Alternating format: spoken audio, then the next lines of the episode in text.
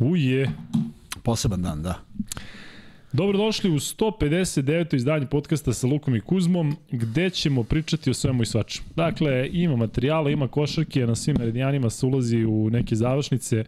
U NBA-u formirani parovi, Miksa i ja ćemo pričati o tome, najavljamo Eurocup, najavljamo Zvezdu u Euroligi, koji igra u četvrtak, Partizan igra u petak protiv Panatinikosa, pa ćemo to ovaj, odraditi u četvrtak. I naravno pričamo o ABA ligi i ovom prošlom kolu, koje je u stvari još uvijek aktualno i mi ovde iza kamere imamo mogućnost da gledamo Partizan i Gokeja i to je posljednja utakmica ove runde ABA ligi. Komentarisat ćemo sve mečeve, tako da ima o čemu da se priča, ali na početku Kuzma pričamo o nečemu Pričamo da, trećem. da ozbiljna šibanja u NBA počela na, na time outovima.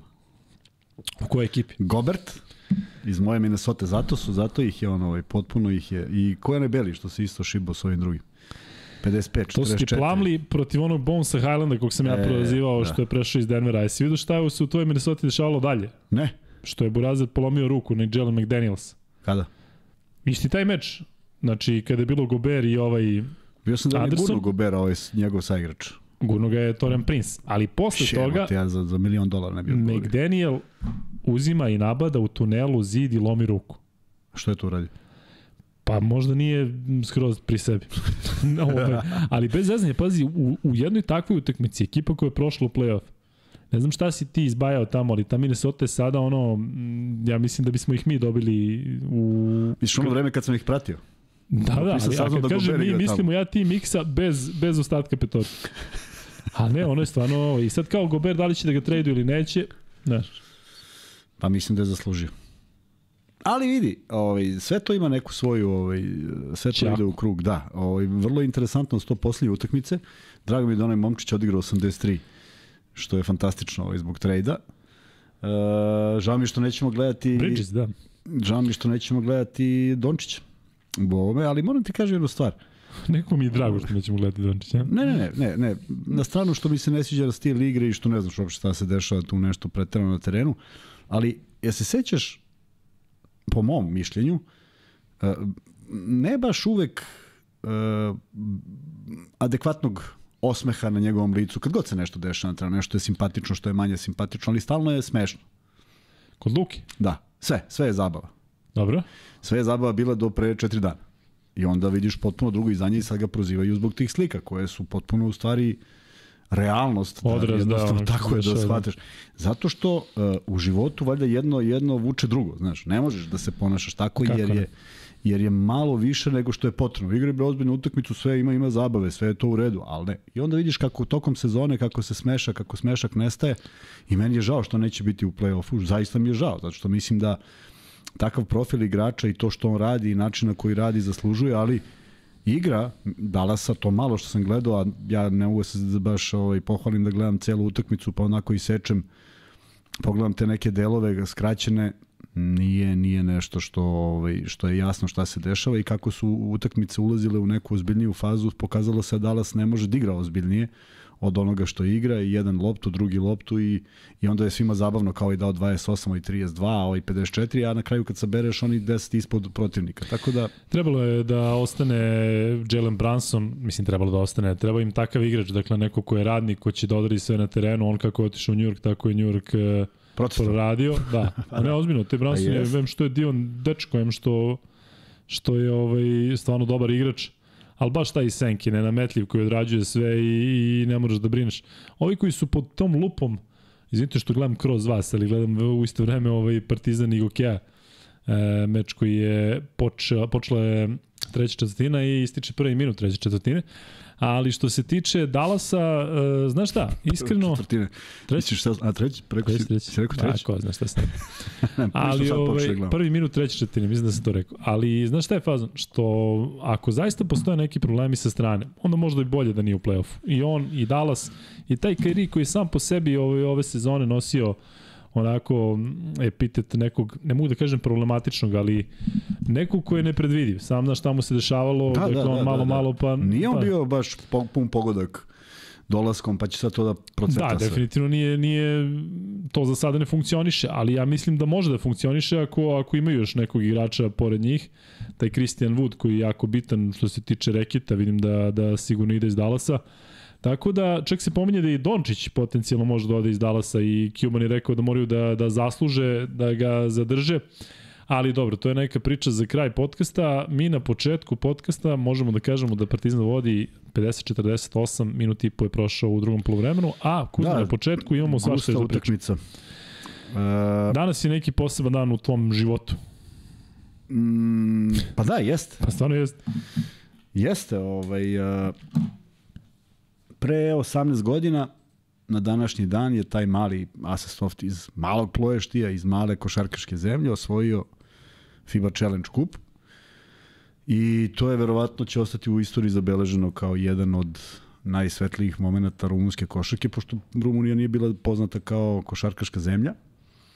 O, i međutim, donali smo nešto novo i što kažu ovi ljudi koji su gledali jedan klip koji sam stavio na, na Instagram i na društvene mreže, kakve su emocije u, u hali. I iskreno ti kažem, zamisli kad ne sanjaš da možeš da gledaš košarku. To je kao kad bi se neki četvrti sport ovde pojavio, jer neko ko ne zna mora da zna da su Rumuni imali strašan futbal u ono vreme Steaue. Doduše, to je sve bilo onako jedan sistem koji je proizvodio najbolje, pa su i bili prvaci Evrope u futbolu. Međutim, ritmička gimnastika i ostali gimnastički sportovi su bili uvek nekako zaštitni znak Rumuna. Košarka apsolutno nikad, što je vrlo interesantno jer se graniči sa svetskim šampionom.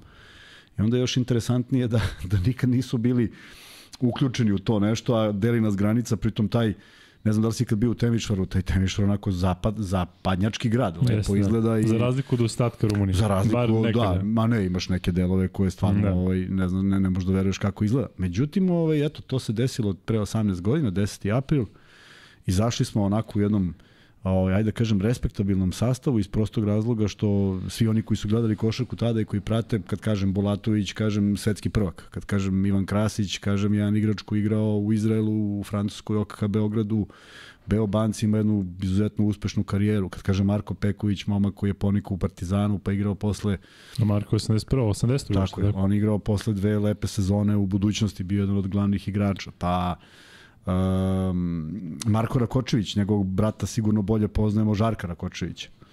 Uh, pa je tu bio Pe, Peđa Materić. Je bio tu, da li sam nekog izostavio da ne bude... Svi ste bili u toj ekipi. Da, svi su bili u toj ekipi. To znači bila srpska i bila kolonija. Pa da, srpska kolonija baš. Trener Jojić, momak iz, ovaj, iz Sarajeva. I ono što je bilo divno, nažalost pokojni Toni Alekse, Katalin Burlaku i, i Paul Herčoju. Zaista mislim da tu trojicu si mogu da izmestiš bilo gde i da ih staviš negde, samo da malo ih onako usmeriš jako interesantni igrači, tako da smo ovaj, onako stiljivo išli, išli, išli, išli, išli, išli i na kraju došli do tog Išli i došli. I na kraju došli do tog Final Fora. Naravno, kada smo konkurisali da budemo mi organizatori, to je svima u FIBI leglo ko kec na 11 iz prostog razloga što jedna zemlja koja ne slovi za košarkašku hoće ne samo da organizuje, nego ima svog predstavnika. Predstavnika, To nam je bilo olakšavajuća okolnost, ali ja zaista nisam očekivao da mi možemo da nadmudrimo Acu Petrovića pokojnog. Acu Petrović je bio trener, njegov pomoćni trener bio je Milan Kotarac, sin Blaža Kotarca, jednog od izuzetnih igrača i drugi ili treći strelac OKK Beograda u njegovoj istoriji. Kudeljin je igrao za Lokomotivu, dakle Igor, jel? stvarno... Hm? Igor Kudeljen, no? Ja se zvao Igor, ne znam. U svakom slučaju, nismo očekivali da je tako nešto moguće, ali, kažem, korak po korak i onda ostane ti u sećanju da je 75-74, znaš, završena utakmica. A onda vratiš film i shvatiš da smo mi vodili dobrih 30 i nešto minuta, da smo mi u stvari upropastili završnicu koja je postala neizvesna, jer nam je ostalo u sećanju da je jedva i nekako ne setiš se onog onog dela. Miksa, jesi možda uspeo ne, a? Aj, pusti, probaj da vidimo, čisto da... Miksa će da pusti snimak te završnice utakmice, a mi se nadamo da ćete nas čuti i da ćete videti kako to izgleda.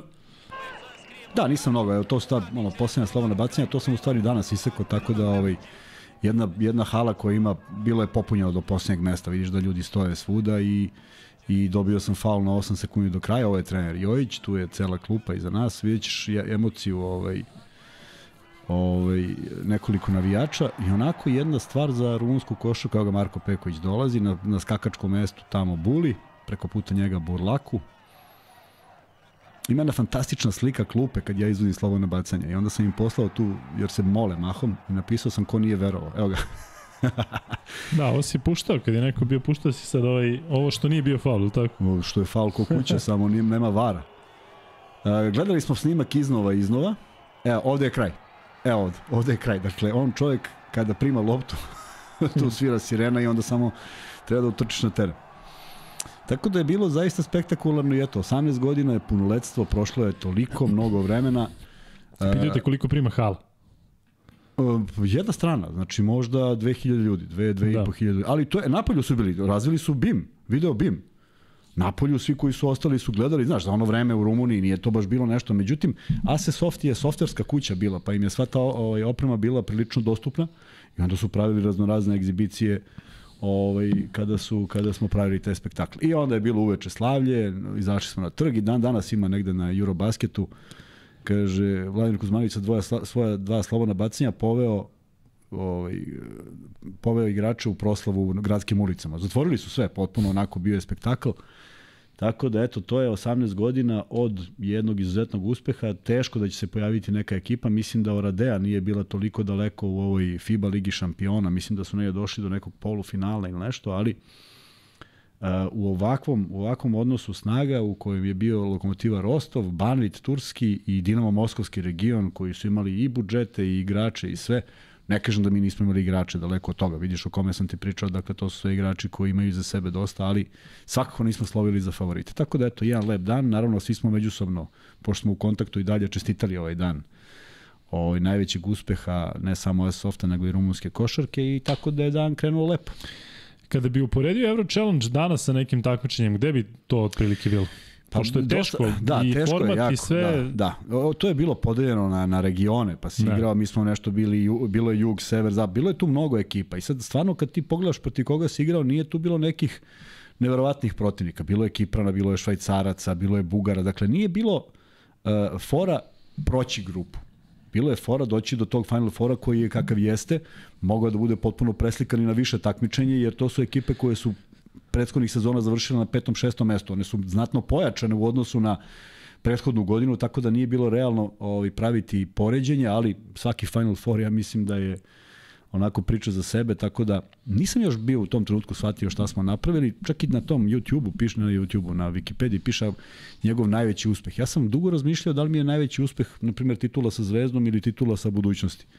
A ovo je faktički evropski kup. Mislim, možemo da ga rangiramo kako god hoćemo, Euroliga imala četiri grupe po četiri, ali tako beše, to je bilo 16 klubova, onda je bilo da. drugo takmičenje Eurocup, Ulep kup taj. Ulep kup, pa je bio i onda je, i onda je bio još ne znam, ne znam stvarno ne mogu setim kako je kako je bilo 2005. U svakom slučaju mi smo igrali to takmičenje i osvojili ga i negde je to onako najlepša stvar. Lepa sećanja, ali mogu ti reći, znaš šta je još pored svega toga što si pričao oduševljavajuće, što sam ja se setio da je Kudeljen Igor. Pa majke je moj Igor, evo našao sam ga. Igor Kudeljen. Da, leva kopa sam, tako je. Igor Kudeljen koji je igrao za Lokomotivu Rostova, posle toga je bio u Uniksu i pre toga je bio u Uniksu, a igrao i za CSKA iz Moskve i to prilično dugo iz tog perioda ga se svi otprilike i sećamo, bio i reprezentativac svoje zemlje. E, Kuzma, šta još imamo da kažemo pre nego što počnemo sa uh, osvrtom na ovo kola ABA ligi, da kažemo samo da Partizan vodi 58-53 utakmice, izuzetno veliki broj poena. Ja sam odgledao prvu četvrtinu pre nego što sam došao na podcast, druga mi je promakla, ali vidim da, da je odbrana Partizana malo slabija, što je možda i očekivano u smislu da da ipak uh, jedna, ne mogu da kažem, uh, backup petorka startovala, ali petorka koja verovatno ne bi počela u Euroligi, tako da vidim da, da ima tu malo mesta i za kalkulacije, dok Igu Kea onako igra baš muški. Pune su tribine, tako da zaista je jedna fantastična atmosfera za standarde ABA takmičenja. I vidjet ćemo ovo bi trebalo Partizan da dobije jako Igo Kea za sad i kako pruža opor. Čak su i vodili 50-48, a sad je 58-53, na sredini smo treće četvrtine. Šta još imamo Kuzma da kažemo? Imamo uh, da se zahvalimo svima koji su donirali u prošlom podcastu. Tako je, da. Zato što je zaista bilo puno donacija, pretpostavljam zbog te uh, vesele atmosfere nakon uh, overe Partizana u Sigurno da je to, to doprinalo da. i zaista su nam svi ti podcasti kada Zvezda i Partizan pobedu uvek bili Jeste, da, posebni, neuporedivo, da. neuporedivo bolji i potpuno je logično u krajnjem slučaju, tako da ovaj, hvala svima zato što znači i onda, i onda shvatiš da u dva sata kada završimo sve to nekako se nekako se dobro ne. osjećaš jer ne samo zato što su ljudi bili do, ne zato što su donirali nego zato što su uživali u svemu tome i deluje mi da ovaj ta publika ako smo pričali eto u petak oko 20 20.000 tog uh, pratioca bili smo koliko 20 ispod kada je počeo podcast je tako? Pa ja mislim možda i malo više. Znači ja mogu samo da budem prezadovoljan kada u tih 3 dana dođe još 118 ljudi Dakle, da, da. znači da se nešto dešava i dalje i to prija i sve te neke nove, ovaj, ne, neki novi ljudi koji dolaze sa puno energije, tako da mm, a, a, veliko je zadovoljstvo i mnogo je lakše raditi u takvom ambijentu. Znate za ono kada dođemo do 500 lajka da pucamo prvi free bet, znamo da ima dosta vas koji gledate Partizan i Gokeja pa ćete se priključiti kasnije. E, ja se često obraćam ovako ljudima koji su live, ali veći broj ljudi je onih, su oni koji, koji naknadno ogledaju podcast. E, međutim, da se zahvalimo Quality Assuredu koji kaže, slušaj pozdrav za ekipu i za nas diskretne gledalce koji nikad ne gledaju u live-u, pa nisu poznati kao Crni grobar i ostala live ekipa. Ali da se zna da nas ima. Eto, baš povezano s ovim što sam rekao. PS Luka, nemoj se više kladiti, ljubi brat. Nije, ćela je okej. Okay. Ja mislim da je porasla malo kosica, a, Kuzma? Hmm? Već ti je već, već, hmm, već ja mislim da već to, onako mogu neke nije, pletenice da se prave. Kao da si, kao da je prošlo mesec dana. Da. da Ali pazi, mislim da Isak Bonga, košarkaš Bajana ima kraću kosu od mene, a ofarbanu, tako da kapiram da na ovu dužinu može da legne neka boja. Pritom prenosim pre neki dan Kuzma moj Braunschweig. Opa! Braunschweig. Nemoj dalje, da kažeš, nemoj dalje kažeš ko je. Dakle, druga Nemačka liga. I ulazi ko? Ulazi Burazer Bonge. Stvarno? Da. Da li, ti počeš smeješ. da li neko od vas može da se seti, dakle, dva brata gde je jedan igrao košarku na visokom nivou, a drugi futbol? Dakle, ja to ne mogu da se setim. Dakle, govorimo zaista o nekom ozbiljnom takmičenju. Druga Nemačka liga nije zezanje. E, tako da, da li Braunschweig prenosio se još neko, možda neka... U svakom slučaju igrao je Tarsis Bonga i to onako prilično jak tip na Burazera, ali ovaj, manje od njega. Ako neko može da se seti dva brata gde je jedan igrao futbala, drugi, drugi košarku, zaista e, svaka čast. E, samo, samo da znate ovaj, da o, o, Grušanović nije imao brata, to je bio on. ne, ne, računam ove koji su igrali. U isto vreme igrao sve sportove. E, igrao sam, kada sam se vratio iz Amerike, onda sam prešao na te rekreativne lige. I e, čak je bio i neki turnir i to u ovom sportskom selu na Savskom vencu e, i došao je Sava Milošević da uruči nagrade nama koji smo tamo osvojili taj turnir. Međutim, Sava Milošević je u narednom meču tom u rek rekreativ ligi došao i igra čovjek košarku. I znaš da je Sava stavio jedno 5-6 trojki pre nego što je napustio meč nezadovoljan suđenjem koje je zaista bilo na našoj strani iz nekog razloga ali ovaj, razumeš, čovjek koji uzima i pakuje se i odlazi u trećoj četvrtini, ali Sava, eto, znaš, dao je 5-6 trojki, znaš, namesti se onako i bučne što je za taj ovaj za taj nivo bilo interesantno. Tako da igralo je još igrao je Čabarka pa igrao tu ligu igrao je Smilja Smilja igrao tu ligu. Igrali su neki košarkaši onako baš ovaj koji su koji su imali ozbiljne karijere. Ali pojavi se Sava Milošević bilo je i ruko, bio Kajganić rukometaš dakle bilo je iz drugih drugih Sportova. da Ali, ovaj, dobro. E, Kuzma, li imaš nešto? Imamo još nešto, imamo, imamo interesantnoću da, koja se desila i onda sam ja to primetio na, ovom, na Facebooku, a onda su se javili ljudi i rekli da obavezno, pazi, onako su nam preporučili i znaju onako lepših pobuda da se u, na kardiohirurgiji u kliničkom centru Niš desilo presedan da su se doktori organizovali, okupili, odradili sve neke silne, besplatne operacije danonoćno i sa šest meseci čekanja listu sveli na 15 dana. Dakle, radili su danonoćno ne znam koliko vremena i uradili jedan nenormalno veliki posao da olakšaju svojim sugrađanima, što je, eto kad slušam ljude koji moraju da zakažu nešto, zaista trauma. Ovaj, ne znaš kako ćeš se osjećati i kako će se ta bolest Jest. odvijati do nekog momenta i zaista svaka čast, to je nešto što mi onako utisak nedelja, a možda treba bude i utisak meseca ako tako nešto postoji. I čitam tu vest i onda stižu polako poruke obavezno ih spomenite, obavezno spomenite i naravno i, i da nisu i da nisu urgirali apsolutno ovaj e, stvar za, za, za vredna pominjanja i kamo sreće da zaista i naši, naši e, sugrađani čekaju na, na tako nešto 15 dana, a ne po ko zna koliko i mnogi na kraju ne dočekaju, što tako je. najtragičnije. Prema tome, nego tih informacija ima manje, ali I to ne samo operacije, nego znaš da ono da, čak i neki da, pregledi neke se toliko dugo stvari, čekaju. Tako je, tako je. Tako da je na tom uzorku od, ja mislim, desetine ljudi koji su bili uključeni u to, zato što ne može samo doktor da operiše i sestre i anestezijolozi i svi. Kapiram da sigurno neko gleda podcast, tako da javite se, ako e, možete hoćete da nam pošljete listu da vas zaista e, ovaj, svakako, pokolemo. Znaš kako izgleda slika svih tih ljudi ispred bolnice? Da, to je zaista stotinak da, da. ljudi, to je, to je neverovatan broj ljudi koji se angažovao svaka čast, znači to je jedna dobra hemija među njima, znaš, verovatno, verovatno, ne da verovatno, nego sigurno nije bilo lako izdržati sve to, ali... Nema ništa bolje nego kad je, kad je doktor i čovek. Zato što danas imamo tu specifičnu situaciju kod nas koja nisam siguran da je prisutna još na mnogo mesta u svetu gde zaista ili rade privatno i državno ili rade samo privatno i onda znaš kada dodeš nekako Tako kod je. lekara u državni dom zdravlja, ono, bukvalno je kocka da li će da te primi raspoložen ili ne, ili će da radi kao na traci i onda kada zaista neko pokaže onako um, neku etiku i, i, i moral nekako se oduševiš.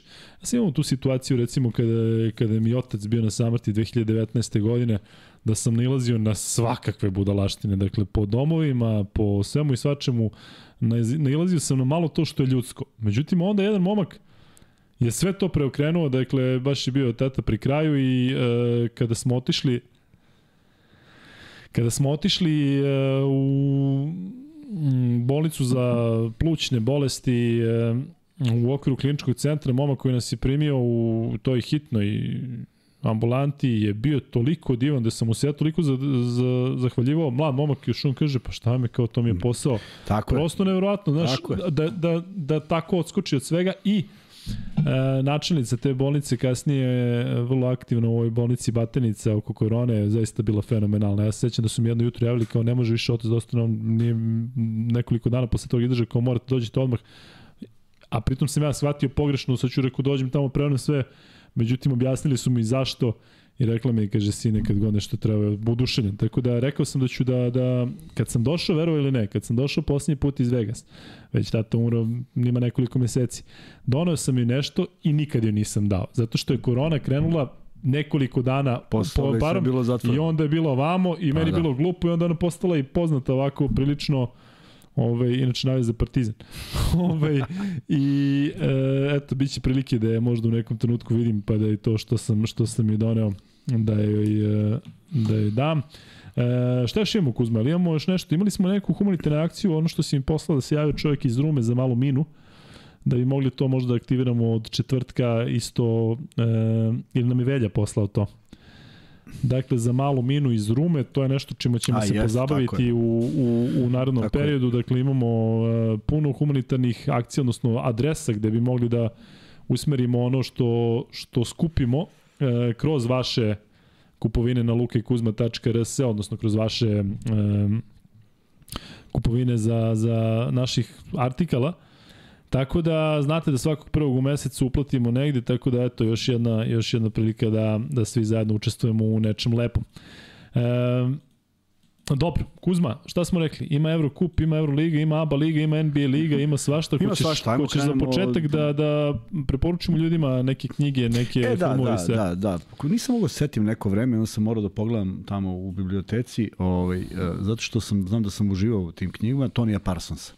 Ima ih nekoliko, ovaj, uh, vrlo interesantne, vrlo životne i kak, svaki put kad, mi, kad, kad pričamo o knjigama prođe mi kroz glavu i nema, nije bilo šanse setim imena, sad sam uspeo ne da se setim nego da pogledam.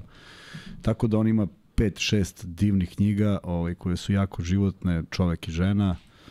Uh, Šta je beš ono njegovo glavno? Ono što je što svi znaju, što je bestseller Best pa zavisi, ne znam, ne znam na šta misliš. Da ćemo nađemo imaju uh, čo, uh, kako beš čovek i dečak, čekaj da otvorim.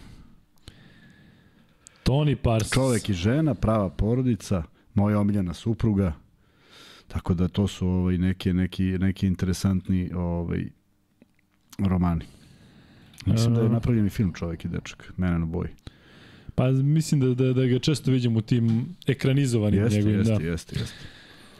E, hoćeš nešto da predložiš? Imam ja ovaj, spremljeno m, ostalo. Češ muziku, Ne, slobodno, film? ajde. Hoću samo da kažem da je danas, na današnji dan, koje beše godine, uf, Pominjao si to, ako miš na Asisoft i titul Euro Challenge. A to sam već spomenuo. Izašao album Kalta, Sonic Temple. I da li je 86. ili 89. Ne znam, tad sam bio zauzet Ej, bit će- prelaskom iz pelena u, u shorts. Da, da, o, Sonic Temple, samo da koje godine, izašao je na današnji dan. Imate neke fine ove Instagram naloge na koje možete da pratite. I izuzetan album, potpuno drugačiji od Elektrika koji je izašao ranije. Ovaj koji je izašao kasnije. Uh, Sonic Temple je izašao 89, eto ga. Bila dobra ova pauza, ne znam što još duže nisi onako... Šta, pa ne, tražio sam, čekao sam da otvori. Ne, ne, ovo je baš bilo dobro. Ovaj, Mir u podcastu. 89. godine. Javlja Nikola Beljkaš da si uči ima uključenje na RTCG. Ja sam naravno. Šofro ostao oduševljen analizom košarkaških dešavanja. Da, a Elektrik je bio dva, dve godine ranije potpuno drugačiji pristup i potpuno drugačija muzika i nedugo zatim Kalt je prestao da postoji u nekom ovaj, izvornom obliku, pa su nešto okupljali. Bilo je tu par albuma, ali ne sa, ta, sa toliko uspeha. Ove, šta kažeš, bilo je, da, bilo je, Šofro je zvao i onda smo pričali o košaci, o svemu. Čak, je, čak su neke novine i prenele to malo što smo pričali crnogorske, tako da ja volim da se uključim tamo. Šofra znam, eto, od te 99. kad sam se pojavio tamo.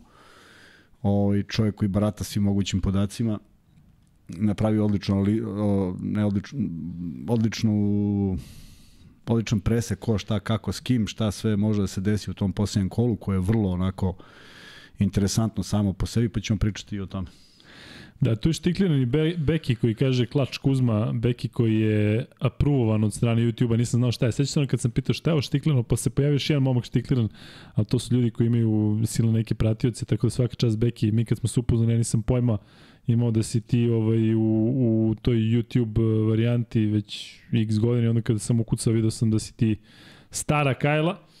Um, šta htedoh ja? Htedoh da vam kažem da sam odgledao dva jako dobra filma bilo je malo više vremena u ovih desetak dana. Dakle, prvi film koji sam ogledao se zove Don't Look Up. E, privuklo me zato što sam vidio da glumi zaista onako ozbiljna, ozbiljna ekipa glumaca koji ponekada tezgare, ali Netflix ih je okupio, dakle Leonardo DiCaprio, Meryl Streep i još zaista, zaista dobri glumci. E, I mogu reći da me dugo jedan takav film nije oduševio. Posebno zato što sam ispao mentolac, pa sam e, pogrešno protumačio žan. E, pročitao sam neka kometa ide u zemlju i volim ta, ta, tu e, 70-60 je trenutno Partizan, ima plus 10. E, volim da gledam filmove tog tipa, dakle te neke katastrofe, posebno kada se tako uloži mnogo i kad su dobri glumci. Međutim, nisam, mislio sam da je neki SF varijante, jeste, ali u stvari i komedija gde se tako dobro sprdaju sa svime što postoji na ovom svetu, dakle Kuzma, ove društvene mreže, šta klinci vole, američki predsjednik, odnosno predsjednica koju glumi Meryl Streep, uh, stranke, Pentagon, što sve možeš, bukvalno svi živimo u takvom nekom virtualnom svetu, ti ne možeš da veruješ kako je dobro zezanje. Dakle, prosto da, da naš, ja tek da posle pola sata smijem se i rekao, ljudi hoće da zasmijaju ili neće. Ima nekoliko mnogo dobrih fora, posebno na kraju, ali su jako dobro napravili poruka filma, dakle Leonardo DiCaprio ko je gledao zna, a ako nije gledao ovaj... Ne otkrivaj. Leonardo DiCaprio kaže jednu rečenicu uh, na kraju, kada sede za tim stolom i čekaju da se desi šta treba da se desi, i kada pričaju, znaš, kako, šta su sve, šta je sve lepo na planeti Zemlji ovaj, i kako su imali lepe živote i kako, mu reću šta je rekao, nema veze, i neka je spoiler, kaže, stvarno smo imali sve, zar ne? A tako neke lepe jednostavne stvari čekaju, bukvalno seli su, znaš, ta ekipa njihova, porodice i par prijatelja. I ovaj, e, znaju da će biti smak sveta već za nekoliko minuta i pričaju najnormalnije. Čekaju zajedno i drže se za ruke i on u tom trenutku kada već je, se onako počinje da se trese, kaže Evo, nežio sam se. A stvarno nismo svesni koliko živimo u, u vremenu, koliko god bilo ludo zbog raznih stvari i dešavanja, da. koliko ima lepih stvari. Kao recimo što je ovaj pot Između ostalih, da. da. I ovi doktori danas koji su ulepšali o, ovu nedelju. Tako da da, ima lepih stvari i treba se okrenuti tome.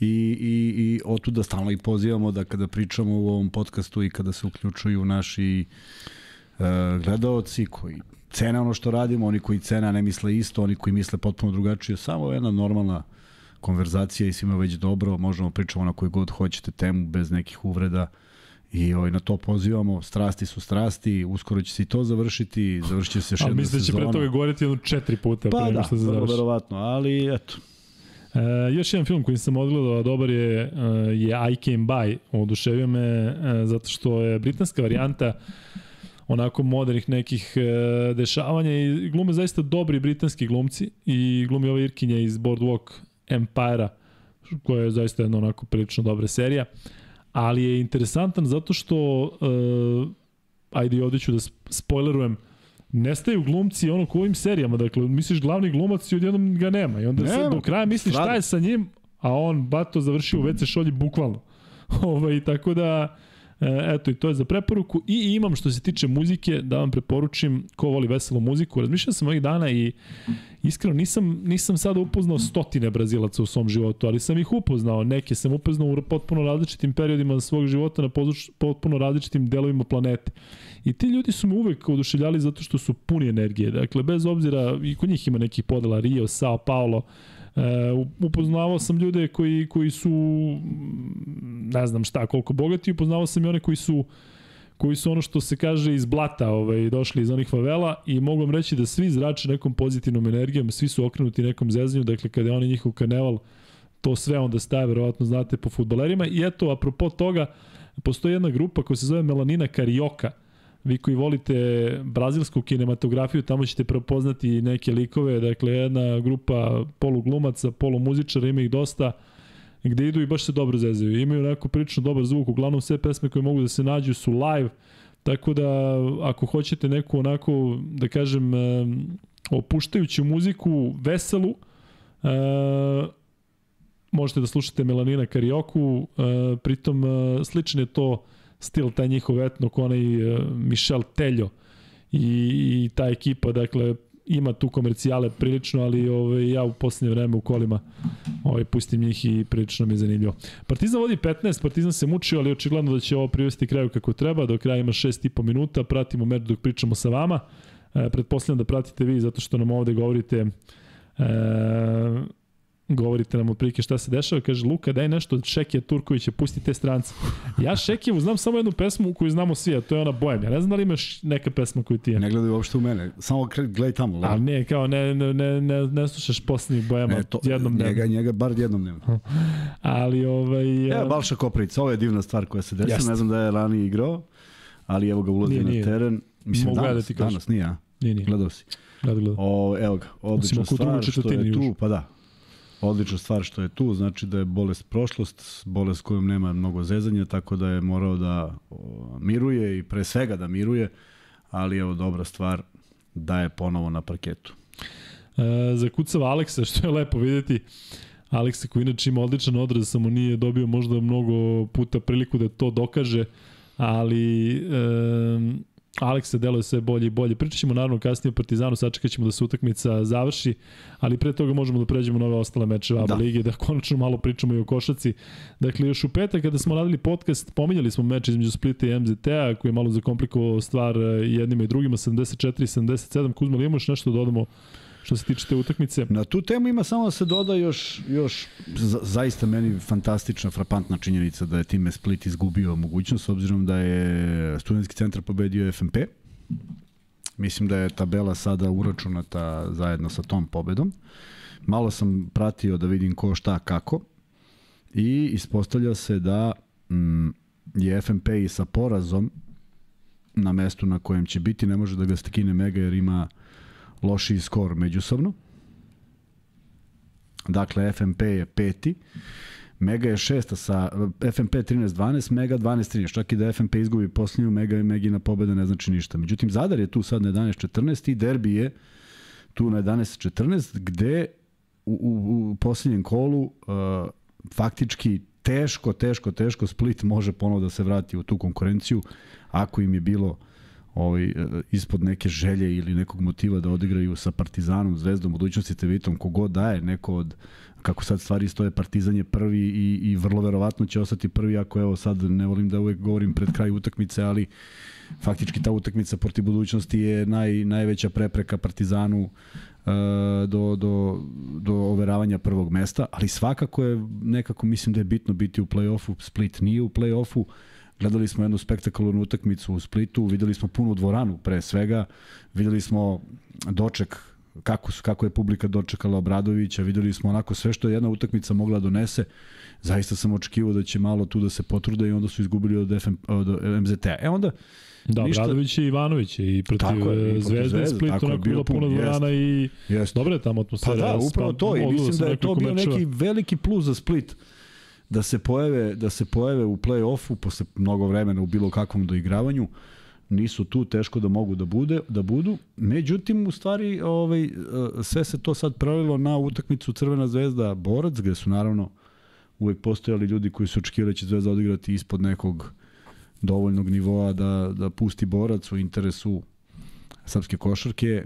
Ja bi se vratio na onaj moment kad je borac morao da igra utakmicu protiv, protiv Cibone, zašto srpski klubovi nisu zaštitili borac. Da, tad je bilo potrebno. E, to, je, da... tad je, to je bilo potrebno, jedino ako, ako postoji nešto što ne znamo, a nešto o tome je rekao kroz neku misteriju i trener Mijatović, pa vidjet ćemo šta će da, da se dešava dalje. U svakom slučaju postoji još ta posljednja utakmica u kojoj opet shvatili smo da je sve moguće, pa da vidimo šta će se izdešavati. Što se same utakmice Zvezde i Borca tiče, o, još jednom je Zvezda došla na 16-18 razlike i sve to prosula, jedna muška borba, jedna velika želja uh, Čačana da opstanu u ligi, jedna velika želja da skinu Zvezdu, jedna dobra utakmica, možda iza nekih njihovih ovaj, mogućnosti, ali prosto kada, kada sa 18 ili 16, ne sećam se koliko je bilo najviše, dođete na, na u mogućnost da, da, da jedna lopta odlučuje utakmicu, pa onda još na kraju na šest razlike izgube loptu ispod svog koša, zaista neverovatno ovaj, kakve se stvari dešavaju, kakvi padovi se dešavaju. Nisam gledao o, Ivanovića u izjavu posle, posle utakmice, ali ne može da bude zadovoljan. Mislim da je jako teško da bude zadovoljan sem pojedinim segmentima igre, a opet sledi utakmica koja je utakmica svih utakmica u ovoj sezoni iz, iz, za mnoge, i za Zvezdu, i za Partizan, i za sam Fener koji dolazi u goste, tako da mora bude mnogo drugačija da bi Zvezda i u toj utakmici slavila. Pričat ćemo naravno više o tom meču e, koji igra Zvezda i koji je igrala Zvezda, dakle ićemo duel po duela. Vidim da pitate ovde koliko ima ljudi u areni, dakle, vidim da kažete da ima 12.000, meni iskreno izgledalo više, meni izgledalo da je približno onoj e, atmosferi i ambijentu što se tiče gledalaca što smo videli protiv CDVite, tako da sam mislio da ima, baš sam rekao, onda ima nekih 13.000 minimum, ali pretpostavljam da je ovo um, nešto što je zvanično, što vidim da pišete ovde. Luka, da li će biti komentara na kraju o ovom ludilu NBA-a, što se dešava tamo, da je ludilo, E, Filipe Biće, pričat ćemo Miksa i ja, uključit će se vratno i Kuzma, on voli tako kad je play-off, onako on je jedan od onih kad je play-off, počne on Samo to prati, da, i Minnesota, akcent na Minnesota. Da. Ali pričat ćemo Miksa i ja, a pričat će i Miksa sutra, tako Miksa, e, jel ti tu mikrofon ne radi to ili hoćeš ja da da kažem, ali uh, bit će novog podcasta u uh, produkciji Infinity Lighthouse-a i Miksa će sada da kaže nešto više o tome. Eh, dobro veče. Uh, da, počinjemo sutra Vanja i ja od uh, 1 na 1 podcast koji smo najavili, već si ti pričao o tome. U 18 časova radit ćemo live prvi, prva emisija pilot, pa ako želite da čujete malo više NBA, spremali smo i neke grafike, pa tamo možete da pogledate sve lepo kako šta i kako će izgledati taj plane. Turim, pošto verujem da, da mnogi ne razumeju u stvari koncept kako ide to ukrštanje, pa da, eto tamo, da kažemo, da, a i ti ja ćemo pričati da. o tome. Dakle, čuli ste sutra Vanja, Miksa i čovjek neki pilot neki će im se pridružiti, dakle vidjet ćemo da li Zer Srbi ili neki sa strane, ali njih trojica dakle peglaju.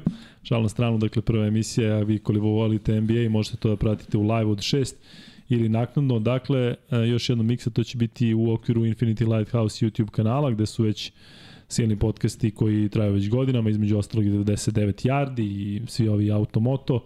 Tako da, eto, ljudi, e, pitali ste svi za te NBA podcasta i kako volite da slušate o tome. Znam da ima mnogo vas koji se zaista uključuju sada u, u playoff uh, priču i ja moram priznati da ću sada pratiti verovatno svaku utakmicu koliko god to mogu. Uh, jer jednostavno tamo je zaista uh, potpuni haos i bit će vrlo interesantno u narednih dva meseca da vidimo šta će se sve dešavati. Akcenat nama je na Denveru, pričat ćemo naravno i o Sakramentu i šta se tamo dešava, ali Kuzma e, mene zna onako često u životu posebno, ali i u podcastu da me onako e, malo e, smiri, da mi uvek kaže da budem strpljiv, da razmislim, da ne srljam, ili tako Kuzma? Ti si pravio onaj onako trener, e, trenerski pogled na život imaš.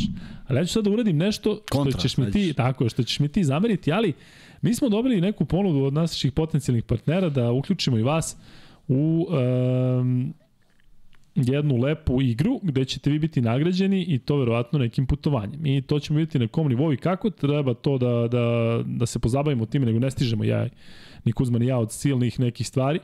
Ja recimo od ovih filmova koje sam rekao da sam gledao u poslednje vreme, ali e, bez zezanja, dakle, bit će jako zanimljivo u nekom narodnom periodu. Ja sam prethodnih dana razmišljao o tome koliko smo sve i svašta prošli kroz ovih nepunih godinu i po dana podcasta od onog samog početka, pa onda kada smo prešli u live, pa i ti neki silni gosti, pa se toliko sve menjalo iz meseca u mesec, ali e, broj vas koji nas pratite je zaista rastao i to su neke neverovatne cifre u kojima mi nismo mogli da sanjamo i sve to super, ali gledamo da još unapredimo, znate da ćemo uskoro promeniti studio kada se završi ova sezona, to je ideja dakle da da budemo još češći, da trajemo još duže u nekim normalnim terminima, sve to ta poenta. Ali što se tiče ovoga, dakle, Kuz, mogli bi narednih dana, zašto ovo pričam? Zato što bi o, ta nagradna igra mogla da se tiče i NBA-a, u smislu pa može, da se po, pogađaju da, neke ma, serije. Manje će biti utakmica svakako, ga, da. završava se Euroliga, pa će biti play-off, NBA će biti play-off, Jadranska, to nam inače tema ovoj emisije, ne znam da li si vidio naslov. Video sam, da, nisam, ne, mislio sam da ga meni objasniš, ali nismo stigli da se ispričamo tako da ljudima objasni. ABA playoff počinje, a ne znamo kada. Pa ne znamo kada, da. Moramo da ustanovimo kada, da. šta je rekla ABA Liga, nisam pročitao ništa. Kažu da počinje na vreme, šta god to značilo, a ja sam neko ko je ovaj, već 8 godina na različitim mogućim mestima u novinama, naročito i na, na, na radnom mestu na sport klubu uvek govorio šta se dešava ako jedna srpska ekipa, u tom slučaju je bila Zvezda, sada Partizan ne samo ode na top 8, nego ode na Final Four. Šta se onda dešava? Kako izgleda kalendar takmičenja? A kako onda izgleda kalendar takmičenja Jadranske lige? A kako izgleda kalendar takmičenja one naredne lige koju, ovaj, koju uredno svake godine promene format ad hoc zato što nema vremena. I sad ispostavlja se da šta kažem šta god značilo, jer tražio sam na sajtu Jadranske lige koji su tačno termini. Jesi im poslao mail besni onako da, kao jes. na Rekao sam ako mi ne odgovore... Na marketing. Marketing aba.rs. Da. Tako da je, ako se ovo završava 14. i sad tu ima nekih utakmica Zvezde, ali tako što su ostale, koliko se ja sećam 22. je Zvezda, tu već počinje play-off Evrolige, pa tu imaš mogućih pet utakmica, pa tek onda treba počne play-off ili će ga paralelno početi, to je, to je već paradoks. A onda negde, ja mislim da do aprila ne može da se završi, a 19. maja je Final Four. Bude li Partizan uspeo se kvalifikuje za Final Four? Kad sabiti sve te utakmice i šta raditi? Tako da, ovaj, e, e, to sam govorio u ono vreme kada, kada mi se činilo da neke stvari mogu da se promene. Vidim da nikoga, možda možda nekog i zanima, ali mi deluje da, da, da kao da izgleda da, da svi priželjkuju da se to ne desi, znaš, jer onda, jer onda u normalnom terminu ide Jadranska liga, to je najvažnije i verujem da je čelnicama Jadranske lige to i najvažnije, samo mi nikad nije bilo jasno da li se ovde gleda neki neki neka neka bolja slika, a opet s druge strane, šta znači bolja slika za Hrvatsku i Sloveniju kada kada srpski klub ide na Final Four. Da, to se da je... tiče njih. Mislim da je prilično pipava situacija i u, u svemu ome o čemu govorimo, dakle, u svom tom ludilu i ritmu utakmica, iskreno ti kažem, potpuno te razumem kako razmišljaš i da si se ovoga u neku ruku i plašio šta će se onda desiti, zato što očigledno da nema neki e, plan i sistem, već će se onako sve rešavati u hodu, ali uh, Ako mogu da stave svetsko prvenstvo u sred sezoni da sve lige prekinu, govorimo o futbolu, ako mogu da se da, da, da FIBA ovo sa prozorima što je uradila, ja mislim da može sve, onda ABA liga vjerojatno razmišlja po pa dobro i mi ćemo se onda prilagoditi Moguće da trenutnoj da situaciji. Znaš, Tako da, da, da, znaš, isto... E, ali sam ubeđen da ni Nemci, ni Brazilci, ni svi oni koji nisu došli do vrha nisu zadovoljni što, što je bilo u sred sezone. Jeste, da. Tako da je mnogo nezadovoljnih. Nema veze da li može se održi, može svašta da se napravi. Samo je pitanje kako to izgleda.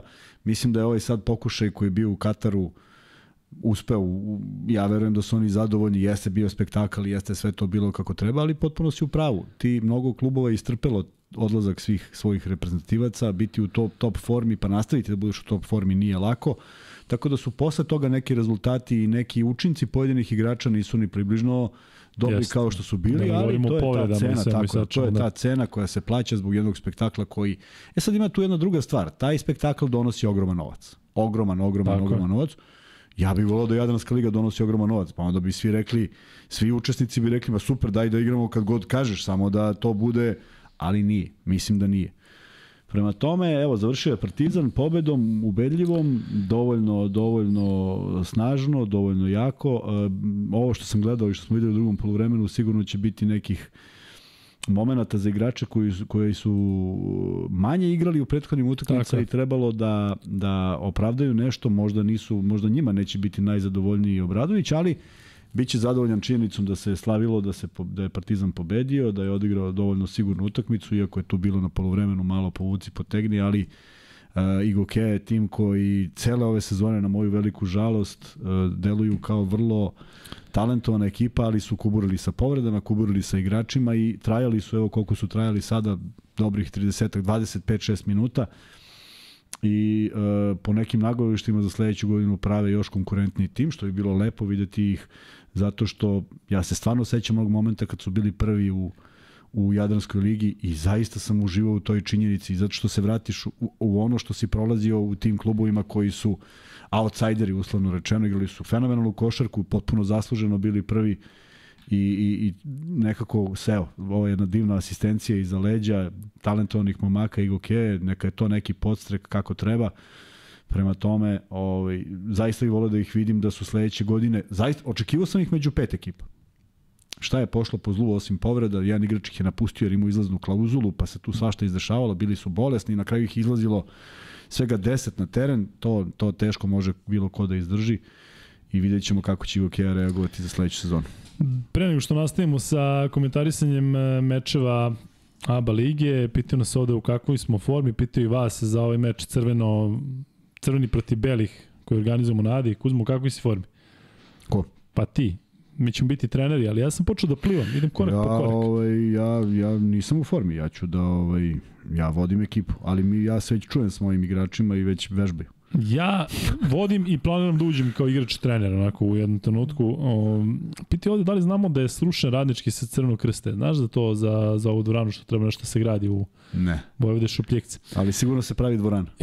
ja sam to čuo i mogu vam reći Nažalost, da... Nažalost nisam i žao mi je što je tako. Da je to kultno mesto, tako je. Um, da ne govorimo, ljudi uvek se sete braće Ivković, Pive i Dude, ali tu ima zaista mnogo, mnogo ljudi koji su krenuli sa tog mesta. Ja sam imao tu priliku i tu sreću, mogu reći da smo jedno vreme zaista imali termine, pa čak možda i isti dan, da igramo na, u sportskom centru Vračar, pa da onda pređemo i igramo noću, uvijek smo imali neki termine od oko 12.1 te rekreativne e, u hali na Crnom krestu. I meni lično je to bilo prilično stresno, zato što imajući te e, te tahikardije supraventrikularne, e, to je nešto što su me naučili u Americi, gde moram da, da, da smirim, kako da smirim uh, disanje, kako da smirim uh, taj ubrzani, ubrzani rad srca, dakle postoje neke metode.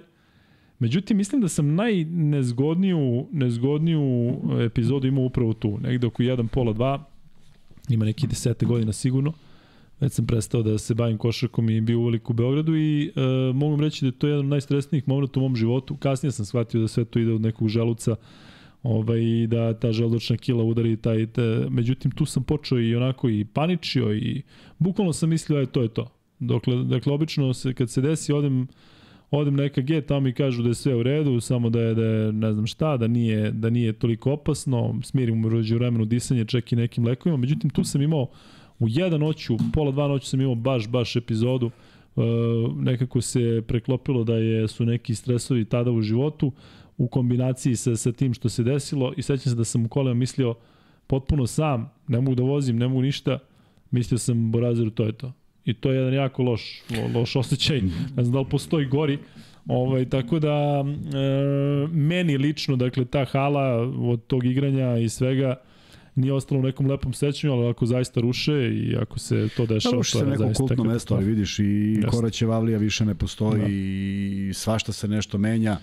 Ne kažem da, da nužno ne kažem da valj, možda i nije moralo, možda, možda neki spomenik takav može da ostane nečega što se stvaralo, ali ne cenimo. Ja ne znam koliko sam ispratio, gde su bila sad iskopavanja.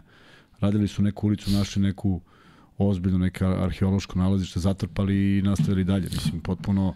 Tako da nema tu nešto mnogo da, da, da se neko tu tangira. Ali to Obično. opravdano, Kuzma, ako Ma- recimo imaš tako nešto što je starog da ne mogu da stanu ljudi što se raspada i hoćeš da sagradiš novo. Ako hoćeš da gradiš novo, da, ali bojim se neće biti dvorana. Da, Da. Volao bi da bude dvorana, ali mislim da neće. Ali ja se nadam da, da, da će to ostati na isto mesto. E, ovaj, uh, sad, Dejan Andrić nam javlja da ima neke nezvanične informacije sa jednog od portala. Kaže ovako, playoff Evrolige počinje 25. aprila Tako je, i treba do 10. maja. i završava se 10. maja. A ABA Liga kreće 29. ili 30. aprila igra se vikendima. Dobro, pa mm, razumem. Tako je. Znači, počinje ozbiljna serija utakmica gde nema slobodan vikend. To, samo se to teo da konstatuje, ništa više. Pa dobro, ali to je otprilike ritam na koji je Partizan navikao, tako? S tim što su sada nemaš više nemaš više mogućnosti da ovako kao protiv Gokeje igraš upravo sa nekim to, upravo to, e, sve su utakmice eliminacione. eliminacione. da. Biće zanimljivo, to je ono što je sigurno, biće, ali biće eto. naporno i zanimljivo, svakako će biti zanimljivo. Mm, Da, Miksel, ti možda prebaciš nas na ovaj ekran da gledamo sebe, a ne ovo što je sada posle Partizana i Gokeja.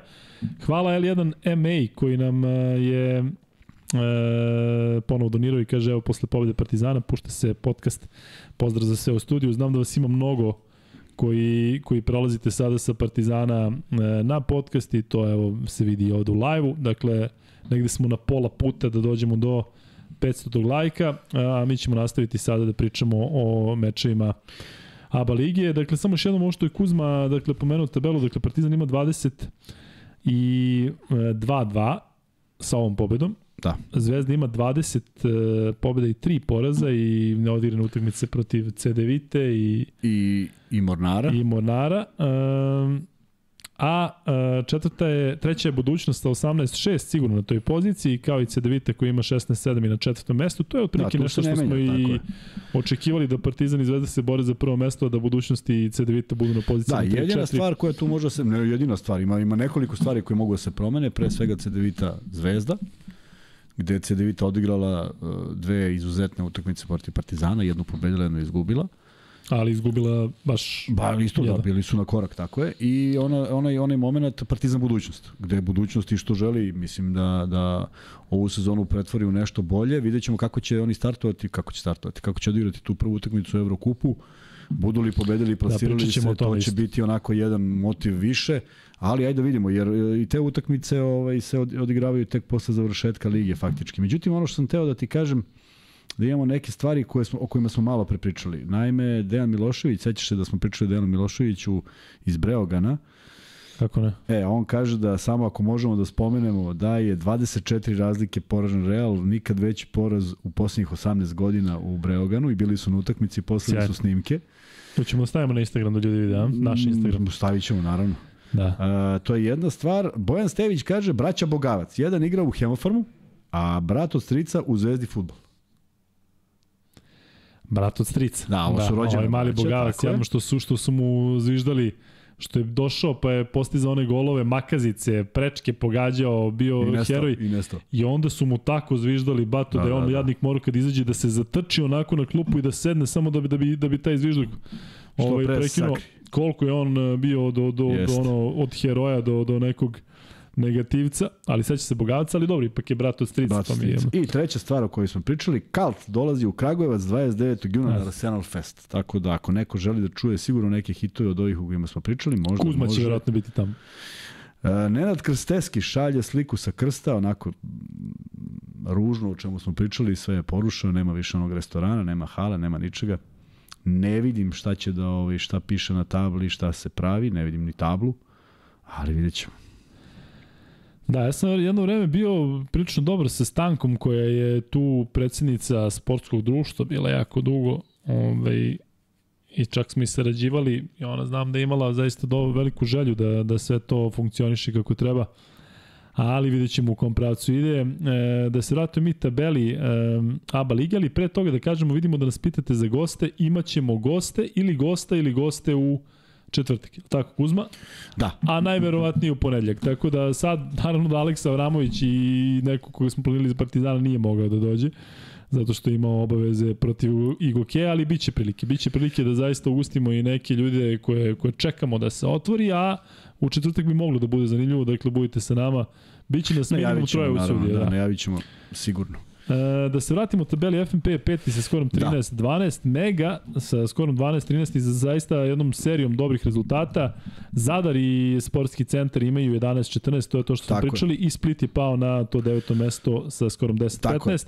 E, ja razumem MZT, da se vratimo samo kratko na taj meč, dakle oni imaju motiv da ne ispadnu iz lige. Kako tako da, ne, da, da, da, da, nije, nije Split, Split jeste bio favorit u tom duelu. Da, da, da. Ali MZT to, imao možda čak i jači motiv. Imaju te kakav motiv da, da opstanu, jer je bila misterija da opstanu. Oni predstavljaju celu zemlju, u smislu jedini su Tako klub iz, iz, iz te zemlje. Upravo to. E sad, uh, Zadar je, kako si rekao, sedmi i studentski centar je osmi.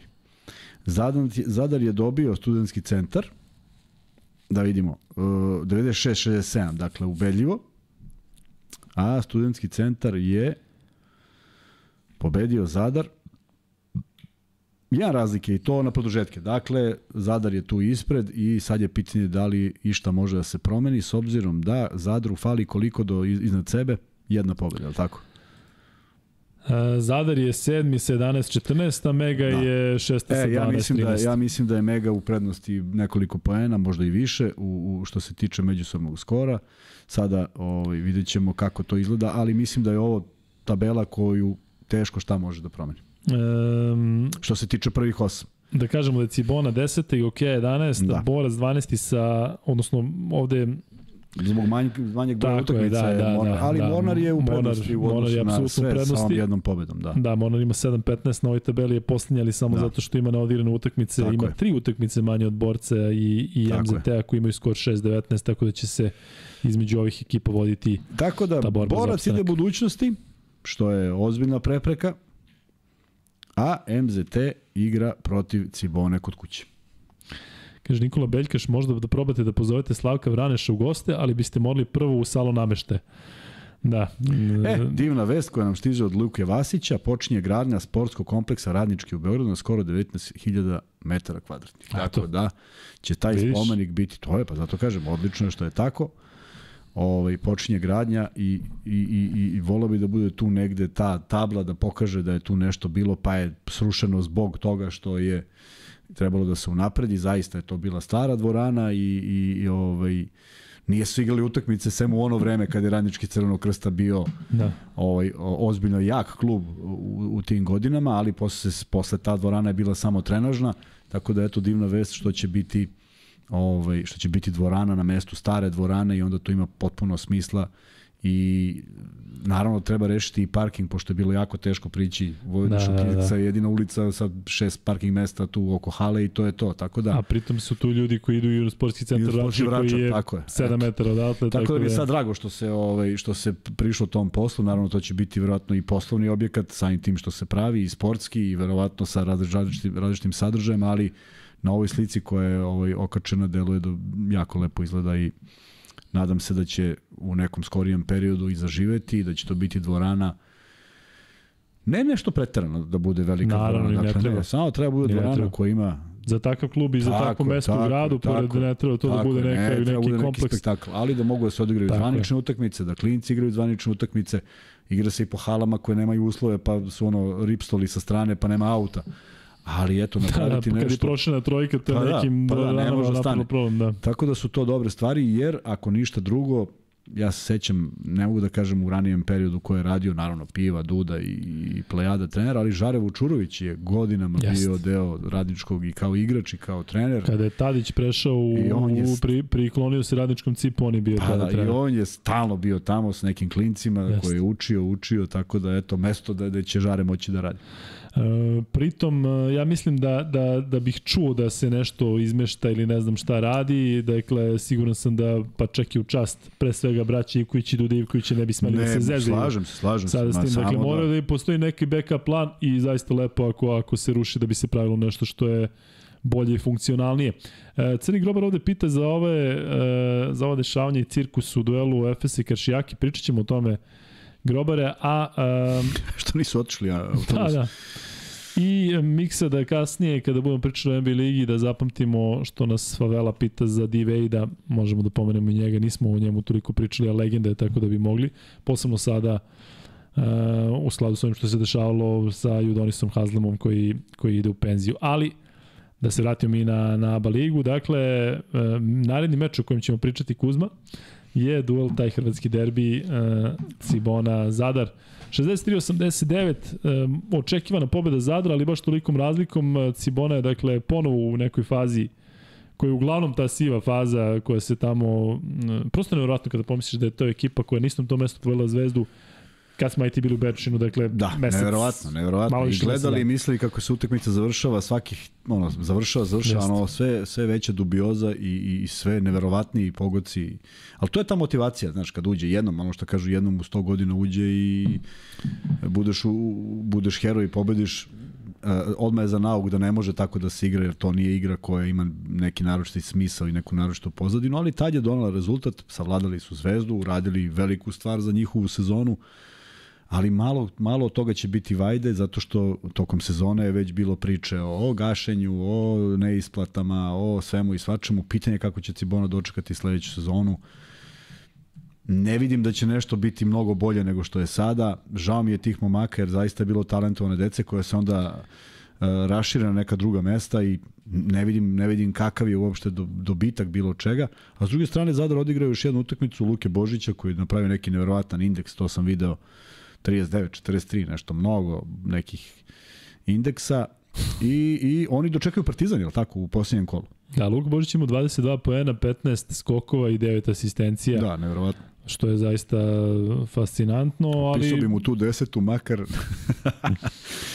E, pritom je na njemu napravljeno 10 faulova, pa je pritom taj da, indeks, taj indeks 43 još, još, e. još veći. Međutim, ono što mene raduje u tom meču, to je što zaista smo mogli da vidimo i neke klinci, mogli smo da vidimo uglavnom domaće igrače. Naravno, tu je Ranitović koji je Srbin, ali ali ovaj dečko je da kažem iz regiona iz ABA lige tako da u Ciboni nije bilo ni jednog stranca da kažemo stranca stranca tu je Sven Smajlagić koji je naravno Hrvata mnogi misle da je povezan sa Alenom ali nije E, I eto, Davis je u Zadru i kažem malo stranaca, to je možda dobra strana svega toga, ali tako uzmo da neki igrači dođu do izražaja sada a da, eto, dajemo primer Splita, gde imamo te e, crnice Amerikance koji se pitaju najviše i evo Split nije ništa uradio.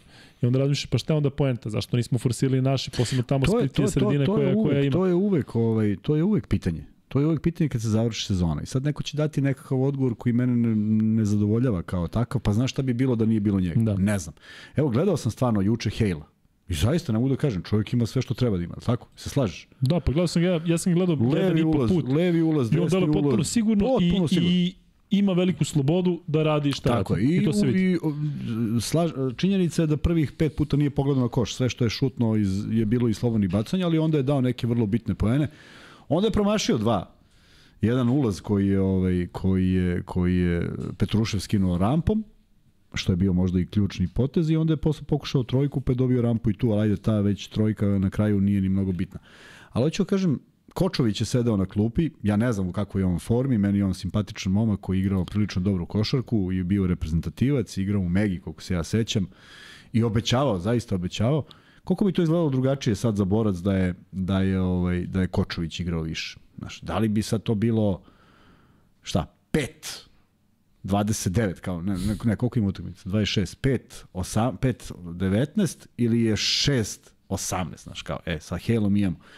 Tako da to treba zaista dobra analiza na početku sezone, ali ja se bojim da, da redko ima te analize. Mislim da je borac mogao i morao da, uz, uz svo poštovanje Gagiću koji se bori kao lav, dakle da se razumemo, ja nemam primetbu na ono što je on igrao, uh, vidi se da daje primer drugima, vidi se da želi pobedu, Ima, ima znanje koje ima, ima i više kila nego što je ikad imao, ali donosi tu neku, neko iskustvo.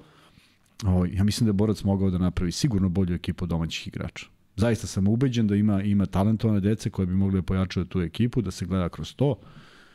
Ali kažem, evo neka je za analizu i juče dok sam sedeo kod kuće onako sam sa sobom, stiže mi poruka jednog od naših gledalaca, naravno sa puno osmeha, učinak ovog momka što je bio u paru. Si vidio taj posljednji njegov učinak? Nisam. A misliš ovog uh, Feca? Za Galatasaray? Da, da, to njega, njega pratim, da. Ajde, hoćeš da kažeš? Pa evo samo da nađem. Spektakularan je. Samo da vidim da se setim ko je poslao. To imam najveći problem. Mislim da je Aj poslao. Jeste. Aj poslao. Kaže malo vedrije teme. Kaže ovako. 37 minuta. 37 minuta čoveč. Poena 3. Slovna bacanja 0 od 1. 2 poena 0 od 6. 3 poena 1 od 8. Ali kad proradi Russell, mlađi Kad prolazi ima na da, kraju da sezone. kide, da. E, i sad vidiš... Ovo njegov brazir Dwayne igra slično, a u smislu brzine i svega, ali toliko smislenije. Pa Pa I on će sledeći godin vjerojatno biti u Pa ligi sa pravo. Pa možda bi ovaj sa nekim usmeravanjem Tako je. nekog drugog mogao da se... Da, zato što, je, zato da. što je ova brzina koju on ima zaista impresivna, ali to je sve. Ja prosto ne gledam košarku kao kako je brz, nego daj još nešto. Ne bi mi Davidovac bio jedan od omiljenijih igrača da se gleda brzina. Ja ti voliš te spore. Pa volim zato što spor, Kuriđa, spor mora da razmišlja, prosto, Davidovac. prosto, je, prosto je prosto. Mora da razmišlja. Tako da ovaj, a, vraćamo se na, na Jadransku ligu. Još jedna, evo kažem, upečatljiva sezona Cibone. Mislim da je Zadar mogao bolje. Mislim da su izgubili neke utakmice zaista bez veze. E, dobro je što se, što su se zadržali u play-offu. E, I manje više, osim Mornara i Goke, nisam očekivao Split da bude u borbi, ali Mornar i Gokea su tu negde ekipe koje su možda, ne možda. Navikli su nas prethodnih Navikli su nas sezona tako da, da- da budu, da, da. budu ako Jer ne. se ništa nije tamo sistemski Tako je, u smislu tako je, kluba, tako trenera, je. svega. Pa je bilo prošle još četiri, pa šest, pa sad osam, pa računaš kojih je to osam, pa to Jeste. je ovih osam. Tako da kao što i u Euroligi ima iznenađenja, tako i u Adamskoj ligi logično ima iznenađenja, ne može svako da igra na, svake godine na tom nekom nivou, naročito kad se naprave neki takvi propusti, mislim da ove ekipe koje smo, pri- o kojima smo pričali imali su propuste. Split da nije doveo te strance umeđu vremenu, pitanje je kako bi izgledala ta sezona, oni su dugo bili na dve pobede, a ne na, na, na da, da sanjaju play-off. Ali izvini, vidiš, e, ono što smo mogli da očekujemo, to je ta borba Partizana i Zvezde za prvo To mesto, jesmo, da. treće i četvrto mesto Euro kup ekipe i onda peti FMP kojeg isto smo Da, koji očekivali koji top 5, oči- koji je odigrao fantastičnu sezonu. Bili Jeste su Frezera, su se tako pojačali, tako dakle je. i oni su u odnosu na prethodne Eto koliko sezone. taj jedan playmaker koji je pogodak, bio Da. pun pogodak, koliko znači i stvarno mislim da je bio pun pogodak za, za FNP, igrali su maestralno, jedno vreme su bili prvi na tabeli zbog ovih utakmica koje su odložene, ali znaš šta, jednu stvar zanemarujemo i stvarno mislim da je nepravedno što zanemarujemo, ovaj, e, mi vidimo i finale Partizan Zvezda. A ja mislim da, da, da, da, ne mislim da neće doći do toga, ne mislim da su budućnosti e, CDVita e, bolji timovi od ova dva, ali svedoci smo da se dešavaju iznenađenja, svedoci smo da je Real izgubio 8, 24 razlike, nikad, nikad veći poraz od, u 18 godina u ACB ligi, da je Barcelona izgubila Košem Radičevića, Trojkom, da, da, da, da, da je uh, Panathinaikos na najgorem skoru, ok, oni su na najgorem skoru i ovde, ali hoću da kažem, dešavaju se te neke stvari koje su čista motivacija. I sad budućnost Vlada Jovanović i oni momci, pa koja će najjača utakmica ove sezone da im bude? Pa Partizan. Pa koja je sledeća najjača? Pa ako se ukrste sa Crvenom zvezdom, jel tako? To su, Da, da. to su zaista najjači protivnici. Nema, nema u Evrokupu, nemaju ni jednog konkurenta koji je toliko jak i na, njoj, na toj utakmici taj ludak, kako se zove, Reynolds će da testira sebe i može bude ovako, može bude onako.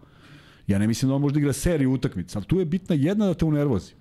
Jedna ako ti ubaci crv, sumnje ti znaš, pa Zvezda je kao favorit bila i u, protiv budućnosti kada je, kada je iz- izgubila u finalu. Bili su favoriti, bili bolje pozicionirani, ne znači to uvek sve. Mislim da će budućnost što se tiče ovog sada meča apsolutno biti um, mislimo u Evrokupu. Bez obzira da li pobede ili ne u ovom meču koji ćemo najaviti, Da, koji govorim- igra, ili govorim- izgube, dakle oni neće moći da se prebace odmah na Partizan. Ako prođu dalje, tek onda će oni imati problem. Govorim samo o ovom meču, dakle Da, ako ovaj dođe do neki meč playoff serija, kad igraju? Sad, sad ove nedelje igra. trebalo bi da je za vikenda. Ne, ne, sad, sad igra, ne, Partizan, da, Partizan je Evrokup. zaostala utakmica. Partizan, Partizan budućnost. budućnost. Ja mislim da je zaostala. Jeste, ali se igra sad u nekom periodu, ne može da se igra posle mesec Ne, ne, dana. samo je pitanje da li se ove nedelje igra Evrokup ili sledeće. Evrokup, da, da, evo Ove. sad, da, da. Pa nema, onda sledeće je još jedno kolo. Pa onda dolazi Partizan. Ali svejedno, budućnost A, misliš da li će sad biti, će aha. trenutno biti u potpuno Da, posvećen Eurokupu i ako se. ispadne neće biti oporavak sada da se vadimo protiv Partizana. Tako da mislim da će Vidjet ćemo, da. U svakom slučaju, ako budu pobeđivali, to im je jedan nalet Tako koji će je. biti osokoljeni, pa vidjet ćemo kako će reagovati i kako će odigrati te, te možda i dve utakmice do tog momenta.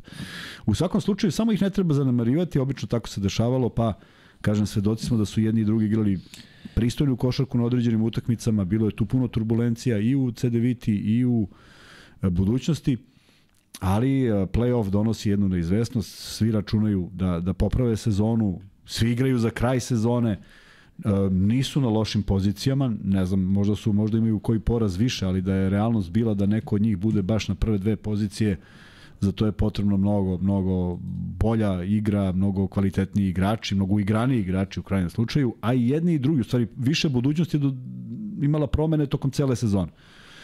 Tako da, ajde da vidimo kako će to izgledati, da vidimo kako će završiti uh, liga, s obzirom da Zvezda ima najviše utakmica koje su, uz, uz Mornar, najviše utakmica koje treba da odigra i da vidimo ko će, koji će biti konačni plasman. Uh, Zadar će učiniti sve da pomrsi račune Partizanu, tek će Cedevita uh, protiv Zvezde. Ja mislim da Mornar samo, samo igrački ne može jer su raspustili pola tima, pa to neće biti isti susret. Neko me baš pitao, jeli, kako sad izgleda susret koji treba da se odigra, kako sad on izgleda ovaj, kada nema više tih igrača. Pa mislim, meni je neverovatno da meni je sama spoznaja da neko otpusti igrača kako, se, kako je ostao u ligi, da li je zbog toga, da li je zbog nečeg drugog, neću da ulazim, ali mi je nekako neverovatno. Nikad se nisam oprostio ni jednog saigrača pred, do, do, do samog, do poslednje utakmice.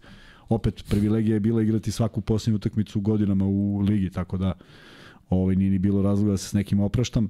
Ali u svakom slučaju, vidjet ćemo, čeka nas interesantno ovaj, interesantan period, a na sve to interesantno taj početak play-offa Evrolige, gde će sav fokus Partizana biti na to i ne zavidim im uopšte i strašno mi je žao što će se preplitati te utakmice.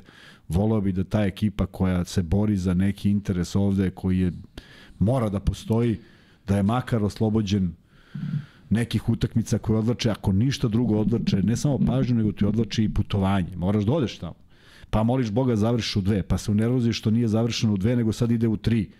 Ej, to je, to je, to, to zaista, muka, ovaj, baš muka, baš muka, da.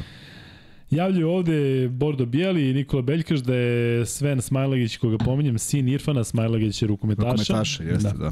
E, Luka, dvoje mišljenje o Roku Prkačinu. Moram priznati da ga ove sezone u Gironi nisam pratio toliko, ali prošle godine u Ciboni, dok je još bio tineđer, i prethodnih godina u Ciboni, zaista dečko oduševljava. E, mislim da je sada ključna godina za njega, više nije, ima 20 godina, više nije, dakle, ne spada u toliko mlade, vidite koliko u samo toj španskoj ligi ima tih momaka od 17 i 18 godina, koji su često iz Afrike, iz nekih zemalja onako egzotičnih, ali konkurencija je velika. Pitao ovde za Pariz, da li sam vidio ono protiv Limoža, video sam, pričat ćemo o Parizu sada kada dođemo do Evrokupa.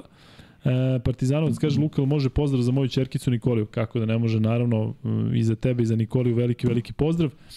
A e, idemo, idemo dalje sa, sa mečevima. Dakle, e, mega budućnost. Kuzma, to je bio e, duel gde možda više nego, nego ranije, odnosno u ovom periodu, smo videli te oscilacije kod Mege, U smislu gde zaista vidiš da je, da je s jedne strane imaš jedan mlad tim, mlade momke, a sa druge strane ipak neke uh, igrače koji su već igrali ozbiljna evropska takmičenja i, i, i jedno, jednostavno to iskustvo mislim da je bilo ključno da budućnost dobije drugu četvrtinu 30-14, a da se onda Mega koliko toliko toliko vrati, pokuša da, da se vrati. ubedljiva ta četvrtina Jeste. i sad jedino jedino dobra stvar pred budućnost za budućnost pred ovu završnicu je što ipak uh, respektabilnih devet pobeda u okviru Jadranske ligi. Dakle, budućnost ne zna za poraz od 15. kola kada je poražena od Zvezde. Prema tome, uh, ušli su u formu, možda su se neke kockice poklopile, možda sada, jer taj, taj tim, ja mislim, ja mislim da je sklopljen poslednje, se slažeš? Da su ti igrači Jeste, koji su dolazili... Koji su dolazili Tako da tih devet pobeda predstavlja drugačiji pogled na budućnost od onog prvog dela sezone. Uh, Uh, sama sigurnost u ovoj utakmici da, da, da privedu utakmicu kraju bez mnogo potrošnje, ali sa tom jednom izuzetnom četvrtinom gde su postigli 30 poena, dovoljno govori da Vlada Jovanović sada može da računa na uh, jednu ekipu koja je spremna da se bori. I ja bih volao da vidim budućnost koja je spremna da se bori iz prostog razloga što znaš da imam emociju prema budućnosti, Tako. ne volim kad vidim praznu salu. A i obećali smo da ćemo ići do da obećali smo i to. Budućnost bude igrala u krajnjem slučaju, znaš, eto, ja sam dao taj intervju, pa onda je mnogo ljudi se opet javilo, gledali mi na televiziji zato što pamte ta vremena i javilo se mnogo momaka iz Crne Gore koji pričaju kako su tada odrastali uz, uz tu budućnost, a stvarno smo bili onako jedna kazana ekspedicija. I ja ti klubovi koji sam u kojima sam bio želim da, da, da, da, da, da zadrže neki svoj rating, neki svoj nivo. Normalno. Tak, pa, hvala Bogu. Tako da, eto, ja, meni Pritom krivo što bilo su... koji klub, govorimo o budućnosti koja Upravo si to, imam za klubsku I o košarku. lepim godinama tamo, u jednoj strahovitoj ekipi i pitanje je, dosta, dosta, dosta diskusije je bilo koliko je ta ekipa bila jaka u odnosu na, na sve ostale ekipe do tog perioda, pa i kasnije sastavljena od zaista dobrih igrača i kažem, bilo je zadovoljstvo biti tamo. Uh, govorimo o 99. godini, a 2000. godine uh, još na sve to i Milojević, i Rakočević, i Čabarka, pa i Pavlović, i Obradović. Mislim, stvarno, šta je prošlo? šta je prošlo kroz te tri godine u budućnost, u budućnosti, to je neverovatno. Tako da, lep osjećaj i želim da taj klub bude što bolji. Uh, žao mi je što već drugu sezonu dozvole sebi da se jedne fenomenalne pozicije u ovom doigravanju zauzmu neku nižu, ali ako su sad usadili malo taj pobednički mentalitet, ako su sada devet pobeda, znaš, sad to može drugačije da izgleda. Tada, ako se sećaš, oni završavaju Jadransku ligu i završavaju kup sa porazima, porazima i onda možda igraš kod kuće četiri puta potpuno sve jedno. Igrali su u gostima, odmah izgubili, ali ajde da vidimo da li će to sada da im bude neki podstrek, pošto je to stvarno jedna utakmica, kolika nervoza se uvuče u jedne, toliko može i u druge, bez obzira na domaći teren. Nije mi ostavio utisak Evrokup žestokih domaćih terena, pa kao sad kad uđeš a ono ludilo, pa ne znaš, ne znaš da li si pošao ili si došao, nego, nego jednostavno jedna fina atmosfera košarkaška na mnogim utakmicama. Čast izuzecima ima nekih par gde je onako dosta vatreno, to su obično španske ekipe, pa ovo ostalo čak ne verujem ni da ima takvu neku publiku, a vidjet ćemo da li će ipak i neko pozdraviti budućnost na tim gostovanjima, bilo bi lepo svakako. Da, Kuzma, imam pitanje za tebe u vezi budućnosti i znam da kroz karijeru nisi bio u takvim klubovima gde je bilo toliko promena u toku sezone. Međutim, kada dovedeš igrača poput Erika Grina, koji je doveden da bude najbolji strelac, kada dovedeš JJ Obrana, koji je doveden da bude drugi, treći, treći igrač ekipe, kada dovedeš tog Lekomte koji je povređen, ali njega si doveo da ti bude u startnoj petorci. Koliko je potrebno vremena da se takve stvari dešavaju? Mi imamo to u Zvezdi, u smislu da su došli jako bitni igrači tokom sezone ali je backup ipak pristojan u smislu, dakle i ovaj kada je suspendovan i ovaj kada je povređen, imaš, imaš ko da ovo. Međutim, ovde si jednostavno potpuno bacio akcent na te igrače, jel e, dovoljno ovih recimo dva meseca da se ta ekipa uigra i da zaista bude sada ozbiljan, Pa ozbiljan deluje karijer? da jeste za ovo što su napravili. Da li je dovoljno za veće rezultate da odigraju dve utak, da odigraju nekoliko utakmica protiv Euroligaša, ne znam. A Zaista da li misliš da je, da je ambicija pa, upravo ta? A, a, vidi, tamo ambicija posle poraste posle dve pobede. Tako je tamo. Ne, mislim na dovođenje igrača. Ti dovedeš to Grina i sve ove, Pa znači... oni su doveli, rekli, u šta smo se doveli po imence, to, to znaš kako, voleo bih, voleo bih da se da se da, se- da je pristup dovođenja igrača drugačiji. Ne znam ko odlučuje, zaista ne znam. Voleo bih da to bude da je to Vlado Jovanović, da, da se samo on pita, ali gledam u prošlosti kakva su imena dolazila, pa stvarno je bilo čudno ko su bila pojačanja. Vidi, najveći poraz uh, uh, ja bih ga doživio kao poraz. I, I verujem da niko nije napravio tu neku namernu grešku. Ali bio je neki Koti Clark, na primjer, ili Clark Koti, ili već nešto. Koti Clark, da, da. i- Ali beli igrač. Da, da. Beli. On je objavio naredne sezone da prestaje da igra košarku. Zamisli taj promašaj. E, se slažeš da je promašaj? Pa jeste, ali neki stvari ne može da, u- da, u- pa, da sla, uči... pa znam, ali to mora se skautira. To Da. mora negde da se skautira, mora da se zna. Ne kako on lepo dribla loptu. Ne to, nego bre šta mu je u glavi, čoveč. Da. On sledeće godine napušta košarku, ide u neki biznis. Molim te, ej. A ti, na primjer, imao na tom, tog dana imao uh, u, u ponudi, kako se zove moj omiljeni, Mekre. Imao Mekrea. I ti kažeš, pa ovaj mlađi, znaš, uh, znači odbio si nekoga. Zašto si dobro, ti si mislio da si dobro, to mora bude analiza. Pogledaj koliko su loše analize i u NBA. I ti svi timovi koji rade, pa najđu na budalu koja udara po zidovima, tako? I lomi šake. E, a ovde nemaš pravo na grešku. Naročito nemaš pravo na grešku u klubovima koji nemaju te budžete, pa kažeš aj sada bacamo par. NBA funkcioniše to svakom da bude jasno. Kad neki igrač potpiše ugor, tu je kraj. Oni ako ne žele da ga gledaju, oni ga isplaćuju istog sekunda. Uopšte nema tu sad pozadina koliko mi para treba, znaš, da li treba sve pare, da li da pregovaraju. Jok, pozovu ga i kažu evo ti ček na 100 miliona koliko ti dugujemo, samo te ne gledamo. Tako da to je NBA. U Evropi ne postoji takav klub. Ne postoji ni jedan klub koji na taj način može da se odrekne igrača.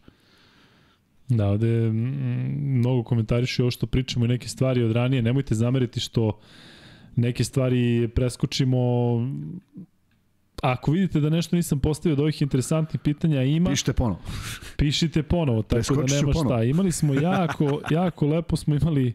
E, da, evo, pitaju da li, da li mislim da je Aleksa u životnoj formi. E, sigurno nije, zato što je on dobar deo sezone e, bio povređen, da je mentalno na najstabilniji u karijeri definitivno jeste, ali od Aleksa očekujem da bude još bolji, mislim da ima da ima ovaj prostor za tako nešto i zaista bih e, najiskrenije poželao tom dečku da bude uspešan sa Partizanom koliko god je to moguće i da e, paralelno bude uspešan u reprezentaciji, pošto znate da je on igrao kod Saleta u onom periodu uglavnom u tim nekim prozorima bio je nekako potpuno izopšten, odnosno daleko od prvog tima od 12 najboljih, a mislim da, da to sada jeste neka realnost, tako da vidjet ćemo. E, čestitke za čačansku mladost. A zašto Kuzma? Ćeš ti da kažeš? Ne, 60. Pre četiri dana u Šapcu odigrano je finale druge srpske lige u hali Šabačke gimnazije. Gde si igrao, tako? Igrao Da, jesam, gimnazije, kako nema- nisam, nema da, nema gde. Između OKK Šapca i Čačanske mladosti pobedu i plasman u prvu srpsku ligu odneli su A, gosti iz čast, Čačka. znao, Čestitamo, čast. naši drugari iz BFC-a nisu uspeli da Nisu, tako je. da se Prođu. domognu više ranga takmičenja. Biće prilike i ićemo da će Bog još na neke e, njihove utakmice. Aaron Kraft je ovaj Kuzma Belac što je igrao u Monaku. Što si ti rekao, Koti Clark što je rekao da prekida da igra. Aaron Kraft. Je li taj bio? Da, da, jeste, onaj Amerikanac, beli playmaker. Da. Da, da, Koti Clark je druga Crno, glava, crno. Gla, Clark što igra No, u. Lakersima ili već gde. E, pa dobro, neki Jeste, da. Kraft, dobro, koji god. Da. U svakom slučaju, znaš, bude, bude loš osjećaj da si negde promašio jer si stvarno promašio. Ovaj čovjek ne želi da igra košarku, mislim, znaš, kao aj, aj još ovu godinu, kao aj dali mi ugovor. I onda to ne može bude isti motiv i sigurno nije isti motiv, tako da ovaj, e, mislim da mislim da mislim da generalno možda neki klub više, neki manje. Ali mislim da se generalno malo ulaže u scouting. Ne da li imaju svoje skaute, nego da se zaista neko posveti tome. I znam neke ljude koji se tome posvećuju na nivou baš onako kako treba. Ali delo da se nikada više ne ulaže u scouting, da ekipe imaju po 17 Upravo to, skauta za, za svaki region. Upravo to. A ja, a, a ja ne vidim taj epilog. Ne samo kod nas. Ne vidim epilog u mnogim, u mnogim ekipama se pitaš zašto neko tu baš jeste gde je. Kuzma, šta je potrebno za dobar scouting, odnosno šta je potrebno da neko bude dobar scout? Potrebno ti je košarkaško znanje i potreban ti je kakav košarkaški Ne, pedigre. U ne. smislu da budeš igrač, Ne, ne, ne, Ne. ne. Koša, ne, ne, to čak ne. Možeš da budeš sasvim jedan pristojan baja koji to razume košarku i koji ne mora nešto da se pretrano ni bavi o košarkom, ne mora bude uopšte ni košarkaš, zato što onda košarkaši porede sa sobom, znaš, ovaj sporiji od mene, da, da. piše minus. znaš, manje skače, piše minus. A posvećenost mislim da mora da bude Mora onako bude fanatična. posvećenost i mora da bude nešto što nam nedostaje. Nedostaje nam da to bude produžena ruka poznatog stručnog štaba. Ne stručnog štaba koji ćeš da dovedeš, nego već poznatog stručnog štaba. Znači ti sad treba kažeš, ej, sledeće godine trener je Mika. Miko, Erik Mik, Erik bivši igrač Partizana Eriče, iz... Eriče, šaljemo ovog Night. momka i on gleda sve što treba gleda. I platit ćemo gde god da ide, samo da nam donese izveštaje kakvi jesu. A možda gleda i na TV-u ako baš ne može da putuje. Siguran sam da će doći do onoga, a on sa trenerom Erikom konstatuje da je potrebno to, to, to, to i to. Kakav profil tražimo? I on nađe 20 imena, 50 imena. Otkud znam koliko imena može da pogleda. I ti iz toga pročešljaš. Ali ti već znaš njegovu sugestiju i to mora bude čovek koji je deo tima. Ja sam siguran da svi teže tome što ti pričaš, to je nekako najlogičnije. Ali su mi epilozi takvi da mi nije jasno šta se Da, dešava. da, da. Ako mi kažeš da je Split imao skauta, ja ću se, ja ću, ne znam šta, neću da se šišam kao ti, zato što ovaj, ne volim da neka obećanja ne ispunim. Ja Ali volim, mi evo, deluje da nije. Da ću Čirokanu da pravim. Deluje mi da je Hoće. bilo daj nek dođe, znaš. Kevin Bacon u Panathinaikosu, to mi ne deluje kao iole ozbiljna stvar. Pa pazi, Kevin Bacon kao glumac, ne znam, a ovaj Dwayne Bacon... A on, Kevin, zovemo ga Kevin, mi ga zovemo, Kevin koji ga znamo, zovemo ga Kevin. Kevin Bacon može dok je bio mlađi. Pa ja mislim na onaj film kad je on glumio Tako. košarkaša. Ali Kevin Bacon u Panatriku se Pa, ne dobro, deluje svi kao znaju na koga mislim, pusti sad da to. svima... Znaš da mi ne ide to sa da- imenima, ja sam zvao Kenana, sam zvao Evans. Da. E, Bilo još neki veći biser da sam bio uporan. no, dobri su Mesecima. biseri. To je, to je, to je, to je super kada... Kevin Bacon, da. Now got a foot loose. Foot loose. Ko se seća, omiljen, ej, ko se seća Footloose? Ali Ali sad, bio kao hit. Footloose, a sad deca gledaju kao šta priča ovaj čik. Možda ja znam da Kuzma čak i zna onu koreografiju iz Footloose-a, tako da... Šta ti je ovaj, koreografija iz Footloose? Pa prvo je išao breakdance, gde smo se pošibali tamo sa, sa, u kraju od robot dance. Kako je bilo, 80. godina? A slušaj jednu anegdotu za breakdance. Slušaj Je. sad. Ovo je, ovo, je, ovo je istinita priča. Obećamo da ćemo se vratiti na Megu i budućnost. Vi znate da ovde nema, ovde samo istinita priča. Svi ste pratili uspehe Milice Mandić, je tako? Kad je bila tekvondo prvakinja u svemu. Njen, trele, ne, njen trener Gale. Moj školski drug, stariji godinu ili dve, u istoj školi. Školski osnovac ili srednjoškolac? Gale je bio prvak čega god hoćeš, Balkana, Evrope, u breakdansu. I sada žurka priredba u našoj školi. I dođu Gale i ne mogu setim kako se zove drugi. Gale koji je visok, znaš koliko? Gale ima 165 možda. 70. Ja, znači, gledaš onog Turba i Ozona i gledaš uživo Galeta. Ja ne mogu da ti objasnim šta je to bilo. Znači, to mi ne, ne kao na film. Da je objasnio bilo. kako izgledalo, šta Ček ti pokažem kako je radio. To helikopteri, taj, a ovaj drugi, kako se zvao, joj. Nije Igrao je, Đugan. Ma nije kakav Đugan igra. E, oni su stalno bili među prvim u tim takmičenjima koji su zaživjeli 80-ih u breakdansu. A o Galetu to niko ne zna. I to kad sam pričao, svi se ljudi no, gledali kao, ma daj, o čemu ovaj priča, nije to taj čovjek. Gale je razbijao breakdance. Sve ovo što sad imaš, znaš da imaš ovih fantastičnih momenta da se takmiče u plesu, ma sve to. Dobro, možda je povezano to breakdance i borilačke veštine. Pa i tu tako je negde- učio, pa da. Da.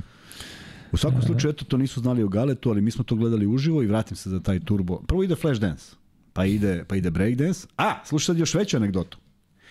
Verujem da niko od vas, a možda jeste neko ko nas prati, verujem da, da ima da ljudi koji nas prate, koji su gledali Breakdance. Da li ti znaš ko se na plaži u Breakdance-u pojavljuje u kupaćem kostimu od jednog dela? Ko se na plaži, Na plaži dolaze Turbo i Ozon i ona devojka. I ko se na plaži nalazi i igra ovako? Ne. Jean-Claude Van Damme.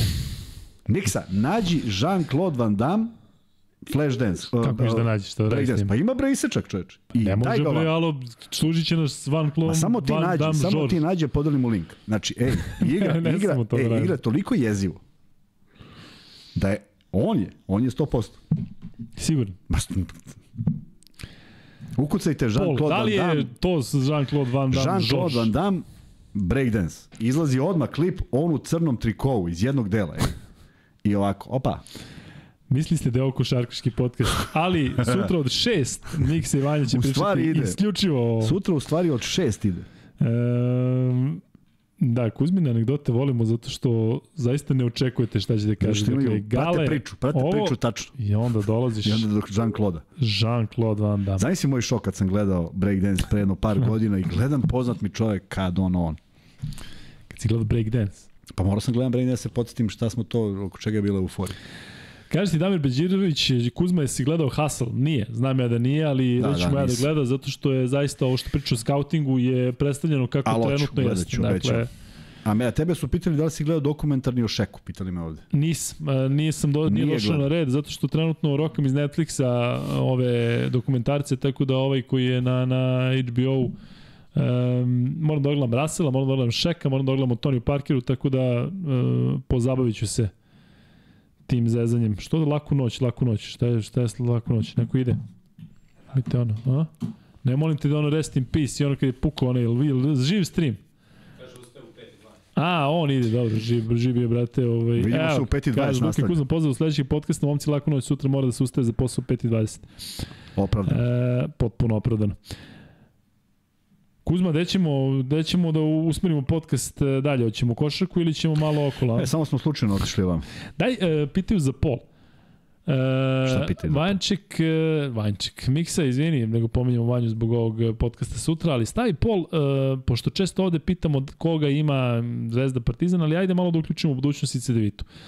Stavi, e, da li mislite da budućnost i Col, Cedevita Olimpija, da, da ne bude predugačko, budućnost i Col imaju šansu u play-offu protiv Zvezde i Partizana da vidimo šta ljudi misle i samo stavi odgovore da i ne. Dakle, ovo što smo Kuzma i ja pričali, dakle, po, pojačava se budućnost, odnosno pojačala se i trebalo, da su se, trebalo bi da su se kockice slegle, ali što se tiče Cedevita Olimpije, sada njihov akcent apsolutno na ABA ligi, dakle, nema više, ova sezona u Evrokupu je bila za zaborav, tako da sigurno da ta Cedevita Olimpija koja je, evo ga, pušta Kuzma.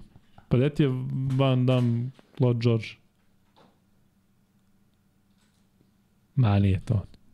Gledaj sad, Nema šans. gledaj sad.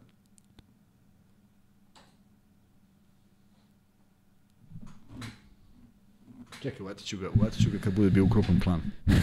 Pokažeš mi posle da sad ljudi ovaj, kada se utišamo i kada ne pričamo da ne misle da smo stali. E, blizu smo 500 lajka, relativno blizu, tako da znate za ono kada dođemo do 500 lajka onda e, pucamo prvi free bet. I, i, i Kuzma, da se dakle, vratimo na taj meč između Megi i budućnosti, ja hoću da kažem da je jako dobro raspoređen broj poena u budućnosti, onako prilično e, matematički to delo je zanimljivo, 17 poena Green, 16 poena O'Brien. 15 poena Bell Haynes, 14 poena Kevin Kakvi Kameniš. su procenti? E, čiji? Pojedinačno Ne, ili... ne, baš ukupni njihovi. E, Da li su mnogo trošili ili je bilo... ovih igrača. Budućnost generalno Pa, ima generalno, 24 generalno. 43 za 2 i imaju za 3 imaju 6 od 20, ali nama omiljeni Cam Reynolds ima 0 poena i 0 od 4 za 3 i to je sve što je uradio na ovom meču. Bell Haynes igra jako dobro, dakle on ima 2 od 4 za 2, ima 2 od 4 za 3. Što se tiče ovog Erika Greena, on ima 2 od 5 za 3, što je u njegovom slučaju sasvim ok, ima 4 od 5 za 2, on voli da, da ispali onu dugu dvojku. Kevin Kamenjaš igra jako dobro i ove sezone treba ga zaista pohvaliti, mislim Kenan, čuje mene Kevin. E, Kevina Bacona Kevin je Bacon, ubacio, Kevin da, je Bacon. Kevin Bacon sad će svako svako će biti Kevin. Kevin Jagodić Kuriđa 10 poena, 5 skokova i nad njim napravljeno Kuzmo koliko faulova? Sedam. 7. Vidio si? ne. E, jeste, jeste, kao nisi vidio. 7 odgovorio koji stopa i kao nije vidio. E, a što se tiče Mege, uvijek pratimo Đurišića. Đurišić je imao 12 poena, imao 6 asistencija što se meni prilično dopada. Cerovina je imao e, 7 poena i 6 asistencija, ali šut je malo slabiji, 2 od 9 za 2, 0 od 4 za 3. E, I Branković naravno je neko koji je briljirao, imao 9 od 11 e, za 2 i pored 23 poena imao i 8 skokova. E, ovaj Rory je malo podbacio što se tiče šuta, 35 minuta igrao je najviše. E, mada imao je on neke mečeve gde rešavao, međutim kada njemu ne ide, onda zna da povuče onako ozbiljnu ekipu u kanalčinu. E, Rory imao 2 od 6 za 2, 1 od 4 za 3 i e, definitivno mora bolje ako želi da vodi ovaj, ovaj mlad tim, odnosno da bude da bude lider. E, Toliko što se tiče meča Mega budućnost Kuzma, ajde sada konkretno. Šta predviđaš Mege, šta budućnosti uh, u play-offu? Evo, sad govorimo, sad nije više ni, ni bitno možda protiv koga igriju. Dakle, budućnosti realno da stane u, u, polufinalu, a da li misliš da je Mega može da bude neka ekipa koja može da napravi neko iznenađenje, recimo protiv protiv, me, protiv budućnosti ili CDVita Olimpije? Pa da, zavisi protiv koga igraju. Mislim da će pokušati. Mislim da imaju svo pravo da pokušaju, mislim da imaju talenta, posljednja četvrtina protiv Zvezde i eto te, te tri četvrtine protiv budućnosti. I ona serija pobeda govori da je da su i tu neke kockice posložene, pitanje je koliko imaju iskustva možda u svemu tome. Ovaj, ali, ali da imaju talenta, imaju, vidjet ćemo, kažem, ta jedna utakmica na domaćem terenu. Ne očekujem baš neko preveliko iznenađenje, iako je ta prva utakmica najpogodnije za iznenađenje. Ali ako se deši, desi da u revanšu pred svojom publikom uspije da pobede, zaista se pritisak pojavi na onome ko je favorit. Ali Kuzma, šta se desi ako ti napraviš poput ovih ekipa, recimo, ajde da kažemo da će u tim nekim bitnim serijama oni tražiti neki break odmah na startu serije, ali Tako, tako? je, tako je. Šta se desi kada ti dođeš u svoju dvoranu i nemaš ni približno takvo, takvo navijenje? Da govorimo o budućnosti Jeste, dole gde budu- imamo problem i govorimo Pa o Megi koja često pokušava Tu- nekim da. izmeštanjem Da, iz da, Beograda da, da, da, da nešto uradi. Da. Da, tu čak može se desiti da budućnost ima i podršku, da u, u, u hali u Morači veća podrška bude na strani protivnika, što svakako ne valja, ali tako je kako je. Ajde da vidimo da li je ovih devet pobeda trgnulo ovaj malo navijače i da vidimo kako će budućnost uraditi tu svoju prvu kako će odigrati tu prvu utakmicu ako pobede u Evrokupu onda znaš malo to skoči i drugačije se gleda a mislim da bi bila značajna po, po, ovaj podrška za, za, za mečeve koji prestoje e sad Uh, uh, faktor iznenađenja je prva utakmica u gostima. Ako to uspeš da uradiš i dolaziš kući, onda, onda se kod manje iskusnih ekipa prebaci sad ta, znaš, pobediš prvu i onda kažeš, e sad, sad je ovo biti ili ne biti, onda se vežeš. Tako da uvijek ima ti, tu neke psihologije, ali uh, budućnost jeste iskusnija ekipa i nekako vidim njih kao ekipu koja će na kraju triumfovati bez obzira da li igraju sa s kim mogu da igraju sa uh, Megom, jel tako? Oni da. nekako padaju na Megu i, i jer FNP će igrati sa, sa Cedevita Olimpijom, Olimpijom, da. da. I to će biti interesantna utakmica, ali video sam da i FMP ima ima određene limite Da, kad je Fraser FMP otišao. Da.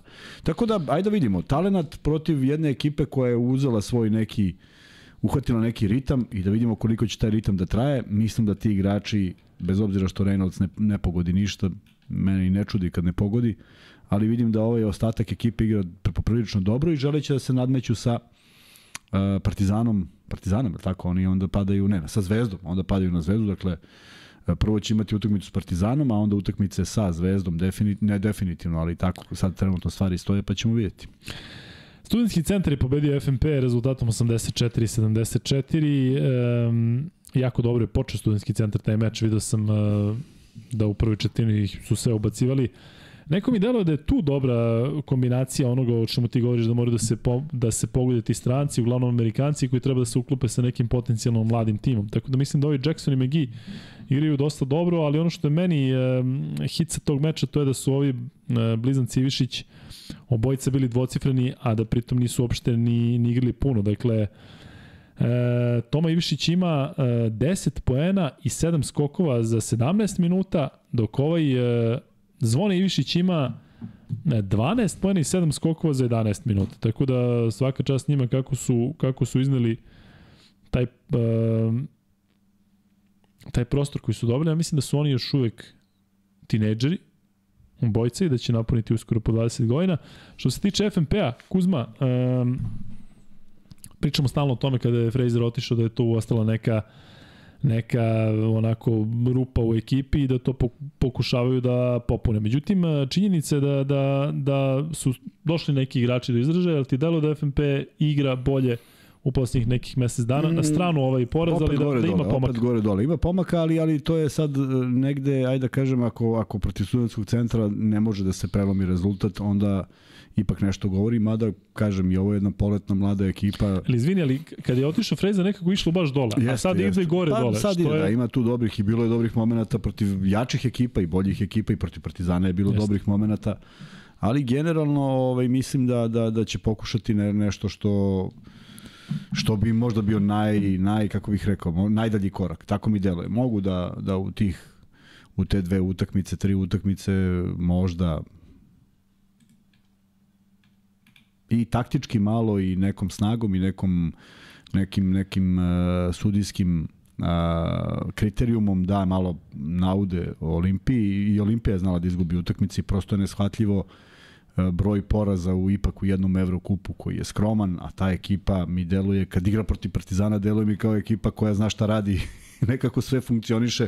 Kada odigra bilo koju utakmicu u okviru Evrokupa, to nijedna nije bila nešto neizvesna, da imaju dve pobede ukupno, prosto ne postoji toliko slaba ekipa, uopšte mi ne deluju ovaj, na, kada pogledaš fizionomiju ekipe i činjenicu da su ti neki igrači tu već duže, duže vremena, doduše otišao je golemac kao posledica svih tih loših rezultata, ali svakako da se očekivao bolji rezultat, zato što tu zabrinjava, zabrinjava, ne znam, nekoga zabrinjava, ta, ta stvar da, da taj čovek koji stoji iza, iza, iza firme, on stvarno ulaže u tu košarku, a rezultata nekako malo. I sad ti pomisliš šta je Evrokup koji treba da bude, ni, on ne košta malo. Da se razumemo, ta putovanja nisu ni blizu, niti malo ih da, ima, niti bilo što. Evrokup je baš neisplativ. Tako je. U smislu nemaš navijača i mnogo putuješ. Pa to je jedino što možda vratiš pobedu. Da. I kažeš tom nekom, ej, jeste, uložio sam, ali vredilo. Ako stvarno sedneš i imaš jedan veliki znak pitanja, ako još protiv železnika koji ti naleti ne uradiš nešto što treba da uradiš, stvarno se pita čemu. I ja se bojim da neko ko voli košarku i ulaže u košarku toliko u jednom trenutku ne kaže čemu. A može da se da. desi. Prema tome, ovaj, vrlo, vrlo, vrlo čudno sve to. Uh, I dalje, mislim da je odlazak Jake Laković, Jake Laković, Jake Blažića, Kevina Jake Laković. Kevina Jake Laković Blažića dovoljno poremetila, dosta poremetila ekipu da ona više nije izgledala tako, da nije bio tu jedan borac zaista bez mane i straha. Da se razumemo, da ne misli neko da ja sad ovo pričam što je on igra u Zvezdi. Mene on izluđivo u Zvezdi, zato što je mm, koristio svoje fizikalije, a mnogo manje koristio glavu. Ali, apsolutno je bio igrač koji je mogao da promeni tok utakmice neverovatnom energijom, neverovatnom upornošću, neverovatnom odbranom neke stvari koje je postizao i u CDVita Olimpiji i u Zvezdi gde god je igrao su bile nadrealne. Znači seriju nekih trojki da vidiš da jedva stoji na nogama, ali to prosto sve ulazi u koš. Međutim, zaista je bio a, najvažniji oslonac ekipe. Tako mi To je... što ti kažeš za, za CDVita Olimpiju iz Jako Blažića, meni je to baš utisak, glavni utisak ove sezone nakon svega što smo videli da je se Zvezdi desilo odlaskom Kalinića. Pa jeste, ima, Dakle, ima da je toga. to da je taj, to, tako je, taj nije, dakle, nije igrač koji se za sve bila, pita i je. dakle koji ne mora da da 20 poena, Jeste. ali koji znaš da će uvek da napravi faul kako treba, da će da napravi ako treba i neku poluincidentnu situaciju, ali da jednostavno drži sve pod kontrolom, da drži ekipu pod kontrolom na obe strane terena um, tokom celog meča. E, I ti dovedeš, dovedeš igrače na njegovoj poziciji, dovedeš čak možda u tom trenutku i neki igrače koji su skupljeni, interesantni, međutim nema tog nekog lepka ekipe oko kog, kog se sve vrti. Meni se dalo da je, delo da je, da je to slično. Vrlo slično, da. jeste. Zato što kažem, bez obzira što je tu bilo igrača, i u Zvezdi je bilo igrača koji su preuzimali odgovornost, ali taj jedan koji je nekako delovao da radi sve i da se oko svega, da se sve oko njega vrti. Kako je uopšte Jaka odigrao ovu sezonu? Je li on bio povređen Ne, on je nešto? počeo sa teškom povredom, pa popustio tako. nekoliko tri meseca u Bakči Šehiru i onda se vraćao i To ne liči se. ništa, jel? da? Bakče Šehir kao sredina generalno je onako Pa znam, igraju da. prilično divlje godinama unazad. Dakle, tamo se malo ko zadržava od tih stranih igrača e, ne, više od jedne sezone već. On je Jones, i sećam se, ostao nekoliko sezona, pa su svi gledali belo šta se dešava. Ma lud. Da, Zato ostao. ovaj, ali um, onako, mm, ekipa, da me ne shvati neko pogrešno, posebno ne navijači Bakče Šehira, ali sredina gde me ne bi čudilo da dođe do onoga... navijači Bakče Šehira u Srbiji. Da, ali da odjednom, da odjednom, delo mi da je jedan od onih klubova kao Banvit, kao Gaziantep, kao Trabzon, Ekski Šehir, dakle, da odjednom samo može neko da kaže, op, Pa da. momci sutra ćemo Bilo je- da vidimo šta ćemo i ajde da igramo Sakarija, koliko ima tih klubova u E, Turskoj. e, to je, vidiš, meni je, na primjer, žao što mislim da je Blažić još uvijek bio igrač za bolju sredinu.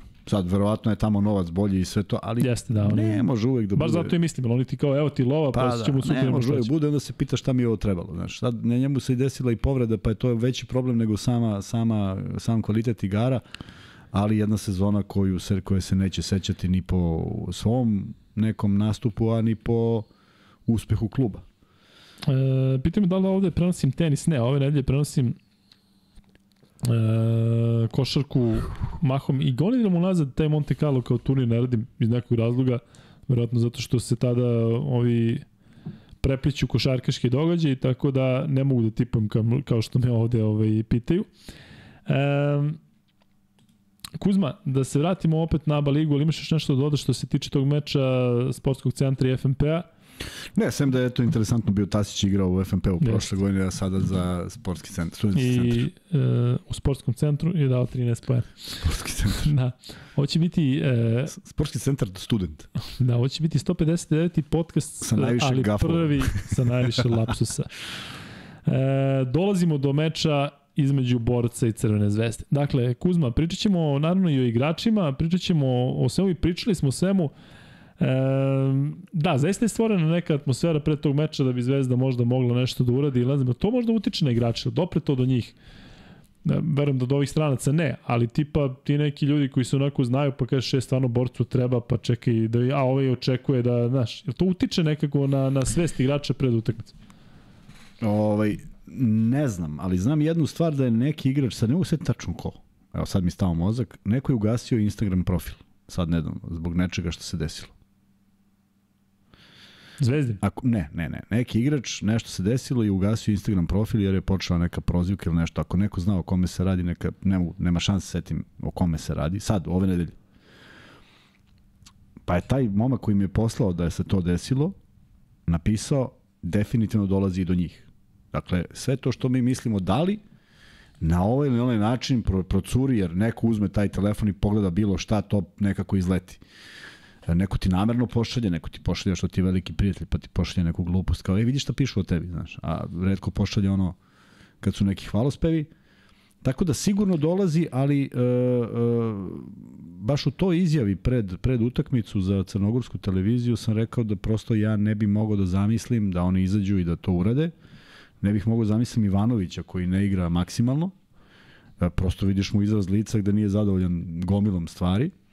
A, I vraćam se na to da je bilo da je bilo mogućnosti da i Zvezda i Partizan i Mega i FMP pomognu tom borcu na način jednim dizanjem ruke ako to tako ide u okviru ABA lige, da se ta utakmica protiv Cibone odloži, da bude lakše, da nekako preguraju.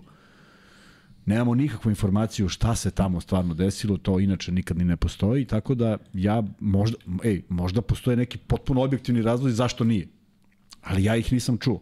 I prosto mi je žao što jedina utakmica koja očigledno nije, nije, nije zahtev je bio da bude odložena, nije odložena je Borča. Kažu ti ovde da je Vlahović ugasio svoje naloga i kažu da je Zagorac ugasio. Vlahović, Vlahović, A. tako je, Vlahović. Eto, ne, ne ide, Juventusu nešto, op, op, op, op.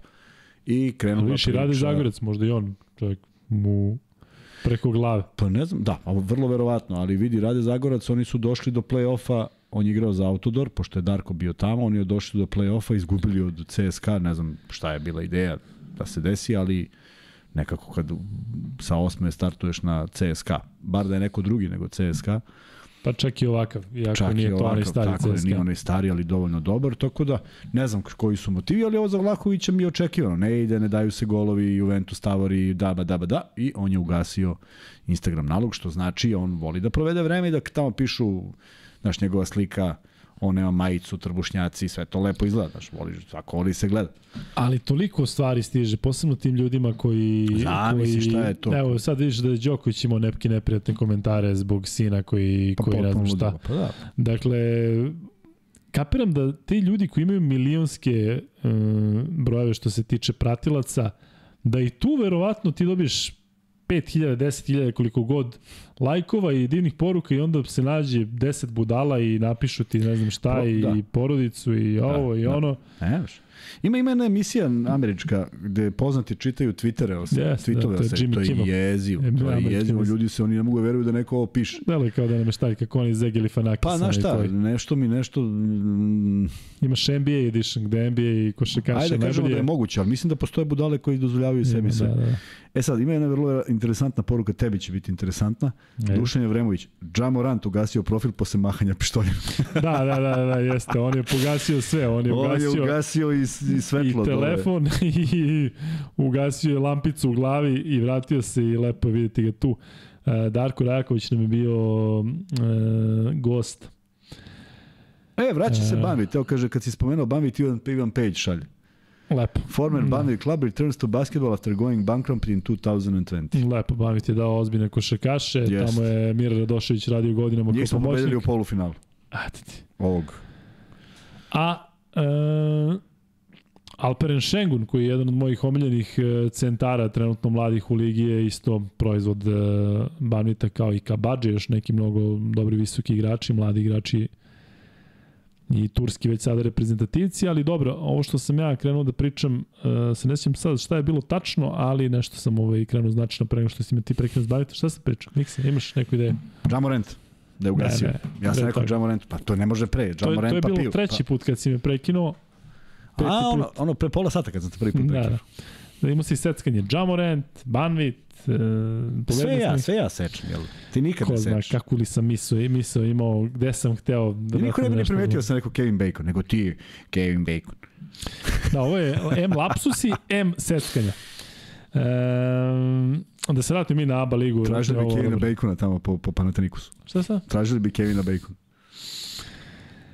E, da, Kuzma Zvezda, e, Borac Zvezda. Dakle, ajde sad malo da pričamo i o samoj utakmici. Dakle, kao što si rekao, Duško Ivanović nije bio zadovoljan i kako da bude zadovoljan kad njegov tim primi 32 poena u posljednjoj četvrtini. Dakle, bilo je tu puno Tako je. svega i svačega, ali da li je, ajde to da kažem, to dozvoljeno Zvezdi? U ovom trenutku kada imaš ovakav neki ritam, pa normalno da će da bude takvih utakmica, a na kraju dobiješ, pa onda si sve jedno okej. Okay. Tu, je, tu, je, tu će svaki trener. Svaki trener, evo sad Željko koji je Egal smo gledali 24 minuta.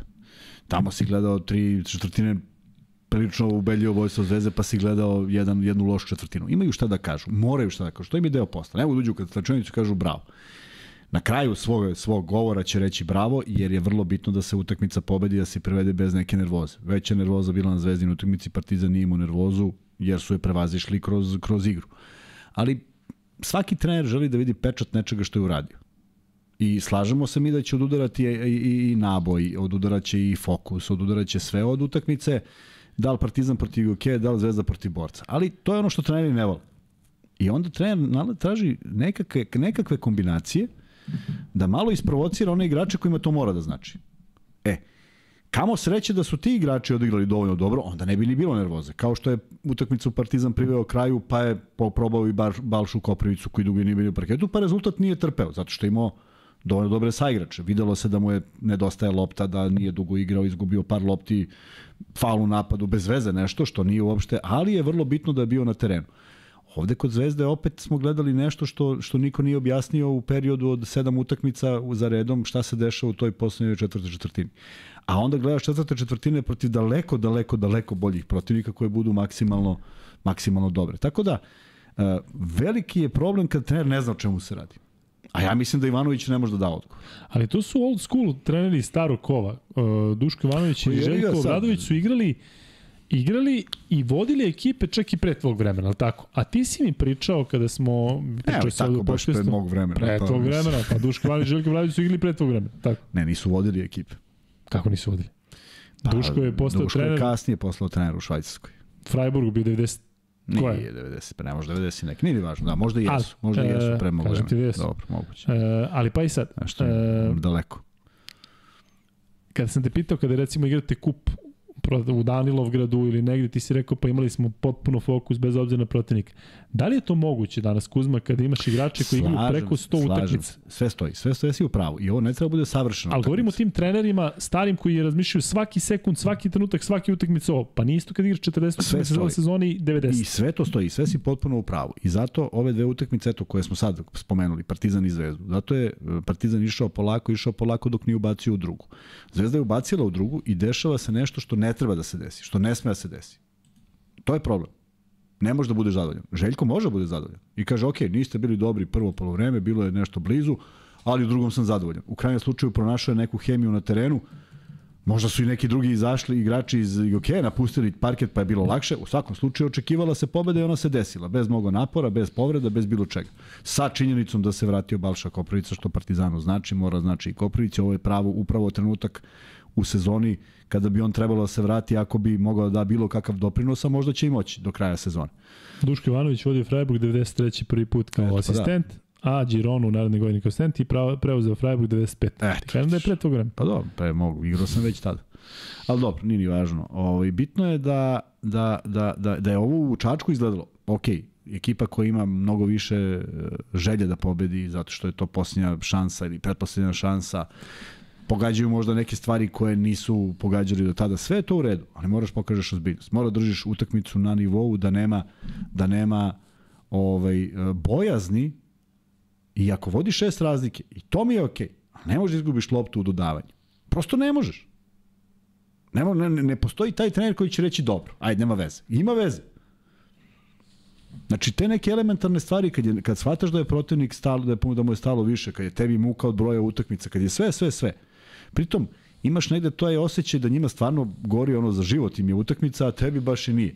Sve je to u redu. Ali samo je odigraju da ne, ne bude... Jeste, da mislim da dosta i u tom stavu tih igrača koji dobijaju šansu u takvim utakmicama, deluje kao da ga neko tera. Ma, majstore, iskoristi ovako, tako vidi, ja ću dodam najbolji Gris. pas, najsigurniji. E, dodaću tako da znam da niko ne može da, da preseče. Da. I kad dodam, kažem, pff, dobro, dobro, ja sam svoj odradio. Gledao sam juče iz nekog razloga Fortuna Ajax futbal. I uđu klinci ovi u Ajaxu, imaju po 17-18 godina dobiju šansu, već je bilo 3-0 ili ne znam koliko, i šeta on, Burazer. Pa kad ćeš ti, dečko, da igraš Nećeš da igraš protiv PSV, nećeš da igraš u Ligi šampiona toliko. Deo, da. Znaš, nego sad dobiješ šansu, izlaziš te neke škole, imaš 18-19 godina i vidiš ga namrgođen, šeta ovako, stvarno da uzmeš i da ga povučeš strani i kažeš, dobro, okej, okay, izvoli, znaš. Znaš, izgubi da. neku loptu, pa neka da. reakcija, A vidiš, recimo, imaš pojedince koji kada izgubi pa se i pa trči, pa daj sve od sebe, znaš, stvarno hoće da iskoristi svojih 20 minuta, 20 minuta. I prenosim, recimo, toliko mečeva, E, različitih sportova, košake uglavnom, gde zaista vidiš te neki ljude koje, što ti kažeš, kao da mu je u glavi da sledeći godin on prekida karijeru. Da li ima 19 godina ili 31 Upravo godinu, to. ali takav stav ima. I toga ima u NBA ligi dosta, ali čini mi se možda da ima, da ima manje na stranu svi ovi što lome ruki i šta rade, ali Ali ne znam, ono što je pričao ovde Nenad Trunić, e, o tome sam, moram ti reći, dosta razmišljao koliko je u stvari taj moment psihologije važan da se radi sa njima, posebno u ovom svetu društvenih mreža i svega i svačega. Evo, Naravno, posebno. KG Soul kaže, Luka, zamisli šta njima pišu tim superstar likovima, kada odu u ovom podcastu od 3000 ljudi u live-u, nađe se 20 budala koji psuju porodice i ne znam šta rade, Da, a zamisli njih da. na, na uzorku od milion. Ma potpuno I posebno sa ovim... Procenat je isti, samo ih ima tako i uljadama. I ko Da. zna šta pišu, posebno tim devojkama, znam da je bila ta priča te tenisaki Pošast. kada izgube je meč Najgora, najveća poša savremenog doba. Da možeš obratiš Tako bilo je. kome na bilo koji način. i izgube meč i onda kladioničari se javljaju Da, da, i preti. majku Pa i da. sestru, silovanje i sve. Vidi, e, ne mogu da tvrdim da sam bio jedini, naravno, daleko od toga. I žao mi je što naše goste nismo pitali njihovih debija. Eto, sad mi je pra- prošlo kroz glavu da čujemo kako je izgledao njihov debi. Moj debi je bio protiv Primorke iz Bar. Na primer, šest kola pred kraj sezone 90 91. 90-91. Već smo znali da smo opstali, OKK Beograd je uvek bio negde sa, na primjer, 13-13. 14-12 ili 12-14, ali tu smo. 50% je bio neki naš šesto mesto, peto mesto, sedmo mesto, zavisi od Nije tu bilo prevelikih ambicija, mislim da klub i nije želeo da uđe baš u ligu dok nema kompletiran sastav, jer je to odmah iziskivalo i više bolje igrače i više para i sve. I vraćam se kući ponosan za tih šest minuta. Znaš, ono, kad, kad jedva čekam dođem kući da Ćaletu kažem šta sam uradio. On kaže, sine, kako je bilo? Kažem, tata, šest minuta. On kaže, i? Ja kažem, jedna asistencija, jedna izgubljena i dva poena. Znači, učinak debiličan, ali Znaš kako, na, znaš ti šta je to u odnosu na prethodno kolo kad nisam bio na, među 12? To znači da si uradio nešto i da si se zabeležio, da si postojao na terenu i da si uradio nešto. Ej, doprineo si nekim svojim mini trudom. Jel misliš da sam ja došao nezadovoljan ili poleteo na sledeći trening? Ma jok, ja da sam čekao 8 minuta u sledećoj utakmici. Pa je to dolazilo, pa je... Ali hoću da kažem, to je neki pristup. A stvarno smo imali ljude koji nisu bili zadovoljni nikad, ni kada uđe, ni zašto ulazi sada ni zašto ne igrao više, ni zašto njemu ne ide svaka lopta. Znaš, to su neke nerealne stvari, ima ih svuda i to su igrači koji se kasnije pitaju u nekim svojim 35-6 gde su prošli kroz nekak, nekako se provukli kroz tu košarkašku priču marginalno i nekoga nije voleo, šta je njemu falilo, u stvari, znaš, vrlo je, vrlo je jasno šta mu je falilo, ali to je teško da priznaju sami sebi. Idemo sada preširoko, ali ti se dešavalo i da li možemo Ma da napravimo preširoko paralelu? smo danas široko Pa je išli. sad ovo pitanje. Jel možeš nekada da proceniš tako neko kako se ponaša na terenu da je takav i čovjek? Da. Da. Možeš, apsolutno. Dakle, mi o Jamesu često govorimo kakve voli sa te van terena, verovatno neki super lik, vidiš, izgrili se sa svima, svi ga vole, svuda Ima, ima tu dosta marketing. On, svi oni vole marketing. Kažu da stalno čita istu stranicu knjige. James? Da. Ne znam. Lebron, o njemu pričaš. Ne, ne, o Majku Jamesu. A, Mike James, izvini, Da, da, ja sam mislio na Lebrona, misliš. Kažu da Lebron čita stalno ovaj... Da, a ovaj možda bude nađak i možda nema drugare baš pravi.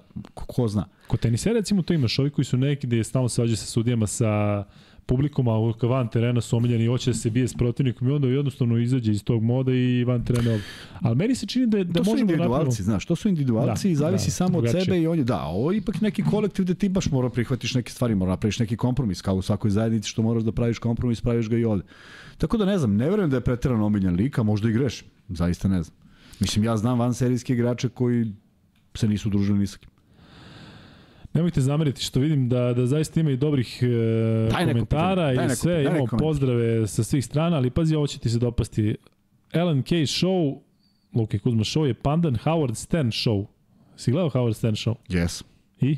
dobar. Poređenje sa tim, si verovao da će ti nekada ovaj, Nisam, ali mi uporediti? prija. Ali neko ti glasuju onako ovako u mikrofon kada se priča, pa ne znam šta, neko, ima, ima sličnost. Prija mi, prija mi, Mi kada bismo bili pre, prevođeni Mi na da smo u razne Americi, jezike, mi da smo u Americi.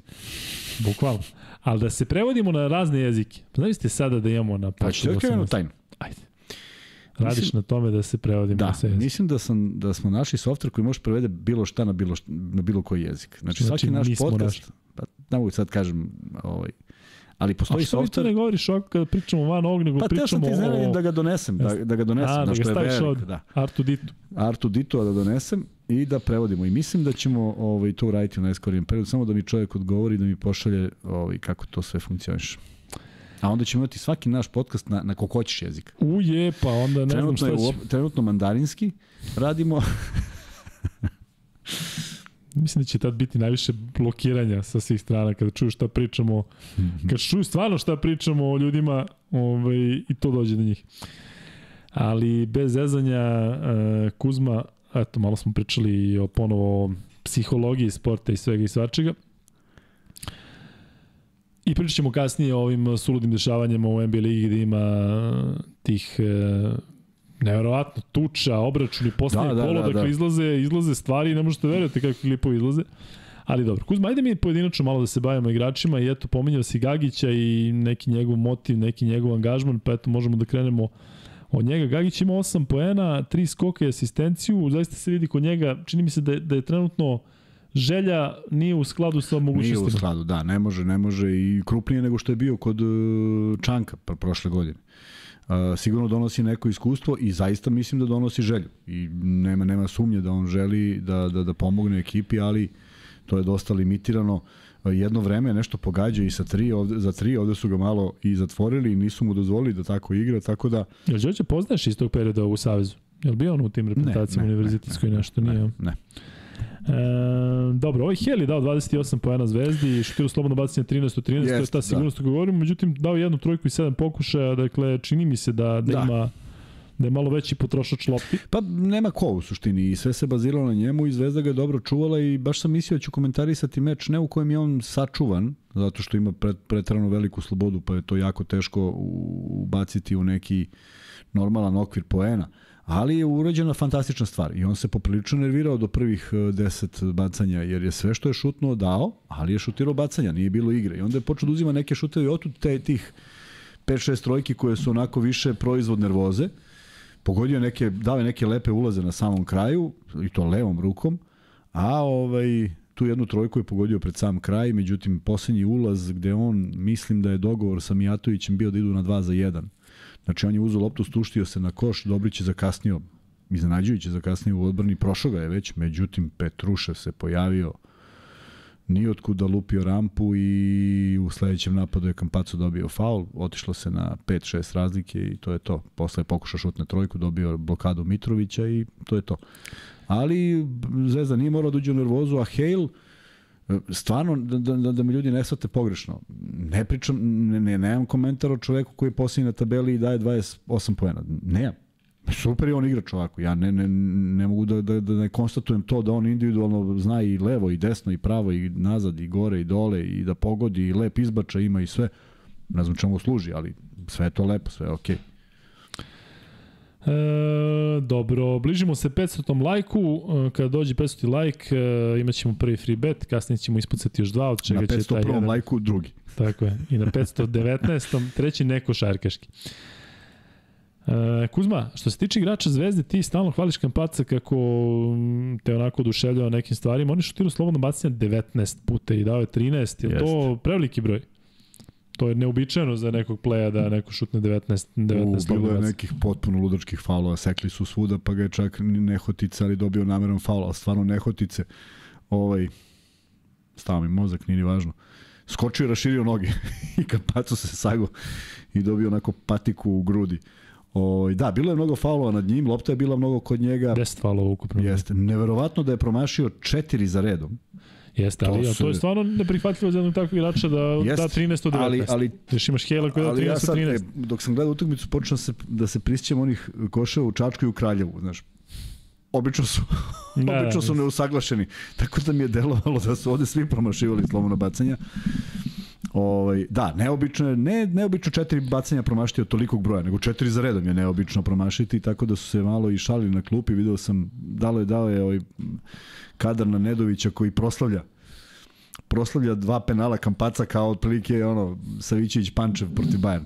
Tako da uh, to je bilo neobično, opet je bio neiscrpna energija, vodio svoju ekipu i mislim da zaista predstavlja ozbiljan, ozbiljnu snagu. Ovaj, dopada mi se i kad greši, dopada mi se sve iz prostog razloga što zaista vidim kod njega želju ne da se zabavlja, ne da se eksponira, ne da se uh, šali, ne da... Uh, te, te njegove asistencije, izvini, te, te sve dodavanja su, deluju kao da su atrakcija, u stvari je zaista u tom trenutku on najbolja to vidi, opcija. Tako je, on da. to vidi. Dakle, onako baci za leđa, to je, znaš, tako nije to za da se do, dodvori publici. Tako je, i pogrešio nekoliko puta, ali tu je bilo i asistencija koje su stvarno imale oči. Bio primio oni blokadu, ali to je ono što ljudi ne mogu da shvate. Ja sam u kadru, Miksa Zerem, da. To, to je ono što ljudi ne mogu da shvate. Kad primi blokadu, kad primi blokadu, nije to greška. Znaš, ljudi kao, u, vidi šta se desilo. Pa čekaj, čovjek od 2.15 je lupio blokadu najnižem na parketu. Pa to je deo košarke. Nije to problem. Problem je kad napravi, problem je veći problem kad promaši četiri bacanja jer on, njemu je to neobjašnjivo. I kad je on dao ta dva, znaš kao, kao, kao da mu je pao kamen srca, kao prilike dok li ova serija. Tako da kažem, on pokreće zvezdu i zaista je glavni pokretač svega što se dešavalo na terenu. Želi da pobedi svaku utakmicu. Ja bih volao da imam takvog saigrača bez razmišljanja, čak i kad greši.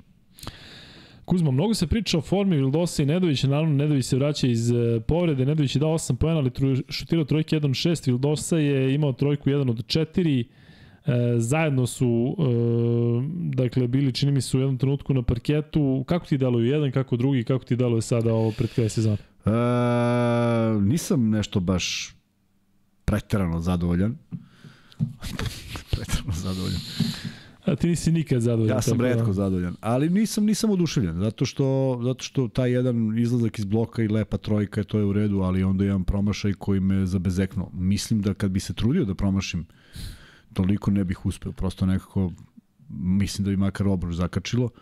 I, I opet se uvodi u kategoriju toga ja, ja verujem da oni osjeća, osjeća posledice ili bolesti ili, ili povrede te koju, na koju se stalno žalio, ali to nije opravdanje za, za ipak šest šotnutih trojki od kojih možda bih izabrao dve ili tri da kažem ajde, ajde, može da se šutne. Znaš. U, deluje mi i dalje da linija manjeg otpora, a pritom uh, imao, je, imao je prodor Znaš onaj prodor Jordan kada, ovaj, da ne mi sad neko poredi baš ta dva prodora, nego hoću kažem šta se desi. Znaš onaj Jordan kada izlazi iz reketa pa se vrati pa oba igrača pomisle da on izlazi pa se on vrati na osnovnoj liniji. Sećaš se toga? Kako je kad je zakucao preko Ewing? Upravo to.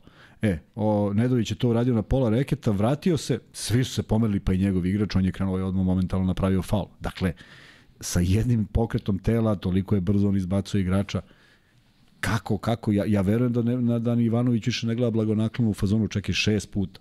Pa daj pet ulaza i tu jednu šutnu. Ali ima opravdanje to što je opet izašao iz povrede.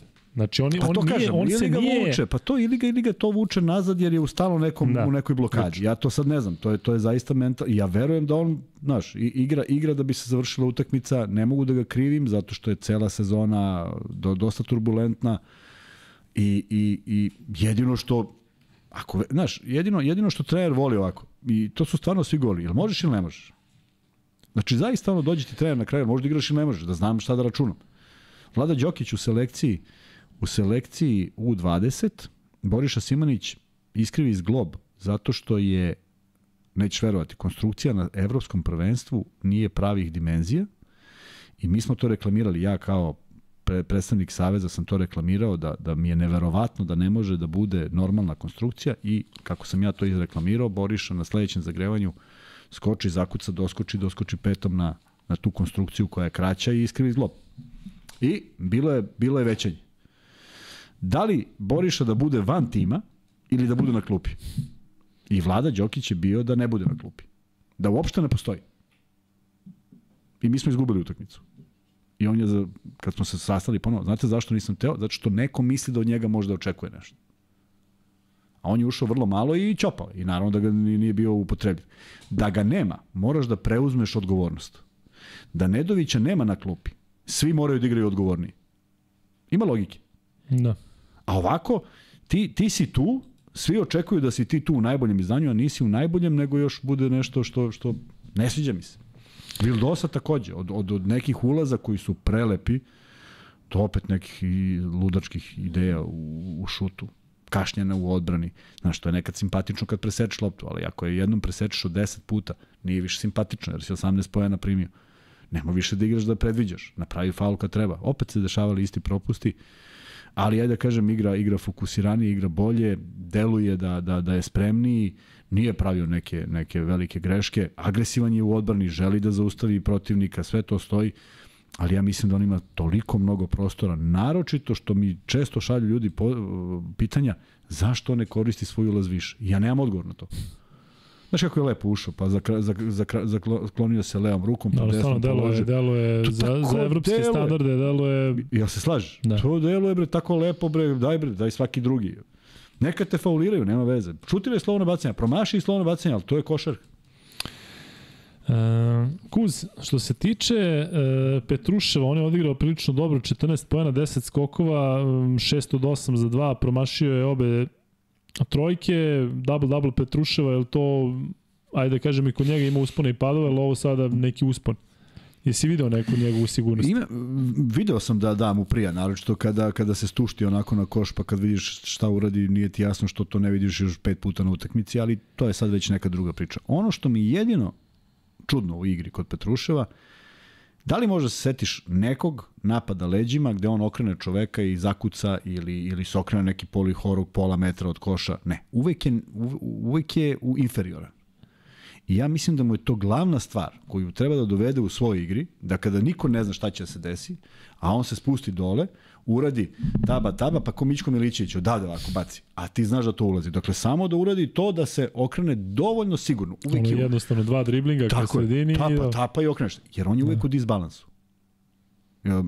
Nije on, možda, možda nema tu dovoljnu stabilnost, možda, možda ga baš u momentu neko malo, malo ga samo potkači, lagan je on, ali to mora da, da popravi. I da ako, je, ako izabere stranu, stvarno kad napada sa leve napadačke strane, tu mi se ništa ne dopadne. Ali kad napada s desne još i, još ima smisla. Međutim, on mora da ima taj neki zaštitni znak kako daje te poene, jer ovo kad on krene na koš, pa ukrsti korak, pa malo uspori, to izgleda poprilično dobro, naročito kad je zakucao, pazi, digo je loptu, mislim da je mogo glavom da, da, da zakuca, ne rukom.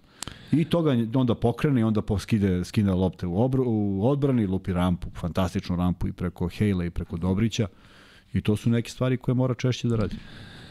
E, Kuzma Luka Mitrović je ponovo bio fantastičan što se Jest, tiče šuta, jest. naravno sve iz reketa daje 6 od Ma 7 da. za 2, imao je malo više izgubljenih lopti i ponovo nesigurnost sa penala 2 od 5, je li to Da. nešto što je, smo navikli u suštini od njega da kada stane liniju penala onako da mu se malo skrati Meni ruka? se čini da on za nijansu lošije šutira penale jer je dobio još neki dodatni trzin. Ne sjećam se da je Da. onako šutirao, majke mi. Ne sjećam se s da, početka nekom sezone, znači ovo da pogledam secne, utakmicu.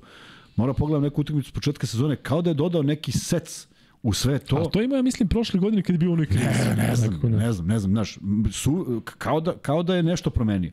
Ali ovo sve ostalo vrlo, vrlo malo. Kliker uvek uključi, zatvori, pokrije, faul, nekad su mu svirali neke gluposti, ali uvek fokusiran i znam da uvek daje svojih 100% i to je, e, o, to je sad to poenta. Znači ti znaš da će on izaći na teren raditi svojih 100%. Šta je to? Ok, ali znamo da smo načisto s tim da je to 100%. I dolazimo do Holanda, um, kada smo gledali ovaj meč protiv Olimpijakusa, svi smo bili iznenađeni, on je dao 17 poena ekipi koja je, evo, koliko čujem i prema nekim tim kladionicama svetskim, najveći favorit za osvajanje Evrolige i onda Kuzma 7 minuta protiv borca, je to bilo iznenađenje njegov minutaža? Pa- Pa... Se sad, smo sad ušli u fazu da je očekujemo da Holland igra više ili Pa otprilike to je to to, to, da zaboravimo, zaboravimo sve vrlo brzo. Ali, znaš. znaš, očekuješ 17 pojena protiv borca, pa 7 minuta protiv Olimpijakusa. Ne valjda obrnuto. Mile Marinković, sećaš se? Sećam se. Pa to je to. Znači, vidiš kako Ako njega može... nije išlo, znaš, Nije, ali, ali došlo do gore. 17 bez greške i kažeš sad ne diraj ovo, sad nemoj da, da kvariš ovo, sve je super. Pazi, on je ušao odmah pogodio trojku. Sve od tog Jeste. momenta što je uradio nije, nije bilo ništa. I 7 minuta, vidi, ne može, ne može ekipa da se sprema tako što je neko sad bljesnuo, pa daj sad menjamo koncepciju. Ja mislim da Duško Ivanović ima strategiju za završnicu sezone. Ba, pa da svaki trener ima ideju za završnicu. Prema tome, zamisli Balša danas odigra maestralno i šta sad? Jel očekuju svi da će sutra krene utakmica? Pa neće krene utakmica. A se menja to recimo, to što imaš tu u glavi, kako da se igra završiti Ne sezona, može, možda neko ne, te ne. iznenadi, pa sad imaš može, igrače koji... Može, može. I ti ga staviš toliko koliko igrao Holand i on da 17 i ti ga onda staviš u drugom polovremenu, otvori drugo polovreme trojkom i ti mu kažeš, ok, šefe igre. I onda je pogodio još tri trojke. To je bilo tri trojke za 7 minuta. Ej, to je već neverovatno dobar učinak, je li tako? Da. Znači, samo igraj svoju igru. Kako krene nešto što on treba da izmisli ili da uradi, to ti se ne svidi i menjaš. Jer vraćaš za neku drugu priču. Ali kad kažeš igri svoju igru, šta je igra Johna Hollanda? Izađi iz bloka, šutni trojku, kad god si sam primi i šutni. I nema tu još mnogo Ne, nečega što ne, možemo da očekujemo ne, njega. ne. I cepaj odbranu do faula. Da. Cepaj, kidaj. Znaš, On, on uzme igrača, opet mu Hale ode do kraja, dobije faul i koš. A, ne, a verovatno jedina... Priznate, ne igra faul koš kada Pa neko faul, da, to, zato što- to je e, nešto te posebno izluđe. ovaj, Zašto je Darko Rusu uvek volao da kaže kad kaže samo ne faul i koš. I kaže, znači, odlaziš na teren, kaže, "Z- z- znam da će to da se desi, jer sam ja to rekao. Znaš, onda vidiš neka najneveća nebuloza faul i koš u istoriji koji postoji, ali Tako da to su neke stvari gde stvarno moraš da poštoješ šta trener kaže, ako je faul, faul bez koša, onda nek bude to što jeste, a ne sad ti si smislio nešto drugo. Tako da nije pouzdan u tom smislu, a s druge strane, zaista verujem da će i Ivanović i svi ostali koji mogu skraćivati e, na neki način skraćivati ovaj rotacije i da će to biti možda ne da će igrati sa manjim brojem igrača, ali sa svakako minutažom koja će samo biti u funkciji. Znači ako si na terenu i to ide, bit ćeš tu toliko koliko to ide. Čim prestane da ide, nema više razigravanja, nema više šanse, nema više ničega. Kuzma, za kraj, e, da li treba navijači Zvezde da brine 5 od 25 za 3 i 28 od 40 sa penala? 28-40. Da. Da, treba da brine jedno i drugo, jer se tako dobijaju utakmice. Previše je trojki. Borac Moguće... 27 od 28. Da, da, da, da, da. Jel da neverovatno? To stvarno, pa to onda stvarno deluje kao koševi, da su da. koši ovi navikli na Pa svoje ne, koševe. da, ajde, kažem, ali, ali stvarno, stvarno drugo polovreme bilo kriminalnije od prvog. Međutim, uh, šalu na stranu i da jesu, navikneš se, baciš, vidiš šta je, baciš prvo pa promašiš ih pa... šutneš 19, a, ne moguće da, da, da na Mora 17. neko- ne provaljuješ. E sad, e, to su, tako se gube utakmice. E, Moguće da je borac u nekom momentu išao na varijantu da malo isprovocira taj šut zvezde, jer kažem, nisu svi šutovi bili baš bogom dani iz dobrih pozicija. Vidiš da ih ne ide, pa ti je to i neka, neka žrtva, je tako? Ali nije dobro nasesti na tu žrtvu. Jer ako oni imaju Gagića još dva visoka igrača, pa daj to mora bude u reketu nešto nešto kvalitetnije, nešto mora bude iz reketa. Onda se ispostavi da buše, da buše i reket, pa se daju lagani poeni. Ajde ako već ne možeš ti, pa onda imaš tu spoljnu liniju koja ne sme dozvoli prodor. Tako da, mnogo tu ima stvari koje, koje treba da se poprave, ali ajde da kažeš nije merodavna utakmica, jer sve to u prethodne četiri utakmice na evroligaškom nivou izgleda daleko bolje. Slažem se da motivacija, slažem se sve, ali svaki trener će biti zadovoljniji ako je utakmica odigrana, makar u onom segmentu uh, tih osnovnih stvari. Da naskačeš protivnika, da skineš više lopti od njega, da odigraš agresivniju odbranu, da pogodiš više slobodnih bacanja, a ovo kako će ići šut, da li će tu biti plus minus, ali samo ako su šutevi iz smislenih pozicija. E, ljudi, dajte da udarimo te lajkove da bismo ovaj prvi free bet bili o, da bi bio zvezdi, tako da fali nam još malo do 500 lajka. Zvezdaši, dakle, udarite zato što čekamo čekamo da mm, Dragan Zec kaže, tuširam kaže? se, slušam podcast, kosa se ne pere, slušalica se ne vadi. strava.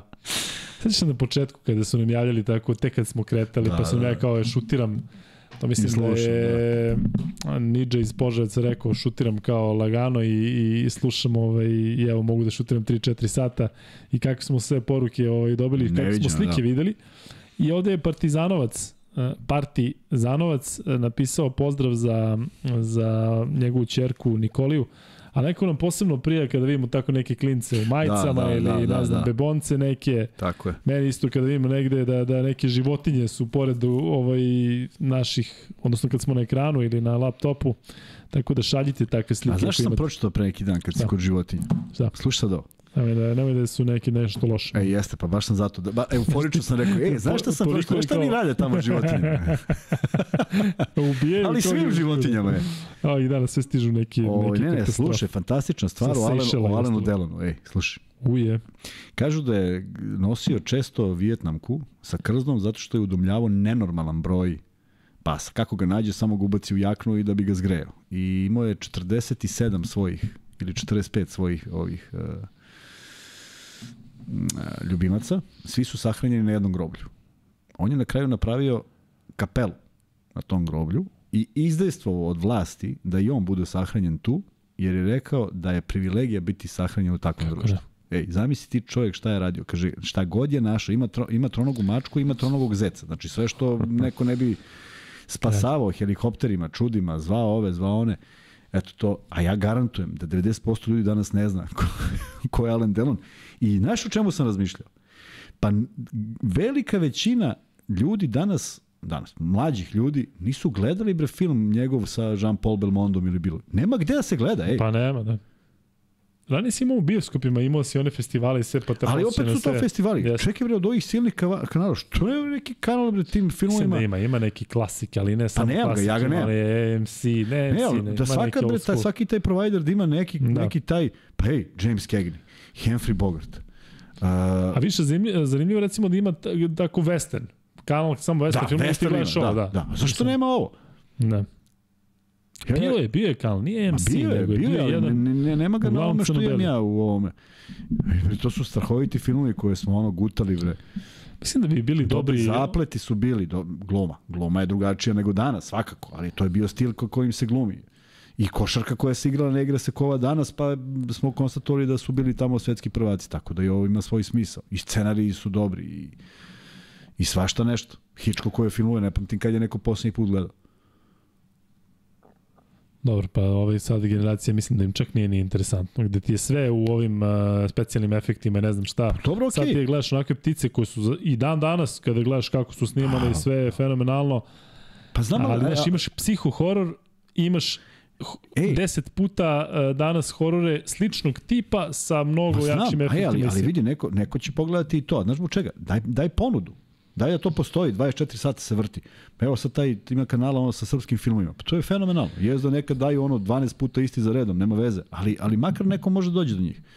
Mislim da je bilo lepo da se neko pozabavi time ako je to uopšte moguće, ako postoje ta prava, kako je to već ide, otkup i sve to. Znaš, pričali su. E, a si razmišljao nekad prohujalo s vihorom? Koliko je majstor napravio dobar prevod? Odletelo sa vetrom, ne bi niko gledao normalno. Jeste. Se Da, slažeš? da, znaš, kad bi ti ušlo, kada bi samo znao za to. Odletelo s vetrom. Ali prohujalo s vihorom, Zavisi odlećelo svetlo. prihvatili smo ga. Prihvatili Ali smo ga i sad... e, ipak prohujalo s vihorom Yes. nisi izgovorio u svom rečniku nikada da je Yes. nešto prohujalo, a još vihor ako si upotrebio. Ali ovo je prohujalo s vihorom. Da, melodično, onako, baš je... Odletelo s vetrom. Ne znam da li je toalet papir ili je ono, znaš.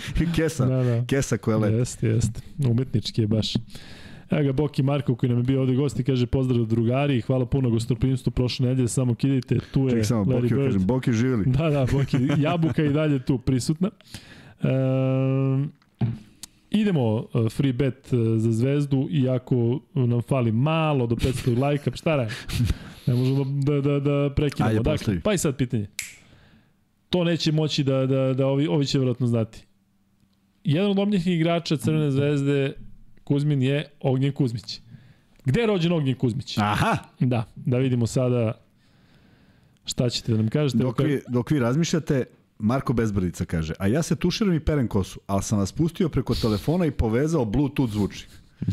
Carski. Dragane, idi istuširaj, idi istuširaj se kod Marka. Da, zajedno. Ima zvučnik, ima zvučnik. Kažu ti da treći e, neko šarkaški free bet budu Alonu Dalonu. Alain Delon, važi.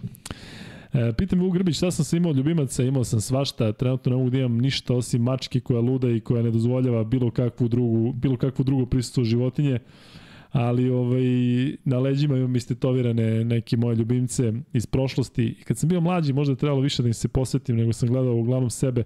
Sad kad sam stariji, ovaj, e, mislim da sam da sam posvećen 100% i njima i generalno tim nekim stvarima koje mogu da se urade za životinje, posebno ove jadne sa ulice, tako da imali smo ovde, vi koji ste bili na početku, e, od početka sa nama, mogli ste da vidite da smo i udomljavali životinje, svako ko hoće da udomi životinju, bilo koje rase, pas, mačka, dakle javljajte se, imamo, što kaže Kuzma u ponudi, dve, tri noge, jedno oko, dakle samo javljajte ovaj, ako hoćete budete humani, imamo i životinje koje su bile e, u borbama, e, borbama pasa.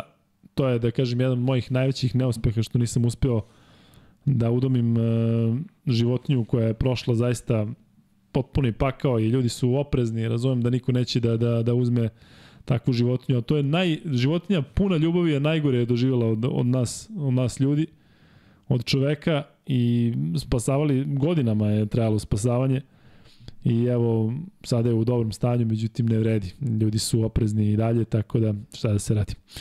E, Doboj, Srki je odgovorio prvi. Srki šalje na uh, lukajkuzma.gmail.com prvi free bet. je dobio dakle Srki, samo da proverim da li je to tako i u ovom live chatu, da ne bude da je nešto ono, jeste. Dakle, Srki i Cepaj i e, to je to. Kuzma, završio bih sa Zvezdom, prešao bih na Partizan koji smo, ja sam gledao uživo prvu četvrtinu, ovde smo zajedno gledali, gledali drugu i e, eto, pričali smo o tome kako je Zvezda sebi doživjela, do, dozvolila puštanje. Partizan je dugo igrao danas sa Igokejom, Egal čak je sredinom treće četvrtine Igokeja e, vodila i onda Partizan jednostavno dodao gas i taj meč dobio ubedljivo i na kraju ispostavilo se relativno lako. Je to nešto što smo i mogli da očekamo? Dakle, da Partizan ne bude na svojih 100 od 100 nakon svih silnih potrošnji u Euroligi i posle top 8 mentalnog, fizičkog pra, uh, pražnja, niko nije očekivao, mislim, 30-40 razlike protiv Gokeja. A mogu ti reći pritom da su momci koji igraju za Gokeju, posebno recimo ovo što sam ja video, ovaj uh, momak uh, i Delalić i Đorđević i Neranđić, dakle oni su baš onako uživali su da igraju pred, pred takvom dvoranom i videlo se da hoće da se dokažu što je potpuno normalno. Tako da što se mene tiče ovo nije ni, ništa neobičajeno, dakle Partizan je prelomio meč taman kada treba. Ti Kuzma imaš neko mišljenje? Ne, sad si rekao. Ništa, to je to. To, baš sam to teo da kažem. Da, da. Ali 33-25 u prvoj četvrtini, 25 poena je primjer Partizan areni. To da, taj da. nalet e, o čemu pričam, jeste, dakle jeste, ti klinci jeste. koji dođu i jeste hoće da se dokažu. i Vlado Ivanović želi da pokaže neke neke momente, on uopšte, da se razumemo, jeste ovo bilo turbulentno sve, on je dobar trener koji zna kako da postavi igru, koji zna neke stvari koji se očigledno spremio za Partizan, to je njemu veliki izazov, ta četvrtina pa i poluvreme je bilo sasvim korektno dok postoji snaga, dok postoji fokus, ali e, voli da se bavi time, voli da, da, da nađe rupu, voli da malo namuči partizan, voli, sve su to neke satisfakcije potpuno normalne, ne igra se svaki dan protiv partizana, prema tome ovaj, sve što je viđeno je bilo očekivano, nisam sumnjao u rezultat na kraju jer sam shvat, znao da Igokeja ne može da parira koliko god želeli da igraju i koliko god imali jedan polet koji imaju ovi igrači, bivši reprezentativci iz Srbije, pa i ova mla, mla, mlađarija koja je sada u sastavu, prema tome sve okej. Okay. I lepo je što je publika pozdravila, ipak koliko god da ih je bilo, ako kažu 12.000, mislim da je to više nego zadovoljavajuće. 11.187 je tačna cifra. Sve je to okej, okay, pa to je lepo. E, Kuzma, Aleksa Vramović igra u fantastičnoj formi, dakle, jel, jel se slažeš sa mnom ili misliš da je ovo njegov plafon, da li misliš da tu može da bude još bolje? Samo ako ostane ovaj, na, na ovome, na, na fokusu koji ima. Mislim da je to najveća razlika u njegovoj igri. Ali kvali, što se tiče kvaliteta i dometa, jel misliš da tu ima još prostora? Ja mm. iskreno ti kažem, mislim da može bolje, ali sad da me neko pita šta konkretno, verovatno da potpravi malo šut za 3 poena. Ne, ne mislim da ima tih nekih segmenta koje on treba da popravi. On kad uđe u seriju, on stvarno može nekog da, da razbije. Onda kad krene da promašuje, može da, da razbije Da, da, ali to mislim da bude konstantniji, da jednostavno parti, da bude partizano oružje njegov šut za 3 poena. Sa više rezona, samo sa više rezona. Samo da mu se ne desi ono što mu se desilo sad protiv Monaka u jednom momentu kada, kada počinje da juri ti vidiš da on juri u, u, u, u pritisku i traži rešenje i nema više da vidi nekoga. I prosto, ali nađe rešenje što je najvažnije. Kako se to rešava? Malo Evo, da i danas, se, i danas je recimo mm. četiri izgubljene lopte imao. Je li to neko opuštanje? Da ti jednostavno ne budeš u tom grču, a opet opuštanje... Jako me podsjeća, jako me podsjeća u nekim stvarima na Smiljanića s kojim sam igrao. Znači Smiljak imao sve predispozicije, jak, dobar dribling, dobra tehnika. Sam sebe iz nekog pritiska svog uvede u neku situaciju koja uopšte nije morala da se desi. Znaš, kao da, kao da odjednom se sve to suži, suzi u, u jednu tačku i vidiš samo tamo. Ne menja se to lako, ali, ali on je uspeo da promeni svoju igru. Zaista mislim da je od prošle da, godine... Da, je drugačiji po, potpuno. E, sad samo to korigovati, samo ne padati u vatru, samo ne padati da se nešto dešava, sačekaj, stani, prozovi, pritom ima podršku. Ja bih razumeo da sad tu neko stalno priča, pa nemoj ovo, nemoj ono. Ne, jednostavno samo uradi to, njemu stalno priča Željko, to je dobro, zato što čim se troši toliko na njega, znači tako da, je, da mu znači, veruje znači, i da... da. I sad ti znaš, vidiš neke jednostavnije stvari, onda on napravi nešto potpuno neverovatno, poentira, da. to je tri puta teže nego ono malač što je, što je uradio. Dakle, samo malo da se oslobodi, mislim da je još uvek stegnut u tim nekim momentima, da li ga pritisak utakmice prelomi, da li, da li on potpadne pod taj pritisak, ne znam. Ne bi trebalo da ga ima a, a, a verujem da on ima jedan osjećaj da želi Željko pokaže sve i želi, želi utakmicu da ne pogreši ništa. To je ne, to, to se redko dešava, ne postoji taj koji ne pogreši ništa, a čak i težiti ka tome pa nema razloga za tim. Kuzma, tokom igračke karijere i sada kada pratiš ovako Osim fanatično... Kada pratiš ovako e, fanatično sve lige i NBA i ostalo, ali bez zezanja, koliko je teško, pričali smo o Hasanu Martinu Kolevorkom, košakašu koji tako zna da je izmisli nešto kod Aleksa, zaista delo je da on postiže koševe na neki način koji drugi ne mogu. Levoruk i playmaker koji je toliko lucidan, koliko je opasan i težak za čuvanje? Težak je samim tim što je, što je si naviko na veći broj dešnjaka, da, da ljudi koji igraju po nekim pravilima. Prosto ne postoji levak koji je šutirao isto kao i drugi levak. To, to nisam ja, Dobrić ima lep izbačaj. Aleksa ima drugačiji izbačaj sa visokim lukom. Uh, Karadžić je šutirao tako što se lopta kontra rotirala. Paspalj je šutirao tako što se lopta rotirala na sve strane sveta, sever, jug, zapad, istok i na kraju završi, završi u košu. Tako da oni su dosta specifični i kad uvate neki svoj, ono što je Palja ispričao, kaže, Pa šta radimo sa šutem? Kaže, ne diraj, kaže. Sada menjaš. Pa to ne bi promenio za nikada, ne, ne bi se nikad promenilo. Tako da oni su već i mislim da mislim da zahvaljujući toj levorukosti imaju neka rešenja koji drugi možda nemaju. Da, ali, pa naravno, deluje, dakle, ali naravno nešto... nije svaki levoruk igrač bio majstor, jel tako? Ima i onih koji, koji ne uspeju. Ali to mu je jedna prednost da će on neke stvari samim tim što kada, kada ako nisi dovoljno fokusiran da čuvaš levorukog, Iznenadit ćete u tom nekom skoku gde ti krećeš po inerciji na desnu ruku. Mnogo ljudi je reagovalo ovaj, eh, na pogrešnu, pogrešnu stranu zato što se iznenade koliko sa koliko lakoće ovaj, čak iz nekih uglova koji nisu realni. Ovaj, pogledaj Martin kako daje neke košove koje vidiš da je da se nalazi u nekom problemu ispod koša, on izmisli neki koš i deluje ti kao da je, kao da je nešto čudno se desilo, E, to je on. To je on da može da izmisli tako levoruki igrači rešavaju, pa i Avramović. E, ajde sada da nas svi podsjetite na neke e, dobre levoruke playmakere. Dakle, meni u glavi Mike Conley. Da vidimo šta je vama u glavi, dakle, tako neki playmaker levoruki koji je i dobar šuter i sve. Naravno, Aleksa Avramović je tu prvi, ali možete recimo da pričate i o NBA ligi i o Euroligi. Dakle, e, Joe Regland je recimo isto sila. Hm? Derek Fisher. Da, da. Eto vidiš, svakome neko padne na pamet, znaš, pa, pa, specifično su po pokretu, pa, pa ovaj... Ali Derek Fisher je bio baš, baš sila. E, pitaju ovde da li ćemo komentarisati Evrokup, hoćemo i ovaj meč Prometej i Hamburg, naravno, tako da bez brige Evrokup je sledeća stavka. Što se tiče ovog meča koji je Partizan odigrao protiv UK, nema tako nečega što mislim da bi statistički moglo da zabrine e,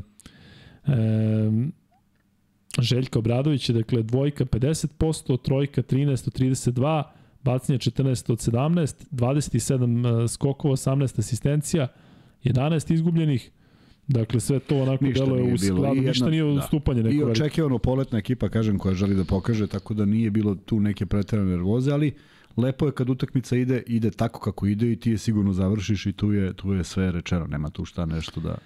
Andjušić je ovde počeo u petorci i bio i dalje u Grču, promašio sve tri trojke, međutim Kuzma, da li je to znak što je Aleksa u, u pet e, da se možda na njega računa i u nekim narednim mečima? Neko je pisao sad ovde u četu da očekuje da Aleksa pokida u nekom trenutku u Euroligi, mali je broj utakmica koji će Partizan odigrati u Euroligi, dakle Panathinaikos i onda playoff serija četvrt finala, jel očekuješ da ima neku zbiljnu ulogu ili će opet zavisiti recimo ako uđe na 5 minuta pa da li pogodi prvu trojku? U ovom rasporedu, u ovom rasporedu snaga sa Aleksom u dobroj formi, sa, sa spoljnom linijom koja je i Naneli koji je u dobroj formi i Panter ne vidim, ne vidim veću ulogu od toga da sačeka neku svoju poziciju u nekom dobrom protoku lopte i da šutne i da da koš. Dakle, uh, vrlo slično Holandu. Ne mogu da ih poredim kao igrače, mislim da je Andjušić kvalitetni igrač, ali prosto u ovom segmentu, u ovom momentu u sezoni traži se to. Ja mislim da je on za to sposoban, samo da ne srlja, samo da ne juri, samo da ne bude on taj koji organizuje, nego jednostavno strpljivo čeka ako mu se otvori znaš kako, svaki igrač koji uđe i koji zna da ima neku ograničenu minutažu želi da pokaže nešto za tu minutažu, e tu onda nastane problem ako se to ne desi, onda si pokvario i to što, si, što, što je trener zamislio, a onda si duplo pokvario. Tako da nadam se da će naći svoj neki mir i svoju neku poziciju, jer ta dva šuta mogu da budu kao što su Holandovi bili u, za zvezdu, tako i Andjušićevi mogu da budu vrlo bitni u nekoj utakmici, a čeka ih a, veliki broj utakmica u kojoj će biti problem taj što svi mogu da igraju sa 12 igrača. Znači sve te evroligaške ekipe kogod da naleti na Partizan i s kim god, protiv kogod budu igrali, to će biti sastav koji ima zaista i klupu, e tu mora da se pojavi i klupa Partizana A nema, ne možeš da kažeš, aj sad, sad će Tristan da uleti i da svi popadaju, nije, ne ide to baš tako. Volao bi da vidim jednu utakmicu, ali to kad bi se desilo, da li desilo bi se na uzorku od jedne utakmice. Od 10-12 minuta. Za to su sposobni, ali treba to prelomiti u glavi, jer mislim da mnogima od njih sezone nisu onake kakve su očekivali. Da, evo sada kada pominjemo levoruke igrače, i zaista ste nas podsjetili neke na koje smo izaborili, Markus Williams, Jaka Laković, e, Ben Simons, nije baš play i nije baš uh, trenutno nije baš formi. Da. Kao nije baš levoruk. da, Nik Van Exel, Lukovski. Lukovski nije bilo levoruk. Ni, ne, ne, nekog se ja sećam. Da, da. Ili smo ga čuvali na pogrešnu stranu. Tako je. Lukovski je igrao 99. je igrao za reprezentaciju i ja mislim da je bio čak i jedan od članova ono, na nekim mečima petorke. I onda mi smo u to vreme volili da igramo leti basket na kraju Ade, na makiškoj strani, bio je kafić koji se zvao Miki Čoba. Igrao se mnogo dobar basket, mnogo dobar koš i dolazili su stalno i profesionalci. I dođe jedan dan Lukovski. I nije igrao 50, nima nije bio na 50-60%. I ja mu zalepim tako rampu, znači smeč na vrh table sam se popeo. Ja sam toliko bio ponosan, pazi, play reprezentacije, stvarno, znaš, igrao se dobar basket, ajde, ono, svi smo kao na nekoj pauzi tokom leta, koliko sam ja bio srećan, dakle, što sam uspeo, a on je verovatno bacio onako, razumeš, nije očekivao da ću sad ja koga ne znam da se digne ovo. I ja sećam se, dođem, legnem u krevet i kažem, je, evo te, Lukovskom sam udario rampu i ne znam Tako kako. Tako i Keba priča onom nemilom događaju. Tako, da, da, nemili, nemili događaju. Sigurno da. priča, ja kad sam igrao basket. Tako. E, ali jednu stvar sad kad si bio kod pasa mačaka i ostalih životinja. Znaš koja je nepravda na jednom pet shopu da ja kupujem neke džidže? Koja? Ovako, otvoriš vrata i nacrtana slika psa i piše hrana za kuce. I onda mačka i piše hrana za, Za mace. mačke. Mace, mace. Dobro. A onda jadan zeka i piše hrana za glodare. Jes, jedan zekonja. Koliko nefer, ej. A on sladak, ono, uši i ovo, ono sve. Kaže, hrana za glodare. Ove, sećam se prvi, drugi razred, ja sa sinom mojim radim i sada ovaj, množina, jedina množina i sad piše kako je množina od eh, zeca. Zečevi, zecovi i zekovi, kažem mrtvo Zecovi. Rekao, sine, gde li si to naučio suncem u žarom? Ali, um, šta htedoh oko životinja? Da, Miki Rurki je bio neko koji je ovo slično priča kao Kuzmi Allen Delon. Dakle, on je rekao kako su ga njegove čivave spasle da se ne ubije, zato što su mu ono dale snagu kad se valjao nešto. Izvukao ga iz bazena. da, da. Ali... E, nisi i dalje gledao Rovača, nisi? Nisam, pa nisam stigao. Neverovatno. Gledao sam Hustling. Hustling. Jel? Hustling. Šta li je Hustling? Šta je, kako nam biš? Hustle, hustle. Hustling. Van, Van Helsing sam gledao. Van Helsing. Da, Kuzme u posljednje vreme, kad god, kad god se čujemo gleda Terminator, kako si rekao, Dare Devil, Dare, de, de, Dare Đavo. E, I evo, trenutno je u tom modu. E, ali što se tiče životinja, ljudi, zecovi su stvarno nezgodni za, za, za kuću. Mislim da je mučenje za sve. Tako da, da ne bih, ne bih da, preporučio... Imao sam ja zeca kao klijent. Ma, ne, zec je ovo. Ali da, to sam htio. Kuzma ima dve mačke. Jedna je trobojka. Ako neko može da nam da objašnjenje kako su samo ženke trobojke, to meni nije jasno. Da, tako je, tako kažu. Nisam ja E, izmislio to. Ima neki ljudi koji se bave nekim vrlo lošim stvarima što se tiče mačaka koje su trobojke, ali time ćemo se pozabaviti off off uh, podcasta, da se vratimo bolje košaci, da, da ne uđemo u neku dramu. Um, Partizan i Gokeja, dakle što se tiče igrača Partizana, jako lepo što je Vukčević odigrao 10 minuta i dao 9 poena, ali ipak mislim da je ovo što smo i videli i pričali, da je Balša Koprivica bio u centru pažnje, nije bitno koliko je odigrao, odigrao je 3 minuta, ali vratio se Kuzma, koliko je teško, mnogo je teško nakon povrede kada znaš da se nešto desi, pa moraš da se oporaviš i sve, ali nakon bolesti, ja mislim da je to ipak nešto posebno baš za jednog mladog igrača, dakle, kada te strađe tako neka muka, jedno su ovi virusi koji te slone sa terena dve, tri nelje, ali ta vrsta bolesti koju si ti kažeš prebolao, to je zaista nešto nešto mononukleoza, dakle to je Da, da, da, da. Mi smo pili iz iste flaše, nije bilo bočica, nije bilo ničega, ta flaša stajala ko zna koliko, svi na tegli, neko, neko imao nešto i nije to sad ovaj za ovo je bolest poljupca i tako se prenosi. Sad naravno Ovaj, ja sam negde skapirao da je to odatle, to je nateklo grlo, to je bilo i što je najgore dođeš tamo, znaš, temperatura 500, krajnici ne postoje i najgore od svega što, što šta god da radiš, imaš samo onako lutrija, da li ostaje, da li ne ostaje, da li si se iščistio u jetri pre svega.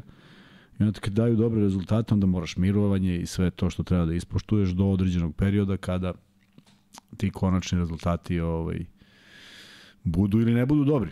Ja se nadam da su bili dobri, tako da ovaj, pauzirao sam tu dosta dugo i To je sve individualno, da li dva meseca, da li godinu dana, ali tako. Pa pazi, ja mislim, što ja mislim da je individualno, a individualno i ko se ko zakači to. Jer svi smo pili, znaš, nema Tako tu, je. znaš, ni- nisu svi Verovatno ovaj imali. što je imao, verovatno nije imao nikakve simptome. Ili, Možda, ko zna, ko zna Da. šta je i gde smo pokupili, tako da ovaj, dobro je prošlo i dešava se, nije ni Balša ni prvi ni posljednji, bilo još igrača koji su imali, ali dobro je što je pokazati da na terenu je dobro da je da, je, da, je, da se očistio. E, evo ga Dule kaže, ja sam imao četiri zeca. A tu nam i Marko Vlahović, vidim da se dopisujete sa trenutno sa njim, vidim da neki od vas padaju u vatru, nemojte da, da se, da se ovaj, nervirate i ovako dopisujete, nema potrebe, vidite da smo u dobrom modu već prilično dugo. E, 1209 210 glasova E, možda ugasiš ovo miksa da vidimo šta ljudi misle budućnosti CDVita Olimpija, da li imaju šansu u play-offu protiv Zvezdi Partizana. Kuzma, realno ovo što ljudi kažu, 84% ne, 15% da. Zašto? Da, da budućnosti CDVita Olimpije imaju protiv Zvezdi Partizana šansu u play-offu. To je otprilike ne, ne nešto što smo mogli da očekujemo što se tiče... Da je to Procenat. toliko mala šansa. Pa ja mislim da je to čak i ta šansa. Slažem se, to sigurno ne misle igrači ni CDVita ni budućnosti, imaju potpuno pravo da, da uđu ovaj, sa, sa, sa mnogo većim ambicijama, vidjet ćemo. Ja ne bih išao baš toliko daleko zato što smo svedoci da jedna utakmica može da ode u bilo kom pravcu, ali, ali ajde da kažem da, da, da bi ne, ne bi baš toliko, toliko prednost dao, ali ajde, to je glas Glas naroda. Glas naroda, da, pa što da ne. Vidjet ćemo kako će se odvijati, možda budu počišćeni, možda ne budu. Možda bude neko iznenađenje i pre toga, možda posle toga. Vidjet ćemo u svakom slučaju, svako sa svojim ambicijama želi da ovaj, odradi ovaj prvi playoff. U tome je interesantno što je prvi. Sa osam ekipa, da. E, danas su pojedini igrači Partizana definitivno bili, da kažem, onako... E, štedelo se što se tiče pojedinaca, dakle Lede je odigrao 18 minuta, Exum je odigrao 21 minut, Panter je odigrao 19 minuta, ali niko od njih nije počeo u petorci. Eto, otvorilo se malo više prostora za Andjušića koji igra 15 minuta, Trif- Trifa je odigrao 22 minuta, Madar je bio na trenu 12 minuta, bio je jako dobar, sa dobrom energijom igrao, dao 8 poena. Um, ali e, Kuzmo, tih igrača, da kažem, iz drugog plana. Rekao si da Andjušić na koji način čeka svoju šansu i ne znam šta radi. Da li recimo od Balšane sigurno Balša se tek vratio i ne treba, je tako? Treba, to ne, treba, ništa. Ne treba ništa. Ali od recimo igrača poput uh, Trifunovića i Madara, jel Partizan možda dobije neku neku ekstra snagu u ovim Pa e, mora, mora, mečima? moraju, vrlo bitni su, vrlo bitni su ti momci zato što a, svi protivnici koji budu naletili na Partizan, ukoliko su kompletni, to su, to su zaista ekipe koje igraju sa 12 igrača. Prosto energija u tom broju utakmica će biti velika. Potrošnja će biti velika. Nije to neki raspored na, na, na, na 20 dana se protegne, nego se protegne na mali broj dana. Prema tome, bit će potrebno svaki igrač, svaki, svaka ta utakmica će se ovaj, računati. Pošto će Partizan gostovati prvu utakmicu, sav fokus mora bude na tu prvu utakmicu. To prosto mora da bude i ja verujem da će imati takvu komandu da je to otkidanje. Taj, taj moment je bitan. Već je druga, potpuno druga priča. Ali ta prva, ako se, ako se napravi iznenađenje, to je ono što je, što je potrebno. E, za to je potrebno više od pet igrača. E, a sada kada dolazimo, baš ovo se nadovezuje sada na to o čemu pričaš, a Smajlagić, je li ovo ono što možemo da očekujemo od Smajlija, dakle da bude pravi backup Lesoru, da kada su zajedno na terenu da postigne neku trojku, da nekim potezom odbrani i napadu e, onako malo podigne publiku na noge ili možemo od Smajlija da očekujemo još više? Ja bih volao da vidimo više, znaš zašto? A šta bi recimo volio konkretno da vidiš kao što si rekao za Petruševa, tako da se spusti da zida i da jednostavno to bude dodatak njegove igri od onoga što sebe, sebe, ti deluje da sebe ubaci u neke probleme faulova i nekih pomoći koje nisu, niko nije tražio od njega. Da, da, da. Znači kao da mora, mora bude svuda Jeste. na terenu. Pa onda, pa onda ura, napravi faul koji, koji možda, je, možda je bilo bezbolnije odigrati ja nemam, pa ako da koš, da koš, nije e, dao dešava se gol. prečesto 2 plus 1, čini mi se. Da. Upravo to, upravo to. Znači moraš negde, da, vidi, ako je već ušao u bolju poziciju, pa okej, okay, aj digni te ruke, on da koš, ne može sve da se brani. Pa zamisli kad bi se sve branilo, ipak ima tamo nekih majstora i drugih koji igraju. I onda, I onda sebe uvuče u problem, a mislim da je u svakom slučaju sa ovim što je uradio u prethodnih 5-6 utakmica, već bojazan postoji od njegovog šuta za 3. On, on samo da izađe i da nategne loptu, pa je već rupa u reketu za nekog od njegovih saigrača. Prema tome, samo da igra mudrije, samo da ne juri. Ništa se ne dešava u tih 10, a stalno igra po 10 minuta jer sam sebe uvede u problem sa faulovima. Da danas je igrao 25 minuta i igraš Partizana sa najvećim, da, pa sa najvećim minutažom. Pa baš zbog toga, da bi on bio taj koji će provesti 15 minuta. To je onda velika prednost za, za širinu u, u igri.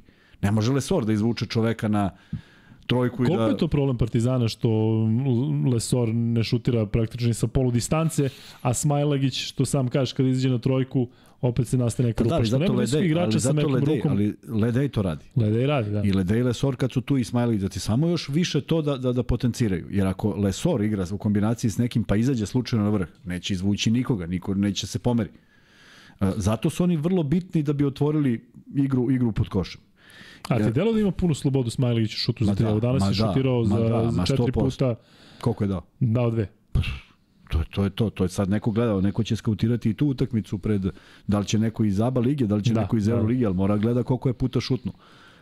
To je to. Dva od četiri je da ti ne znaš šta sledi u, u sledećoj, je li tako? Koja može bude u poslednje minuta utakmice i mora da, da izađeš na njega.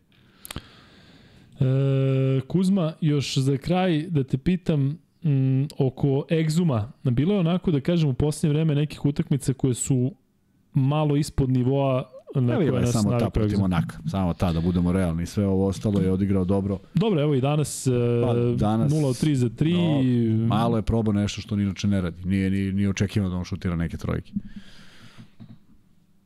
Egzum i dalje Egzum, ili tako? Najveća Exum, snaga Partizana, verovatno nekim stvarima poput Prodora. U nekim tako. stvarima, da. Sad, samo je pitanje, samo je pitanje koliko će to uspeti da zaustave.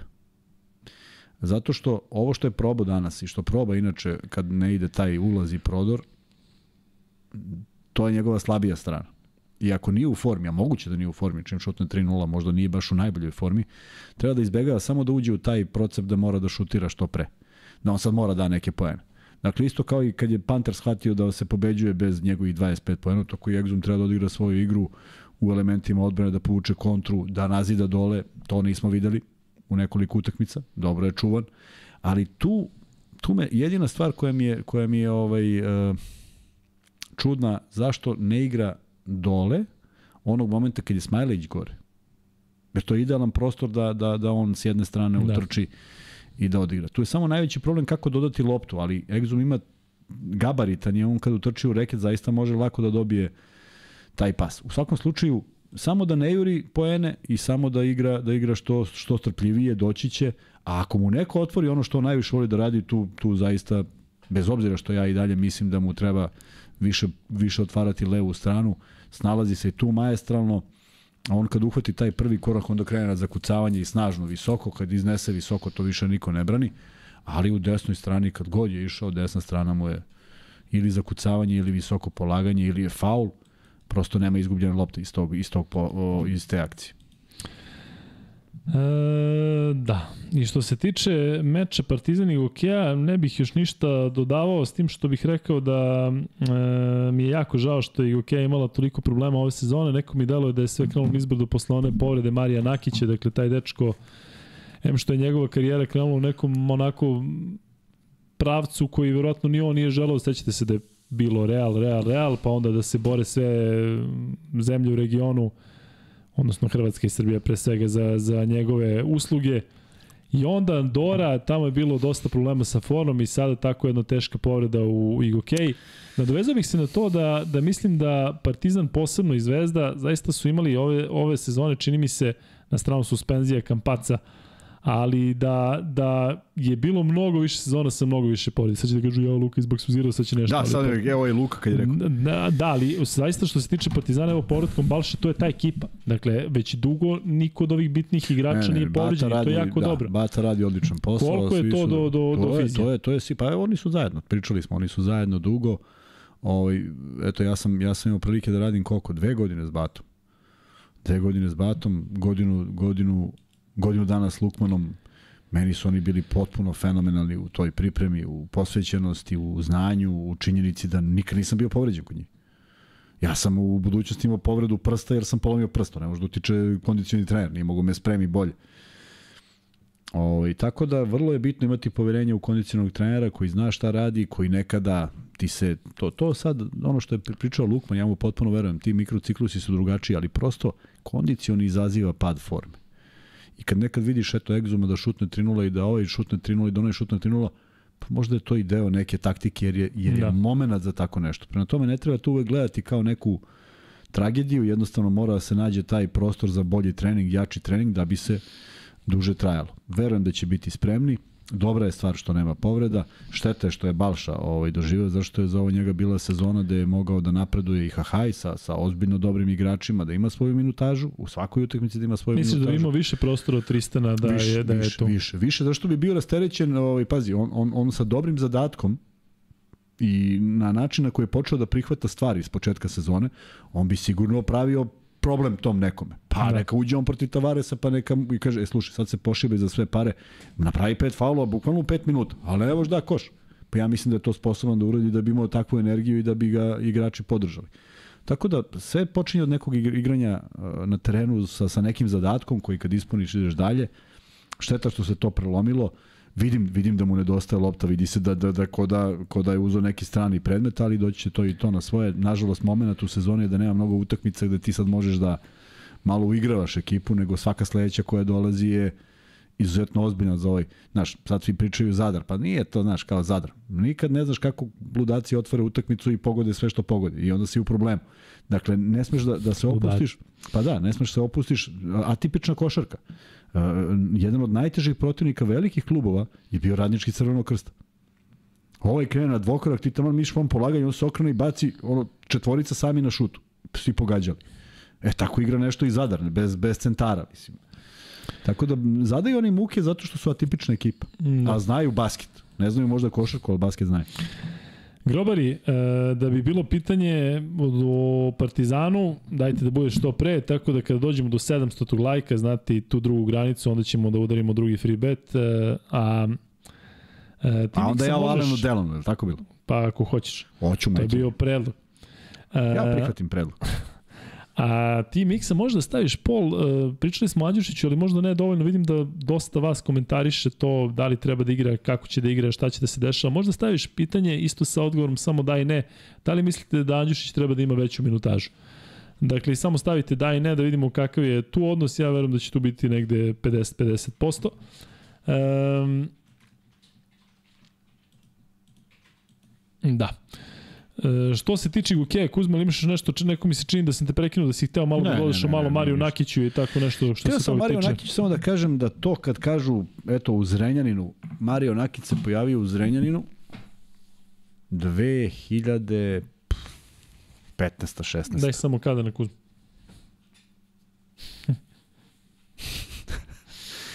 2015-16 mislim da je mislim da je Damir Radončić, otac Radončića, Dina Radončića pravio taj turnir u pa onda pozove ozbiljno dobre ekipe, pa je bio Real, ne znam ko sve, možda i Barcelona, sad ja da ne pričam gluposti, ali to je 2015 ili 2016.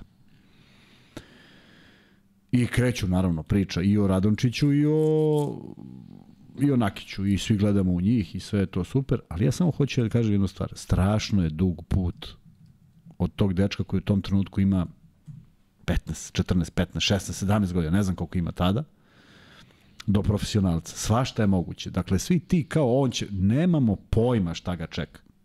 Od, ne samo povreda, od, od, od ovaj što je ovaj što je shvatio da neće više da igra košarku, tako. Pa i to se dešava, pa neko prestane, pa neko odustane, pa hiljadu prepreka ima. I u suštini mentalni sklop je taj koji to drži da nastaviš. Nema ga svako, da ga ima svako bilo bi mnogo više fantastičnih igrača, igrala bi se košarka u apsolutno svim zemljama u 50 liga, ne u ovoliko koliko se igra. Dakle, nije lako. Izvini, sada apropo te priče, ovde nas i danas su nas pitali da komentarišemo ovo oko Stojakovića, malo malo pa piti oko toga. Mislim da je prerano da tom momku sada da li je izabrao Srbiju, da li je izabrao Grčku, pričati o njemu kao nekome, tako smo pričali o Nakiću. Ne možemo, sad više ne možemo da na svetsko prvenstvo ako on igra sad za Grčku. Čekajte da, ljudi. Ispade, da. Čekajte ljudi, ja ga nisam gledao uživo. Ne znam da ga i kod ovih koji komentarišu gleda uživo. Da li je najveći talent? Ne znam. Kako mogu da znam? Vidim da Mali Pavlović igra, ovaj, nisam čuo ništa, ja vidim da on igra. Vidim da Šćepin Mali igra, vidim da, da, da svašta nešto. Ali evo ti, znaš, koliko, koliko, koliko to, koliko to ovaj, uh, možemo se vratimo do Miličića. On stvarno nije imao šta da pokazuje što se tela tiče. On je već imao formirano telo. Da. Imao je šut za 3 kao 2.16 čovjek. Još levor.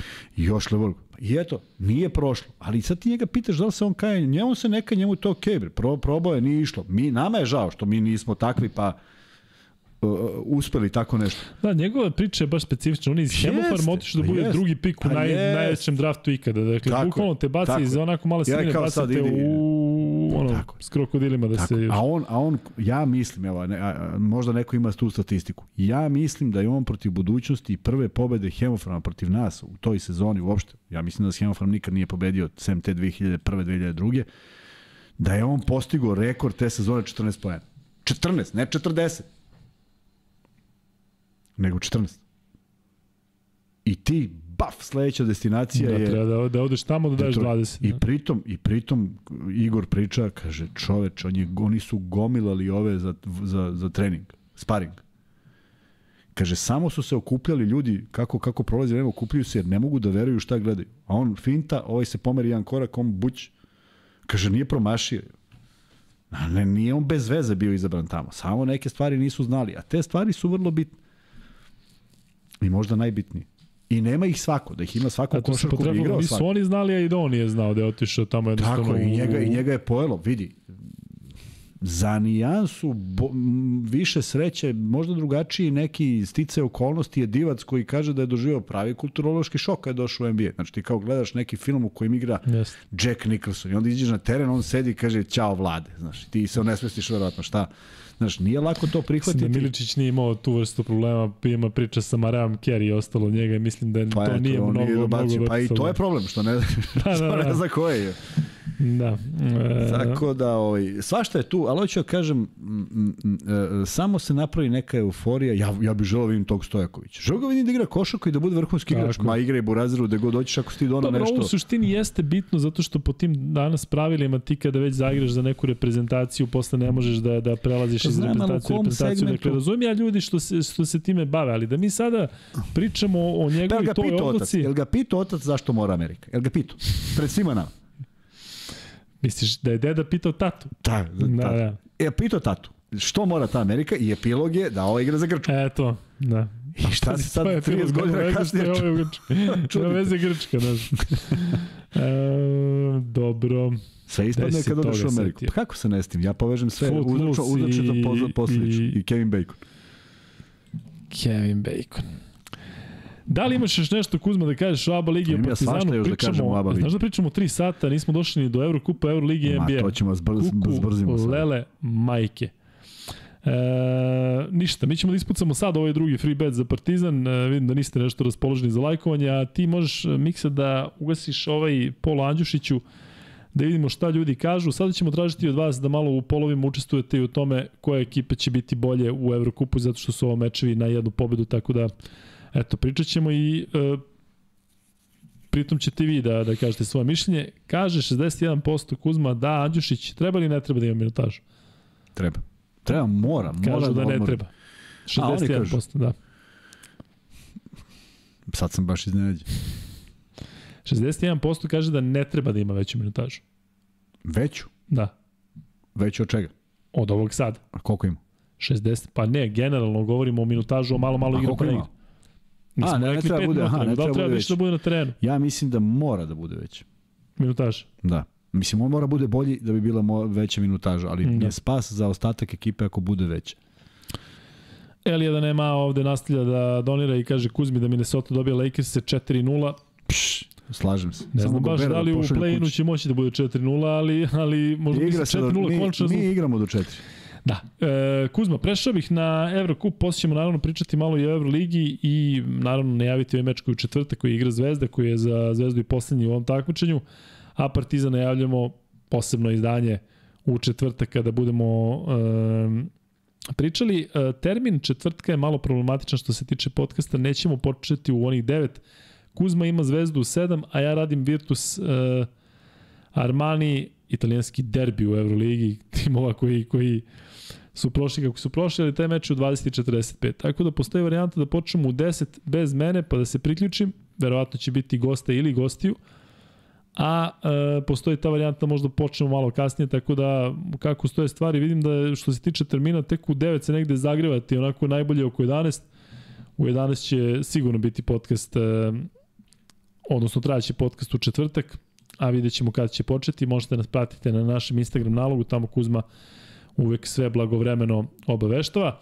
E, dakle, Eurocup playoff počinje e, serijom Prometej Hamburg. I ajde, Miksa, možeš uvijek kada tako komentarišemo neki meč da staviš Dakle, e, šta mislite ko prolazi dalje? Prometej i Hamburg. I uvijek nek ti pitanje bude šta mislite ko prolazi dalje. E, Prometej Hamburg je e, duel ekipa koja su onako prilično divlje, međutim Prometej ove sezone odigrao mnogo bolje. Hamburg je, baš zato i kažem, divlja ekipa koja je slična kao prošle godine kad su imali ovog Holmeslija, dakle oni i dalje mogu svakome da daju 100 poena, mogu da daju 50, tako da sa tom igrom mislim da njima odgovara ovaj sistem gde se ide na jednu pobedu. I sada Prometej, kažem, ekipa koja je e, najprijatnije iznenađenje ove godine u Evrokupu, međutim, ono što u ovakvim mečima može da bude problem, to je taj domaći teren. A domaći teren u Prometeju naravno ne postoji zato što su oni iz Ukrajine, igrali su jedan deo i mislim da će sutra igrati u Riga areni, a, a igrali su jedno vreme čak i u Žalgiriju areni i nije dakle tamo ona varijanta da kao u Litvani vole košarku i sad će sve da gledaju, ne. Kada je Prometej bio domaćin u Žalgiriju areni, jedno da je bilo nekoliko stotina navijača. Tako da, Da li će sutra biti punije? Verovatno, međutim nemaju tu klasičnu prednost domaćih terena, što je razumljivo zato što ipak e, igraju u susednoj zemlji i u Ukrajini se definitivno trenutno ne razmišlja o košaci, ali da su favoriti jesu, e, imaju dobrog trenera, iskusnog trenera, imaju dobro e, sastavljenu ekipu, meni je iskreno tu ovaj Agada najbolji, najbolji pojedinac, e, imaju pouzdanog centra u Bolvinu, imaju ovog Klavela koji je u stanju da da pogodi sve, imaju ovog Amerikanca koji skače kao da, da, da je u crtanom filmu.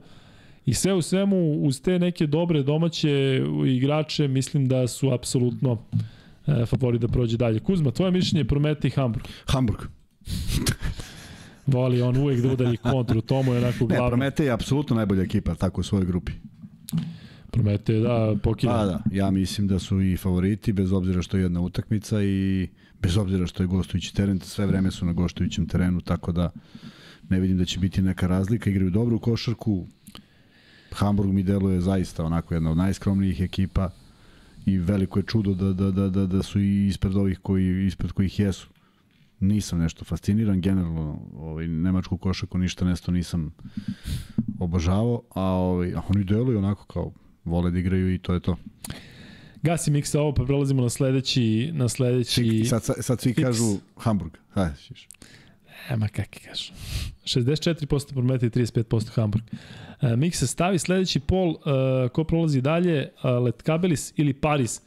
Nenad Čanak, dakle, naš gost, bivši Kuzmin saigrač, protivnik, kako god. Čane smo prolazi, ovde, tu nema dileme. mi smo ovde svim srcem u Letkabelis, taj meč ja prenosim, e, Pariz je, pa i sad, pazi ovo, ovo da kažem šta kakva su ekipa, bolje ne kažem. Nemoj ništa, nemoj ništa. Pariz je jedna dobra ekipa. e, tako Nemoj, da, molim te više. Protiv ili možda su nešto video sam vodili u nekom trenutku 30 razlike, tako da njih kad krene, zaista krene. Tamo su svi povezani s NBA ligom, osim od ovog, e, osim e, recimo Amara Gegića, ali svi ovi, ovi Begarin, e, Kamagate, nije naravno rol povezan, ali on je došao kao pojačanje. Vidim da ste pisali da je Volos imao triple-double učinak, nisam to video, verujem vam. E, on jeste u stanju da tako nešto uradi, ali kažem, toliko, toliko je jedna lopta malo toj ekipi i sa ovim trenerom Vilom Viverom. Zaista mislim da će tu taj trenerski moment da bude jako bitan čanak s jedne Viver sa druge strane, ali da će biti lako neće. Mislim da je malo i poražavajuće to što uh, uh, da, zaboravio sam free bet, jeste. Uh, sad ćemo da ispucamo free bet posle ovoga. Dakle, uh, malo je poražavajuće što jedan Panevežis ima mnogo veću želju za uh, košarkom i mnogo je popularnije košarka nego u metropoli kao što je Pariz. Pričao je ovde i Žarko Paspalj o tome da nema nekog uh, objašnjenja, ali ja očekujem pobedu u Letkabelisa, pretpostavljam i vi. Miksa možda ugasiš ovaj, ovaj pol da vidimo šta ljudi kažu. Letkabelis je tu domaćin. I 69% Letkabelis, 30% Pariz. E, drugi free bet će biti naravno u vezi Partizana. Iz kog dela Beograda je Alen Smajlagić, kada smo već pričali malo pre o Ognjenu Kuzmiću, evo sada da, da malo ispromovišemo taj deo grada koji je jako popularan i po nekim muzičarima i po svemu i svačemu, a od nedavno i po Alenu Smajlagiću i ko je prvi odgovori na taj free bet dobit će e, drugi hiljadu dinara od Max Beta. E, Luki se od igre Pariza diže kosa na glavi. Pa nije baš baš tako, ali nije, nije ni mnogo drugačije. I radio sam ih proti Gran Canaria, primili su nešto 70 pojena na polovremenu, 40 pojena u prvoj četvrtini, neki haos je bio. Kotež je tačan odgovor, naravno Nenad KG 1985, naš Neša koji je svoje vremeno banovan, pa je odbanovan, je dobio ovaj drugi free bet, Nenade šalješ na lukajkuzme.gmail.com, maxbet nalog. E, Miksa, sledeći par je Ulm budućnost. Tu ćemo se naravno zadržati malo duže, e, samo stavi ko prolazi dalje, Ulm ili budućnost. Kuzma, e, pričali smo o tome kako u budućnosti možda i odgovara ovakav format e, gde se igra na jednu utakmicu. Ulm je ekipa koja je dosta pokazala u prvom delu, ali oni su imali svoje probleme. E, vodi ih e, Anton Gavel koji je pa verovatno najbolji slovački igrač svih vremena i barem u posljednje dve, tri decenije, sećam se kada je Duda Ivković na timeoutu u duelu Srbije i Slovačke rekao, ljudi, ja ne znam ko je ovaj dečko, ali očigledno zna da igra, dajte da ga malo bolje čuvamo, dakle, zaista onako bio snažan, jak, dobar šut, e, igrao sve ovaj, onako košarkaški, nije ispadao iz sistema, bio odličan poenter. Ovo mu je prva sezona uh, u Ulmu, Jaka je vodio ekipu uh, do tada, nisu promenili mnogo sistem, dakle oni igraju na veliki broj poena, onako isto guraju loptu napred, imaju nekoliko uh, zanimljivih igrača, imaju nekoliko reprezentativaca, ali ja zaista mislim da budućnost tu ima šansu. Pa,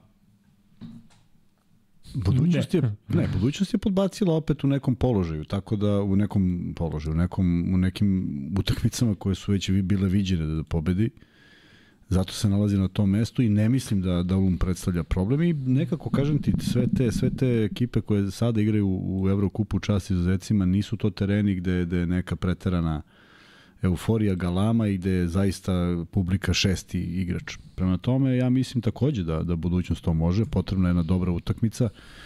Trebalo bi da imaju, da su puni samopouzdanja posle devet pobeda u Jadranskoj ligi i valjda imaju želju da naprave neki veći pomak. Ja mislim da se ovako nešto desilo i prošle godine, da je budućnost izgubila baš poziciju pred kraj, a onda su ispali u prvom kolu do igravanja.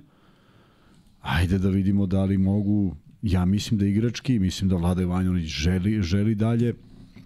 A, ne, ne pridajem značaj. Pa evo, ajde da zamislimo da je budućnost ovo što kažeš, zamislimo da je budućnost prednost domaćeg terena. Šta bi se um prepao što je došao u Moraču? Pa ne bi bilo bi im isto. Tako da, možda bi se iznenadili pa bi od takvog da, od šoka, šoka, od da. šoka bi odigrali loše. Tako da možda bude ovaj motiv za budućnost, pa neka bude, vidjet ćemo. Nije, nije daleko ta utakmica. Uh, Ulm ima nekoliko dosta poznatih igrača. Tu su recimo Kaboklo i Brandon Paul, igrači sa, ne mogu da kažem, ozbiljnim NBA iskustvom, ali definitivno imaju neko ime i u NBA ligi i ili su na, na visokom nivou u Evropi. Brandon Paul je počeo sezonu u Juventudu, međutim e, nije to tamo prošlo kako je trebalo. Što se tiče Kabokla, on je pa neki desete godine igrao e, sigurno u NBA-u, počeo, ako se ne varam, ove sezone, da li u Portoriku, da li u domovini ili tako nekoj, na nekoj destinaciji, ali ozbiljan igrač, često sam ga prenosio u brazilskoj reprezentaciji, dešavalo mi se da, da vežem nekoliko njihovih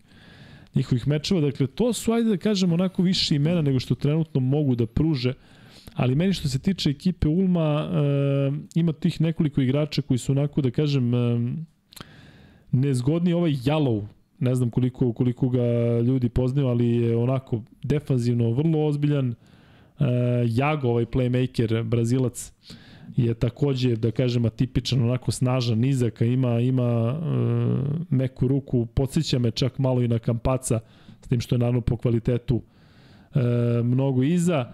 E, tu je naravno Žugić, s tim što ne znam koliko će on dobiti šansu, pa ne možemo da pričamo previše o tome, ali eto, Žugić sigurno se njemu namestilo da igra protiv budućnosti. Kako to komentariš Kuzma? Za jednog mladog igrača da, da, Da, da zamisli, sad možda da. neki Da. Taj moment e, zadovoljstva i nekog možda malo i osvetničkog moda. Ne znam kako mu je prošla sezona, ali mislim da će imati veliku želju da tu nešto pokaže, to može da ide u korist budućnosti, obično mladi igrači izgore u svemu tome. Uf, ali Žugić je, čini mi se, poseban u smislu da nije taj tipičan, okay, da on mi igra. kažem, nisam gledao, ne, ne, ne kažem da jeste. Da, ne deluje kao, kao dečko koji, koji je do nedavno imao 18 godina, to hoću da kažem.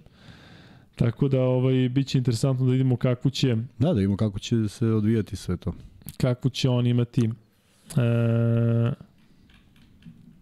da kažu kako on prvi. Šta kako on prvi? Nenad KG je prvi ljudi što se tiče koteža. Na live chatu mi tako stoji. Nema šta. Um, Miksa mi smo stavili, dakle, u ovom budućnost, daj da vidimo šta kaže Pol. Biće zanimljivo, kažem, što se tiče uh, mečeva 53-47. 61% budućnost. Opa! Da, da. odlično, veruju, odlično. Um, Dobra energija. Mislim da je ovo derbi, znaš, mislim da je ovo najveći derbi trenutno zato što imaš ekipu koja, koja je ozbiljna poput budućnosti, imaš Ulm koji je sa ovim pojačanjima tokom sezone jedan onako od favorita i senke, tako da dosta očekujemo od tog meča, a on Dosta je počinje... promenjena ekipa, pa zbog toga. Da. E, 19.30, dakle sutra, šta sad već danas, pošto smo ušli u novi dan, e, naredni meč o kojem ćemo pričati je Hapoel Tel Aviv Venecija. E, možda staviš miksa, dakle, taj par. Radio sam zaista često jednu i drugu ekipu ove sezone, posebno Hapoel Tel Aviv u izraelskom prvenstvu i mogu reći da su me prosto oduševili pre svega atmosferom. E, bih da vidim pošto oni imaju navijače koji u stotinama putuju na gostovanja u Izraelu, volio bih da vidim recimo i putovali su recimo protiv Londona, bila puna hala, došli ljudi iz Izraela, a složit ćete se da London baš nije blizu u Izraelu, pa bi bilo zanimljivo da recimo njih vidim koliko bi recimo napunili neku dvoranu u ovakvom jednom meču koji je za njihov tim biti ili ne biti. Na sreću Hapola iz Tel Aviva igra se dakle u Šlomo Group areni u Tel Avivu i moram priznati da mi je ovo takođe jedan vrlo, vrlo interesantan duel. Hapoel Tel Aviv ima neku nevjerovatnu seriju pobjeda od recimo minimum 10 u oba takmičenja što se tiče Venecije, moram reći da su mi oni favorit. Dakle, um, koliko god mi se dopada Hapoel Tel Aviv, igrao Kuzmin Ovi Mekre, sastavili su zaista jedan dobar tim, znate koliko volim, pričao sam u prethodnim podcastima često o Jakovanu Brownu, međutim Venecija ima za trenera Nevena Spahiju koji je došao tokom sezone, imaju nekoliko zaista onako da kažem igrača koji su igrali i NBA ligu i Euroligu i pouzdani su, posebno tim centarskim uh, pozicijama, recimo ovog Vata volim, imaju nekoliko reprezentativaca italijanskih, tako da Kuzma, koliko je u ovakvom jednom meču bitan taj uh, uh, faktor trenera? Imaš Nevena Spahiju koji ima na svim nivoima uh, iskustvo, uh, koji je bio u Euroligi dugo, bio u NBA ligi, sada vodi Veneciju. Imaš jednog Denija Franka koji je samo na nivou Izrela, pa čak nije ni tamo u top 5. E, Gde je bio Spahija ono kad je došao, kad se vratio iz NBA? Baskoni. Pa nije išlo, je tako? Nije osim kad su Zvezdu pobedili, znaš kad je bilo ono pa je... Tačno kad je došao, Da. onda je bio pakao. Tako Da. da, nije, ni, ni to nije garant, ali razumijem šta hoćeš da kažeš. Naravno da neko s tim iskustvom treba da spremi igru drugačije. Mm, Ne znam šta bih ti rekao. E, mnogo zavisi od toga šta imaš od igrača, mnogo zavisi od te nekih njihovog odnosa, od, od, od mnogo faktora. Nijedna i druga ekipa, ne mogu da kažem da sam ih gledao nešto previše, pa... Tamo igrao je moj Mekre? Tamo. Ne, oni su dobri. U svakom slučaju, ja bih prednost dao ovaj, uh, Hapoel. Ti prenos dao Hapoel. Pa eto, gledao sam... Stalno mi kontriraš. Gle, gledao sam ih protiv... Pa zar nije to interesantno? Jeste. Gledao sam ih protiv tog Londona i stvarno mi je svidelo kako igraju. Imali su ideju kako hoće da dobiju utakmicu. Ne znam da li su je dobili, ali još imali ideju. Yes. Da li ti uzorak prilično mali, i, Pa i London, London. Ali Venecija, vidi, Italija, to već mi, već mi nije dobro. Što? Pa koja je košarka italijanska? Šta? Pa koja je italijanska košarka? A izraelska, ne znam šta. Pa ne, ali eto, taj, taj tu klub se loži, možda su se to skupili, znaš, nije bio Muta Nikolić e, veliko trenersko ime kada je došao u BFC. Može taj Hapoel Tel Aviv novi šampion. Zapamtite šta sam rekao. Samo možda. A koliko je iskustvo u Evrokupu bitno što se tiče ekipe Venecije? Je godinama unazad u Evrokupu, ja. Tel Aviv e, ništa. debituje. Ma ništa, Ne, u ovom sistemu takmičenja šta ima tu? Da igraju, U Izraelu. tim pre. Pa to će svi da dođu ovi iz Tel Aviva Makabi da gledaju. Napunit će dvoranu, vidjet ćeš. Će bude, bre, to, to ne, ne, ne, nećeš verovati. Šta mi čovjek radi? Stalno mi sad kontrira. kad znam on ovo, meni stalno sad kontrira. znam ovo, je čistket. Ali vidiš, Venecija, on voli stalno meni da kontrira da vidimo da li će sad. Zvezda osvaja ABA ligu. Osvoje. Eto ga, prekinuli smo taj niz kontriranja. Mm, gasi, gasi miksa da vidimo šta ljudi kažu za meč Hapoel Venecija. Kažu 75% Hapoel, mene ovde niko ne sluša, to je nevjerojatno. Stižemo do duela Juventud-London. Juventud koji je jedan od favorita za osvajanje Evrokupa i London koji je favorit za ulazak u Evroligu. Niko ne može da objasni zašto, ali je tako. Juventud je naravno tu veliki favorit, Mix može da staviš to da vidimo šta ljudi kažu, ali da se u Lions se ulože, ulože se sa Dekirom, sa Kufosom, sa silnim pojačanjima, dakle to je onako jedna, rekao bih, zbrda s dola e, sastavljena ekipa, ali ajde pitam te malo pre za trenera, sad mi reci koliko, e, pričali smo mi koliko je za neke timove, kolika je bila razlika između ABA lige i Evrolige, pa je timovima nekada čudno kada igraju na ta dva takmičenja, pričali smo kolika je razlika između Evrokupa i i Evrolige. Juventud igra i to igra prilično dobro ACB ligu, a London Lions igraju englesko prvenstvo. Koji su? Pa mislim da se čak i nisu prvi, sad ćemo da. Ovaj, e, da, to stvara, to stvara ovaj, ozbiljno, ozbiljno, ozbiljan kvalitet u ekipi. Juventud je ekipa sa tradicijom, ekipa sa jednim renomeom, ekipa koja je uvek negde koketirala, možda nisu imali ambicije da budu, da budu u Euroligi, Uh, ali su u krajnjem slučaju baš Prvi sa. Obradovićem. Naravno su gubili nešto od Lestera, ali... baš su sa Obradovićem bili i prvaci Evrope, tako da to su neki divni momenti u Juventudu, odlično rade, najbolja jedna od najboljih škola uz eto Real Madrid je, je baš tamo. Ovaj, Si igrao nekad protiv? Nećem Mislim se da da su oni bili tada u mislim Euroligi. da ja. jes. A možda i nisam. Setio bi se da si putao u Badalonu, u predgrađe, a? Pa ne ovo setim. Mislim da nisam. A možda i jes. ne, ali zamisli sam igrao te godine u, u, Euroligi sa budućnosti 99-2000. Kaha San Fernando. Ej. Kaha San Fernando. I to smo ih ošašuljali u gostima. Sve smo izgubili kod kuće. Imali smo pet poraza. Tri, dva, tri kod kuće i dva u gostima. Onda smo krenuli. Kaha San Fernando, a kasnije Kaha Sol. To njima peva ABBA u svojoj pesmi. Kuzma je raspoložen E, za umre, zezanje. ovaj, u- umre, to mi je žao bilo. Pa umre gitarista. Kad? Danas. Danas? A. Nisam vidio, ne gledam vesti. I možda, Možda- možda juče. Instagram. Na Možda Instagramu juče. to izlazi. Da, ti imaš Instagram. E, da. E, možda gasiš i ovo da vidimo miksa koliko ljudi kaže da je Juventud, ali siguran sam da kaže mnogo. Kaže 82%, to je, ja mislim, i realan odnos. Dolazimo do meča Prometeas Burg. E, Da, e, smo sad malo preradili. nismo nikada pomenuli Čekaj, mi smo tek na četvrtom, ima ih, ćemo i sve one ostale. Imamo posle još jedan. Pa zar osam sve? parova? Ima, prošli smo šest. A, dobro. 1, 2, 3, 4, 5, 6, 7, da mi je osmi. Pa ne, zato sam teo ti kažem, taj osmi se ne igra. Miš da su predali. Igre se u četvrtak. E, Kuzma, šta Ajde. očekujemo Prometeas Burg? Znaš ko igra u Prometeasu? O, to je Grčka, je li tako? To je Grčka. Igra, igra Dangubić. Dangubić. Kak, pogodak. Boga mi je ozbiljan pogodak. Je li igra? Igra, igra. Dobio onako mesto u petorci, dalje Pa onda navijam, ja automatski navijam za tako? Prometeus. Tako je. Ne navijaš za Burgu baš... Vučević je Burg. Vučević je tamo, ne, ne trener, ali je ostavio ono, on je tamo, Ne, Prometeus. ne, Savim Burg. Sad će da nam je priča ovde Vuč, Nikola. kako prati Burg, ali Burg zaista ima jedan sistem koji je onako prilično, prilično dobar. E, I godinom unazad se tu ne menja mnogo, dakle čak mislim da su specifična sredina koja zna onako da zadrži ozbiljno na dugi niz godina neke neke Amerikance, tako da ima tu zanimljivih igrača, ali e, meni je recimo Prometeas favorit. Mm, I meni. A eto ti, vidiš ti to. Prometeas je izgubio u, u grčkom prvenstvu Darisa, dok je Burg pobedio Roan i... A zar nije Kuzma? taj Burg bio prvi bre nešto na tabeli?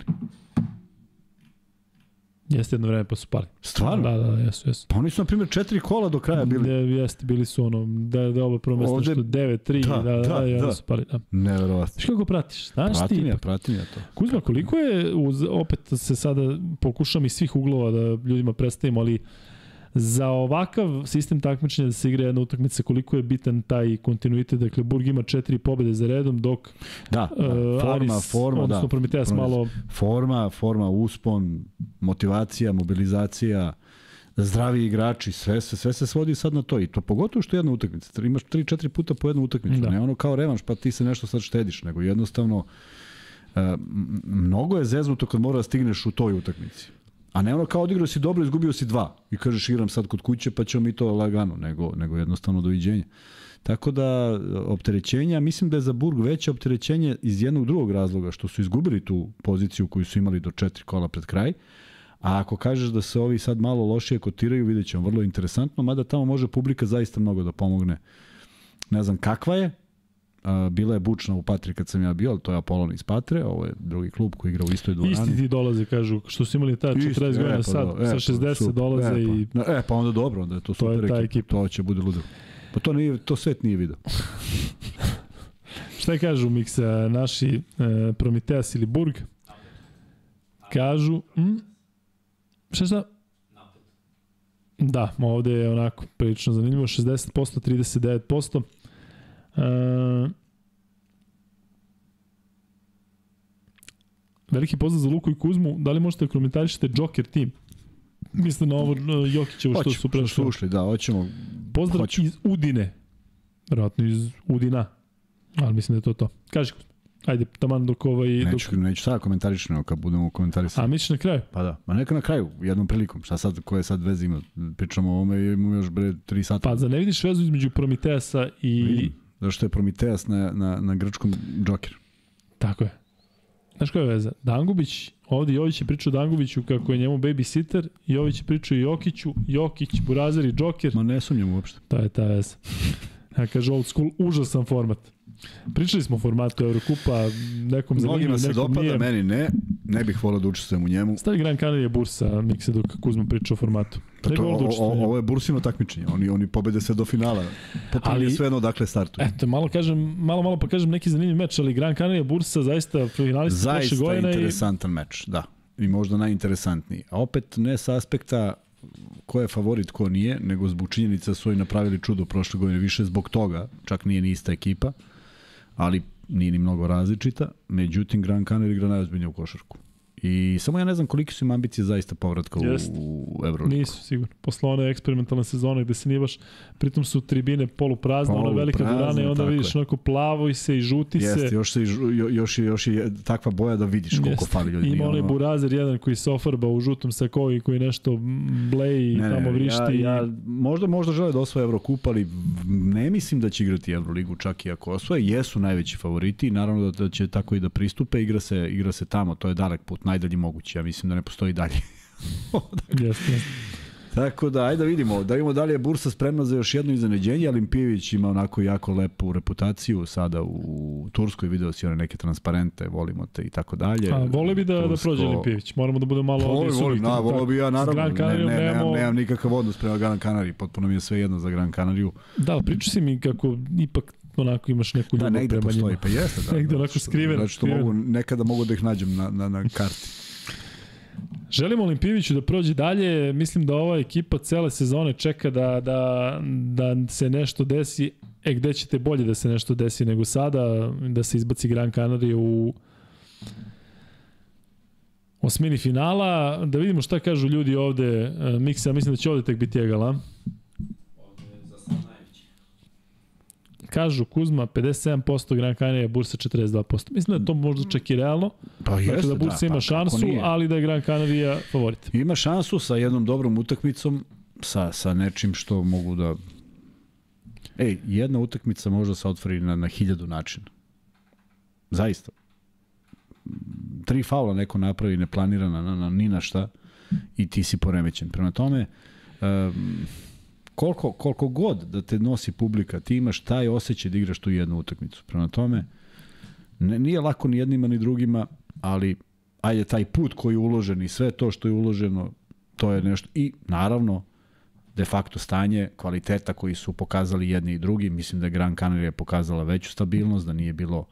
Oni su maltene prvi od samog početka, tako kako su zasrani na tabelu.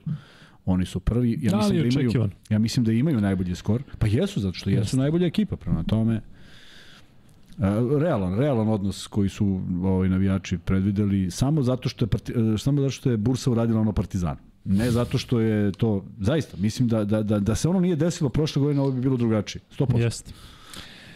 Biće zanimljivo, FIBA uh, Liga šampiona je Ko je trener već... Gran Canaria? Izvini, molim te. Da li Durete ili tako neko? Španac. Da, da. Zato što Španac je. ovde, ovde ide i ta varijanta te nekog našeg mentaliteta da prevariš tog nekog jednu utakmicu. Postaviš nešto, znaš, bukvalno, postaviš nešto što nikad nije viđeno, ovaj ne može da skautira i, i to upali, to klikne. Ovaj, bilo je tu nekih fantastičnih odbrana koje su naši treneri postavljali godinama. E, a vrlo interesantno, sad moram da se vratim, vrlo interesantno... Trener Jaka Laković, jako da sam pao s Marsa. E, pa ja, ja ne znam. Pa onda, Ne znam onda ja. dobijamo. onda region pobeđuje. Da, da. Ovaj, vrlo interesantna stvar se desila i sada na borcu, ali to nije upalo nikome u oči. Ovaj posljednji neki aut je Ivanović ponovo napravi ono što uradi svaki put. Visok, niskog igrača u startu čuva visoki, a visokog niski. I opet su tražili pik i opet se desilo. I sad dajde kad se to desi u Čačku, nije problem, nisu to iskusni igrači, ali to se dešava na svakoj utakmici Evrolige kad imaju pretposlednji aut u nekom uvek zameni igrače i uvek se uredno vrate Ti deluje da to više u ABA ligi ili... To, to, to mi u ABA ligi još i mogu da razumem, ali u Euroligi kad se okreneš vidiš čovjeka ispred 2 metra ispred sebe i ne reaguješ uopšte, pa ne, čekaj, šta radi on tu? Pa se pitaš, ne pitaš se, pa verovatno. E, da. I posljednji meč Evrokupa se igra iz nekog razloga u četvrtak i sastaju se Turk Telekom i Breša. E, Mikse, možeš to da staviš i sa tim ćemo završiti. Dakle, e, Turk Telekom je ove sezone, pa rekao bih možda i jedno od najprijatnijih iznenađenja.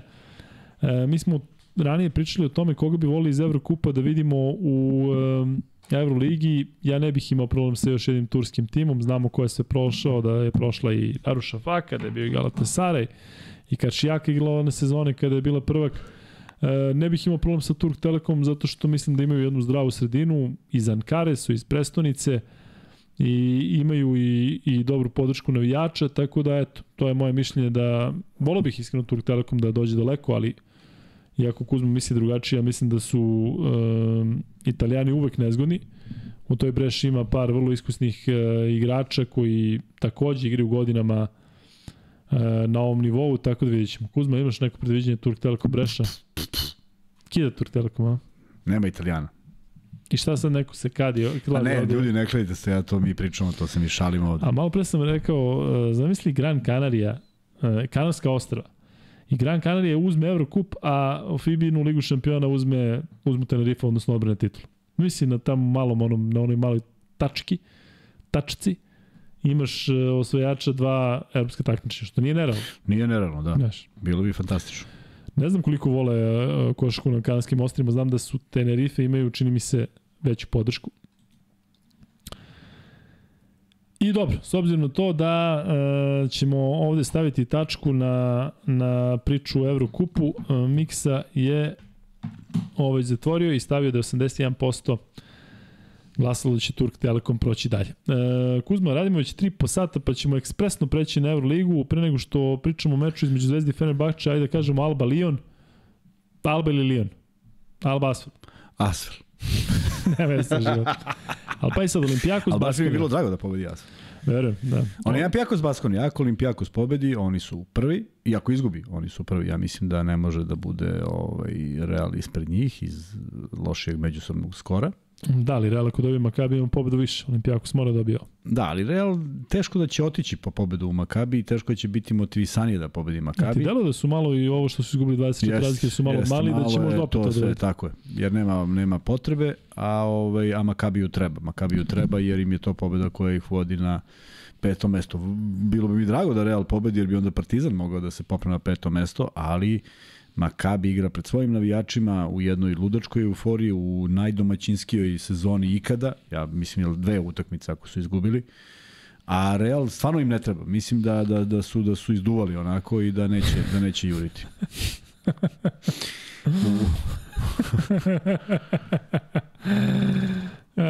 Da sreće da se ne prevodimo na španski još uvijek. E, Kuzma, um, Makabi Real zadržao bih se još kratko na tom meču ali iz ugla Partizana. Da li je za Partizan bolje ili lošije što se taj meč igra dan ranije, dakle u četvrtak? Iako Partizanu meč protiv Panatrikosa bi trebalo da je zicer, ali je li dobro za Partizan da zna da li može do pete pozicije ili je ono što si rekao što se ne igra u isto vreme, da se igra u isto vreme pa da se Da, ne to, je, prati to je bilo dobro, da, da ne pratiš ništa. Ovako, će, ovako već znaju neke stvari. To je isto neko pitanje koje je malo čudno ovaj, za Euroligu. Ja bih razumeo da, na primjer, posljednje kolo ostane takvo da ti možeš da formiraš kada će ko da igra na osnovu tih utakmica koje su bitne. Dakle, nemaš program za posljednje kolo i vidiš ko s kim igra iz tutneš ih u jedan dan. Ne moraš baš u isto vreme, ali tutni ih u pola sata razlike i Međutim, ovaj, eh, desilo se i u Panatrikusu to, neka šizofrenija mladog Janakopulosa koji je Sreće da ne idemo na Ovaj. grčki. koji je ovaj napao igrače i šta tu ima posle poraza od Peristerija valjda i ko, najlošijeg učinka da tu sad mora kao sad, ej, znaš ono, sad je moment, kao nije bio moment ranije, ovo sve je bilo super, nego sad je poludeo. I sad to može da bude dvojako, možda bude potpuni raspad sistema, Da, a može da, da, bude... da ne može da bude isto. Ne može, Ili će ne, da da, odreaguju, da. Ili- odreagovat će da. samo da imamo kako. Samo da imamo kako, da. Da li će to bude neka konkurentna utakmica što ne bih želeo ili će se potpuno raspasti, ali tu sredine ne može da ima. Ali mislim da se potpuno pita Partizan. Pričat ćemo o tom meču naravno više, ali mislim da Panathinaikos ovde Slažem jedino se. Partizan da upadne u neku svoju dubiozu pa da se to otvori Zato šansa. što za- tako je, ali to kažem, otvori se neka utakmica čudno. Da. Da. Međutim, šta je bitno? Bitno je da Partizan završio posao. To je bitno. Da ova nije To ta, je jer onda si u većem problemu. Ovako, ovako ja verujem da Partizan ne samo što raspolaže boljim sastavom, nego da će stvarno da bude i da, da, da oduva Panathinaikos, ali uvek imam rezervu jer nemaš pojma kako se neke stvari poklope i ne moramo, nisam neko ko dobro pogađa, pa ne moram da se bavim time. Naravno, mislim da je Partizan potpuni favorit i jedino što je šteta što ta pobeda ne garantuje to peto mesto. Da, zavisi se od drugih. Jeste. Ali ajde, evo taman, ovaj, dolazimo prvo da kažem Virtus Armani, jedino zanimljivo oko tog meča što ja prenosim. Ništa drugo nije Zato tu da ovaj, gledamo. interesantno. Tako je. I da ću kasniti na podcast verovatno zbog toga. Ali Kuzma, dolazimo do meča Zvezda Fenerbahče. Kada kažeš e, znači Partizan da li možda bude pet ili ne može, Zvezda igra za sebe, ali igra i za Partizan. Fenerbahče je u ajde kažem, promenjaju formi, dakle od njih više ne znaš šta da očekuješ. Mogu da, da pobede 50 razlike, mogu da, da, mm, da izgube od bilo koga. E, Zvezda je pokazala da, da nema problem sa tim što već nedeljama nemaju šansu da dođu u top 8, da ček u tim situacijama možda igra jako dobro. Igrači poput Kampaca će sigurno igrati na istom nivou kako god da je situacija. Šta očekuješ od ovog meča? Malo glupo će zvučati, ali e, činjenica da je trenutno osmi ko? Baskonija. Baskonija, a deveti Žalgiri sa 18 pobjeda.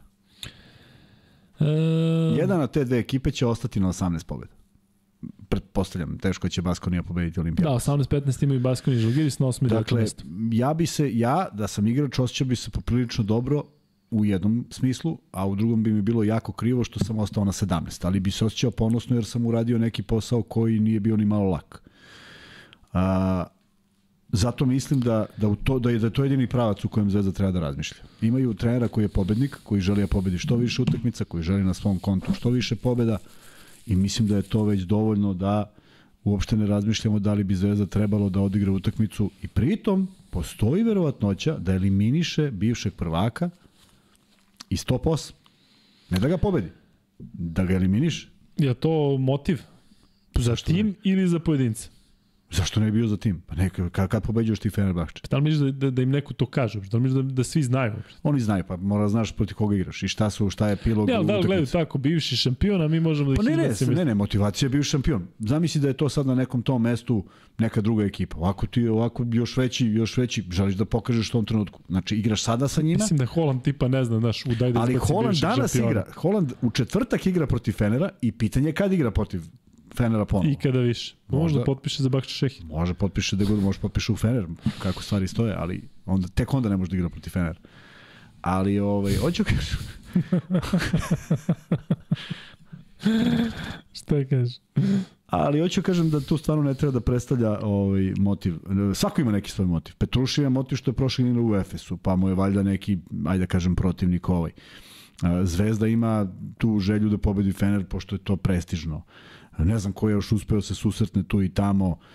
Sećaju se možda, sećaju se možda Kuzmićeve Blokada. blokade. Znaš, ima tu nešto sve što ima značajno, a ja ja razmišljam kao igrač. Izašao bi na taj teren da ih pojedem i petu u nizu. Petu u nizu u Euroligi da napravim. Ej, znaš ti šta je to? Tako Zvezda bi ja trenutno ima najveći niz u Euroligi. Pa upravo to Znaš, kažem. Ima, če, nema ekipe koja ima to- četiri I pobjede. ti ćeš doći, i ti možda dođeš do pete i kažeš uradio sam sve što mi je bilo na raspolaganju i uzmeš i kažeš eh daj, eh daj, to je za analizu. Da, sećamo se da je Zvezda prošle godine protiv Efesa, protiv šampiona završila pobedom na svom terenu. I, tako je, tako je. Ali pa i sad ovo. I da im je to dalo, zaista pričao i ovde Luka Mitrović o tome, ko je Tako došao u je, pauzi, da je to je, to tipa, lepo, sad smo na odmoru, a lepo smo završili sad, ovaj segment. Da li će, da li će, da li podjednako glupo može da zvuči da si imao 8-8 i završiš 17-17, znači nisi, nisi tu jednu Da. da. pobedu koja te stvarno ubacuje u onaj krug ekipa koje su pa se setiš ovoga, pa se setiš onoga, ali u momentu pred utakmicu protiv Fena nema šta da se sećaš, treba prvo da je odigraš. Kad je odigraš, onda se seća čega god hoćeš. Tako da bi bilo lepo da Zvezda pobedi, da bude na domak toga, da kažu završili smo kao deveti, što ja znam sad svi iz, m, koji, koji ne navijaju za zvezdu, koje veze ima da li si deveti ili zamesti? Ima veze. Ima veze zato što, evo, m, e, teoretski, Partizanova pobeda, to je 19. je li tako? 19. ili 20? 19. Da, ako Partizan dobije, bit će 20. 20. I Zvezdinih 17 i 37 pobeda. Koliko imaju Francuzi pobeda? Da, brojali smo Koliko imaju tih dupli? Koliko imaju Nemci pobeda? Nemci imaju najbolje. Ej, znači imaš neki šlagor da kažeš ljudi, 21 ljudi, za jel vidite zašto smo potrebni Euroligi? Ne zato što bi mi igrali, da bi učestvovali, nego zato što donosimo kvalitet. Prema tome, sve to neka obaveza kad si u tom i ja mislim da ja mislim ima još jedan, još jedan, još jedan vrlo bitan faktor. E, mnogo je gafova bilo na relaciji Euroliga Zvezda ove godine. Ne ulazim ko, šta i kako, ulazim samo u to da je to još jedan razlog zašto Zvezda treba da odigra maksimalno do kraja. i da možda iz svog ugla kaže, evo, da je taj Kampaco bio ranije, neće oni pričati ko je kriv i šta je, nego da je, možda bi mi sad bili ovde. Pa eto, znači, svako će imati neku svoju priču. Ali 17 pobjeda imati, aj sad da pričamo, svi pričaju kakav je tim sklopljen. Jel stvarno neko? Evo, daj mi pol. Daj pol.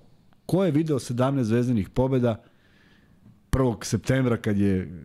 Jovanović i ono ovde. Ajde, ko je video 17 pobjeda? Dobro, dosta toga se promenilo baš tokom sezone. Da. Samo slučajno se, moglo se ne promeni, kao što je moglo se promeni da Kampacu bude registrovan istog sekunda, pa nije. Da. Da. Tako. Dakle, mnogo je bilo turbulencija, ali govorimo o epilogu. Završi sezonu najbolje što možeš. Meni bi to bila satisfakcija u ovim godinama, ne da sam igrač. Pobediš bre neki Fener, bre, uđeš u slačionicu nasmejan. Ako ništa drugo, kad smo igrali tih godina, kad istamburamo neko ko je skuplji od nas, pa nam je bar zbog toga lepše. Znaš, ono kao i ovi koštaju koliko hoćeš bi ih razbili. Prema tome ima, ima svakih tu motiva. Kuzma, šta očekuješ od navijača? Da li misliš da će prepoznati da treba da daju podršku u ovakvom jednom trenutku gde ima i taj moment igra se za Partizan, odavno izgubljena šansa, ali bila je dobra reakcija, bila je dobra atmosfera u posljednjim zvezdinim mečima, ali Olimpijakos ipak drugo. Bratski klub, prvi na tabeli, Fenerbahče, ajde da kažem, nije toliko atraktivan protivnik kao Olimpijakos u ovom trenutku. Ja mislim da je pravi potez, naročito posle jedne teže pobede protiv, protiv borca i ne tako kvalitetne utakmice, da napravi još jedan spektakl, ovo je posljednji ligaški spektakl, nema sledeći, da napravi još jedan veliki spektakl, da, prodat, da budu prodate sve ulaznice, da dođu, da uživaju utakmici, četiri posljednje utakmice, to jest tri kod kuće koje je Zvezda pobedila, četiri? Ne, tri je pobedila kod kuće. I jednu na strani, ili tako bilo? Da. te, te, to, to je bio, zaista je bilo uživanje biti u hali. Prema Olimpijakos, Valencija i Baskonija ovde, Pa. a na strani Asl. Pa da, znači tri kod kuće. To je bila četvrta utakmica. Sva je prilika da, da, da, da, da će sledeće ovaj, sledeća bitna utakmica biti neka utakmica play-offa, znači ima čak i neka pauza. Pozdraviti igrače, prosto bilo je divno videti čak i onim momentima kada se gubilo da su imali podršku navijača, što onda ne bi, sva je logika da bude puna hala, volao bi da bude puna hala i da naprave još jednu dobru atmosferu, da Zvezda dođe do pobede, završi ovu ligašku, ovu, ovu, ovu sezonsku Euroligu. U krajnjem slučaju Istambura deo tabele tom pobedom, uticao si direktno na nekih prvih top 8, to je, to je sportski motiv. Nemaš ti stalno bude svejedno, da li ti pobediš nekoga pa ti svejedno. Nije svejedno, nikad nije svejedno. Prema tome, ima mnogo aspekata, ali ja to govorim u svoje ime. Ne znam kako neko drugi gleda na to i ne znam kako će igrači izaći. Meni bi bilo dovoljno što igramo protiv tih igrača. I stvarno sam, meni je možda i problem u karijeri bio što sam ja tako, svaku utakmicu tako doživljavao, pa se trošio kao lud. I mentalno, i fizički, i svakako. Da, sad se vidi ovde. Vidi se mentalno, naročito. Kevin Bacon, na Kevinu Baconu se sve slomilo.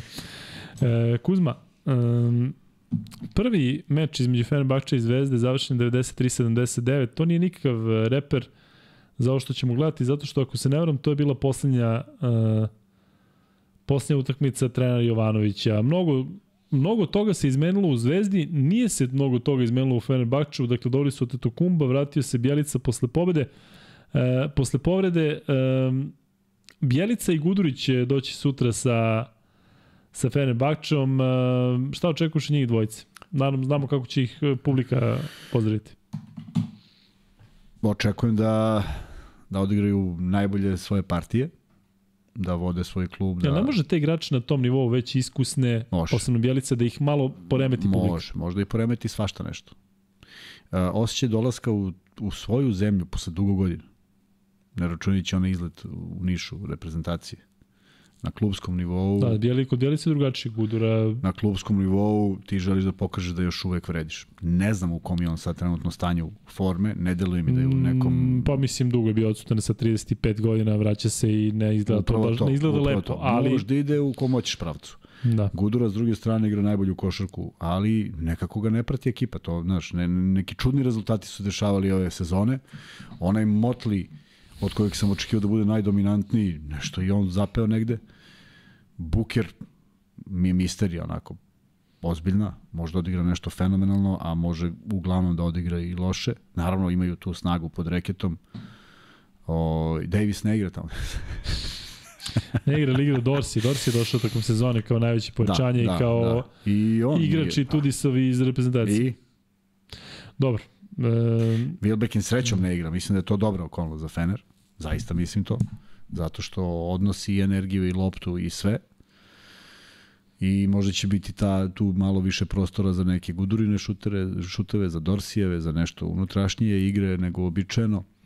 Hajde da vidimo, ali dolazi jedan respektabilan sastav za koji stvarno u onom momentu kad su imali 8-1, nije delovalo da će da će oni da se bore za, za, za top 8, to ne da nije bilo, nego a onda serija nekih neverovatnih utakmica nešto ne funkcioniše, i tudi se nervira, ponekad gestikulira nekim neverovatnim sudijskim odlukama koje su ga zaista pratile i nisu, ne mogu da kažem da su bili miljenici sudijskih odluka, ali ovaj, sve je to bilo i suviše neverovatno da taj jedan, taj jedan sastav bude u borbi za osmo mesto. Pričali smo na početku sezone kada su oni imali onu seriju od 8 pobjeda kako su oni najbolji tim i evo sad su na petom mestu, a mogu da budu deveti. Prosto Da, da, nevjerojatno da, da, da, je da, dotle da, došlo. da, da je Pritom do- se nije je. ne znam šta desilo. Motli se jeste povredio i Wilbekin bio povređen, međutim oni su imali zaista e, igrače koji bi to mogli da nadoknade. Pregazili su ovo što ste vi pisali i Gaziantep rezultatom e, 100 prema 50 e, i e, ne znam da li je to e, nešto što može da bude bilo kakav pokazatelj bilo čega, zato što je Gaziantep jednostavno ekipa, gledao sam ih protiv Bešikteša, dakle oni Bucket, ne znaju... ekipa, bucket ekipa. Da, oni su baš bucket ekipa. e, tako da, vidjet ćemo. Eto, meni je interesantno taj moment da igraju e, trebalo bi da igra Dorsi, a koliko znam trebalo bi da je u kombinaciji ako nije igrao sada za vikend.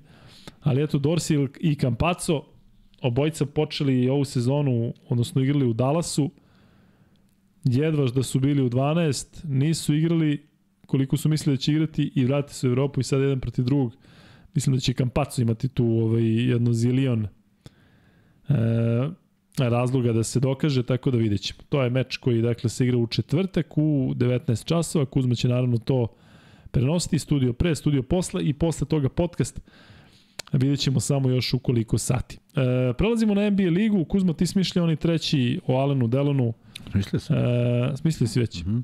Bravo. Ili imamo pa, fantasy? Ne, ne šalje Marko. Marko, šta je s to? Marko, desi? Pa da se nam da je Marko dobro, ne znam šta... Možda Marko ima neki ispit. I šta mu važniji ispiti nego, nego fantasy? Ne, sad već mislim da je nešto ozbiljno. Moramo, Ovaj, moramo da pozovem njega, sutra. Moramo njega da da kontaktiramo, da. E, tako da izvinjenje što nema nema ovaj e,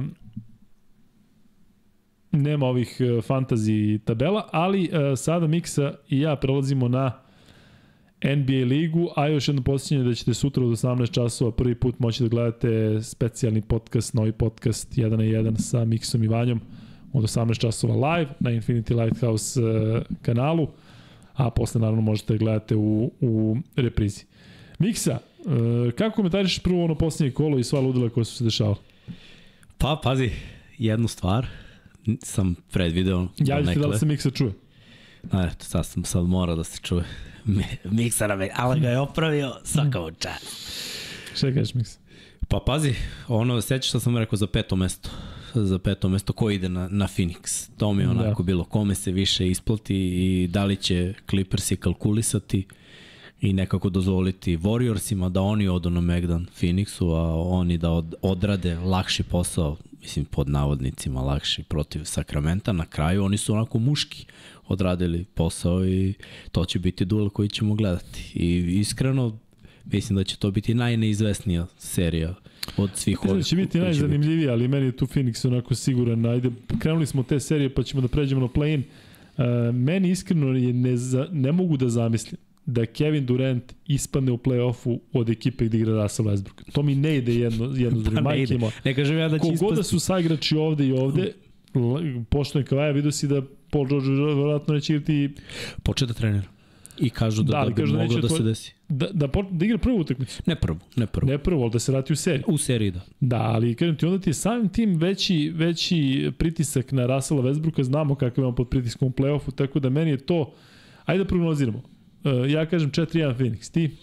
Uh, ja mislim da, da će biti na, na peti, dosta 4-2 ili 4-3. Ajde, da im, ajde stavi pol, da vidimo šta ajde. ljudi kažu. Dakle, ovo su ajde. zanimljivi polovi, dakle, šta mislite ko prolazi dalje i stavi Phoenix ili LA Clippersi.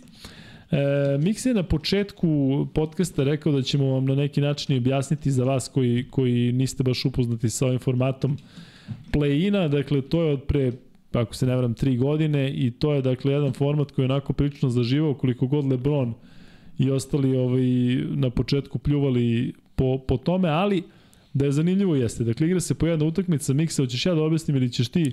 Možeš. Dakle, um, šest, sedmi i osmi igraju i deveti i deseti igraju. Sedmi i osmi, ko pobedi, igra se na jednu, ide direktno u playoff, a deveti i deseti igraju jednu utakmicu i ko pobedi, ide na ovog što je poražen od sedmog. Dakle, na onaj što je osmi posle tog prvog meča, Tako da praktično ove ekipe koje su u play-inu sa pozicije 9 i 10 moraju da dobiju dve utakmice za redom posle, protiv dva različita protivnika. Najbolje su pozicionirani ovi što su sedmi, zato što su domaćini u tom prvom meču, jedinom meču.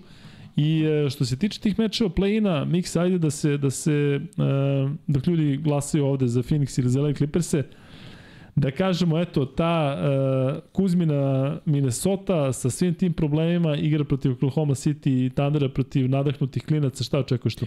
Ne igraju, ne igraju protiv Lakersa. Prvo. Prvo Atlanta, Miami i onda Minnesota Lakersi. Ja tako? Da, Što da. mi stoji ovde Minnesota OKC, a Lakers i New Orleans Pelicans. Oklahoma igra protiv New Orleans. To je sreda na četvrtak. Šta mi rade ovi ovde NBA-evci? Pazi, evo vidi. Crno-belo, format. Pa... Ću možda proverim. Pogreši čovjek. Pa ja sam nije na ovom sajtu. Pogreši U koji čovjek. gledam sad. Kaže, Života i moga. Utorak na sredu, Atlanta i Miami od 1.30, to je prva. I onda od 4 Minnesota protiv Minnesota Lakersa. To sam da i negdje ja pročito. I neko je Ajde. pisao tu da će Minnesota 4-0 da... Da, da, da, jeste. Ali Tako da je to. to realno dobiju. Pa realno je da da, realno je da, da imaju bolju hemiju, nešto i, Minnesota sad, sad ona, mada, jao, pa ne, na, naš, baš je napeto. Iskreno, ove mečevi, isto i Atlanta i, i Miami će biti napeti, na primjer, što se tiče ovog drugog dela, Uh, kad Oklahoma igra protiv New Orleansa, ja tu apsolutno nemam predstavu šta će da bude i, i ko će da uradi. Kogod tu da pobedi, ja ne vidim da će dobiti pobednika Minnesota i, i Ali, Lakers. Na Knicksa, zapadu, na istoku je druga priča. Posle ovoga, posle ovih dešavanja u Minnesota, posle Gobera, prvo li bi ti vratio Gobera posle onoga? Pa, ja ne bi jer ne volim to, ali znaš već kako to ide tamo. Ali ne znam kako će uticati na ekipu, da vratiš tako igrača koji, koji se zaleće na, na timeout, ko zna šta je bilo u slačionici kad je onako tamo na otvorenom. Tako da ovaj, ja zaista Lakers tu vidim da meni su favoriti. A, Pazi, oni imaju malu prednost zato što Carl Anthony Towns šutira jako dobro s polja, znači da. i kako se vratio i ušao malo u ritam, za, zaista prangija dobro s polja. Anthony Davis ne izlazi toliko s polja i tu postoji neka šansa. I kad pogledam sve, ne mogu da kažem da su me Lakersi toliko ubedili da, da, da su najbolji tim, oni su imali onu seriju dobru bez Lebrona, pa su se vratili, odigrali neke dobre mečeve, ali su i sad vezali nekoliko utakmica, izgubili su od Clippersa kada su vezali 2-3 u nizu, tako da ono, imaju načina imaju neki bolji ritam i, mo, i mogu i trebalo bi da dobiju Minnesota, ali ne mogu da kažem sa sigurnošću. Ni, nisu me toliko Lakersi u, ubedili, jer sve što sam vidio od njih je zapravo ovaj poslednji mesec. Znači, Da. taj mart što smo videli od njih, imaju dobrih igrača, imaju uh, match-upove kojima mogu da reše samo je pitanje da li hoće ili ne. Ako Gober igra, svakako je bolje jer imaju dva centra, ali zbog svega što si već rekao, što, što ima veze sa svim osim sa košarkom, možda i, i nije pametno da igra. Iskreno, meni je taj faktor Lebrona jako bitan. Dakle, čovjek koji se nadobio toliko utakmica u play-offu, borio neke rekorde, sa jedne strane imaš njega, sa druge strane lider ekipe je Kyle Anthony Towns sa uh, malim iskustvom u play-offu i onda imaš ovog Anthony Edwardsa koji praktično debituje, a onda imaš i jako bitan faktor prema mom mišljenju, a to je D'Angelo Russell koji je igrao Minnesota, došao vamo, znamo šta je sada za Lakers-e, jednostavno on mislim da neće biti u toj poziciji da hoće da se dokaže, već jednostavno njegov kvalitet doći do izražaja kada je potreban. Ako se nešto desi sa Lebronom, sa Davisom, da možda bude nekih praznih minuta, imati njega, Šudera, onda ove pouzdane, po Reevesa, kaže ti, meni su tu Lakersi ovaj, e, favoriti. E, mislim da čak ovo možda utiče i na e, na publiku. Dakle, kada imaš jednog igrača koji sam sebi polomi ruku i kada imaš jednog igrača da napada drugu, znaš, ne verujem da sad atmosfera u dvorani bi bila ista kao da nema tih dešavanja. Zato što oni tamo, kao što se mi ovde bavimo svakim stvarima, oni se tamo bave nekim tračajima, kako, što, da li će ovaj da igra.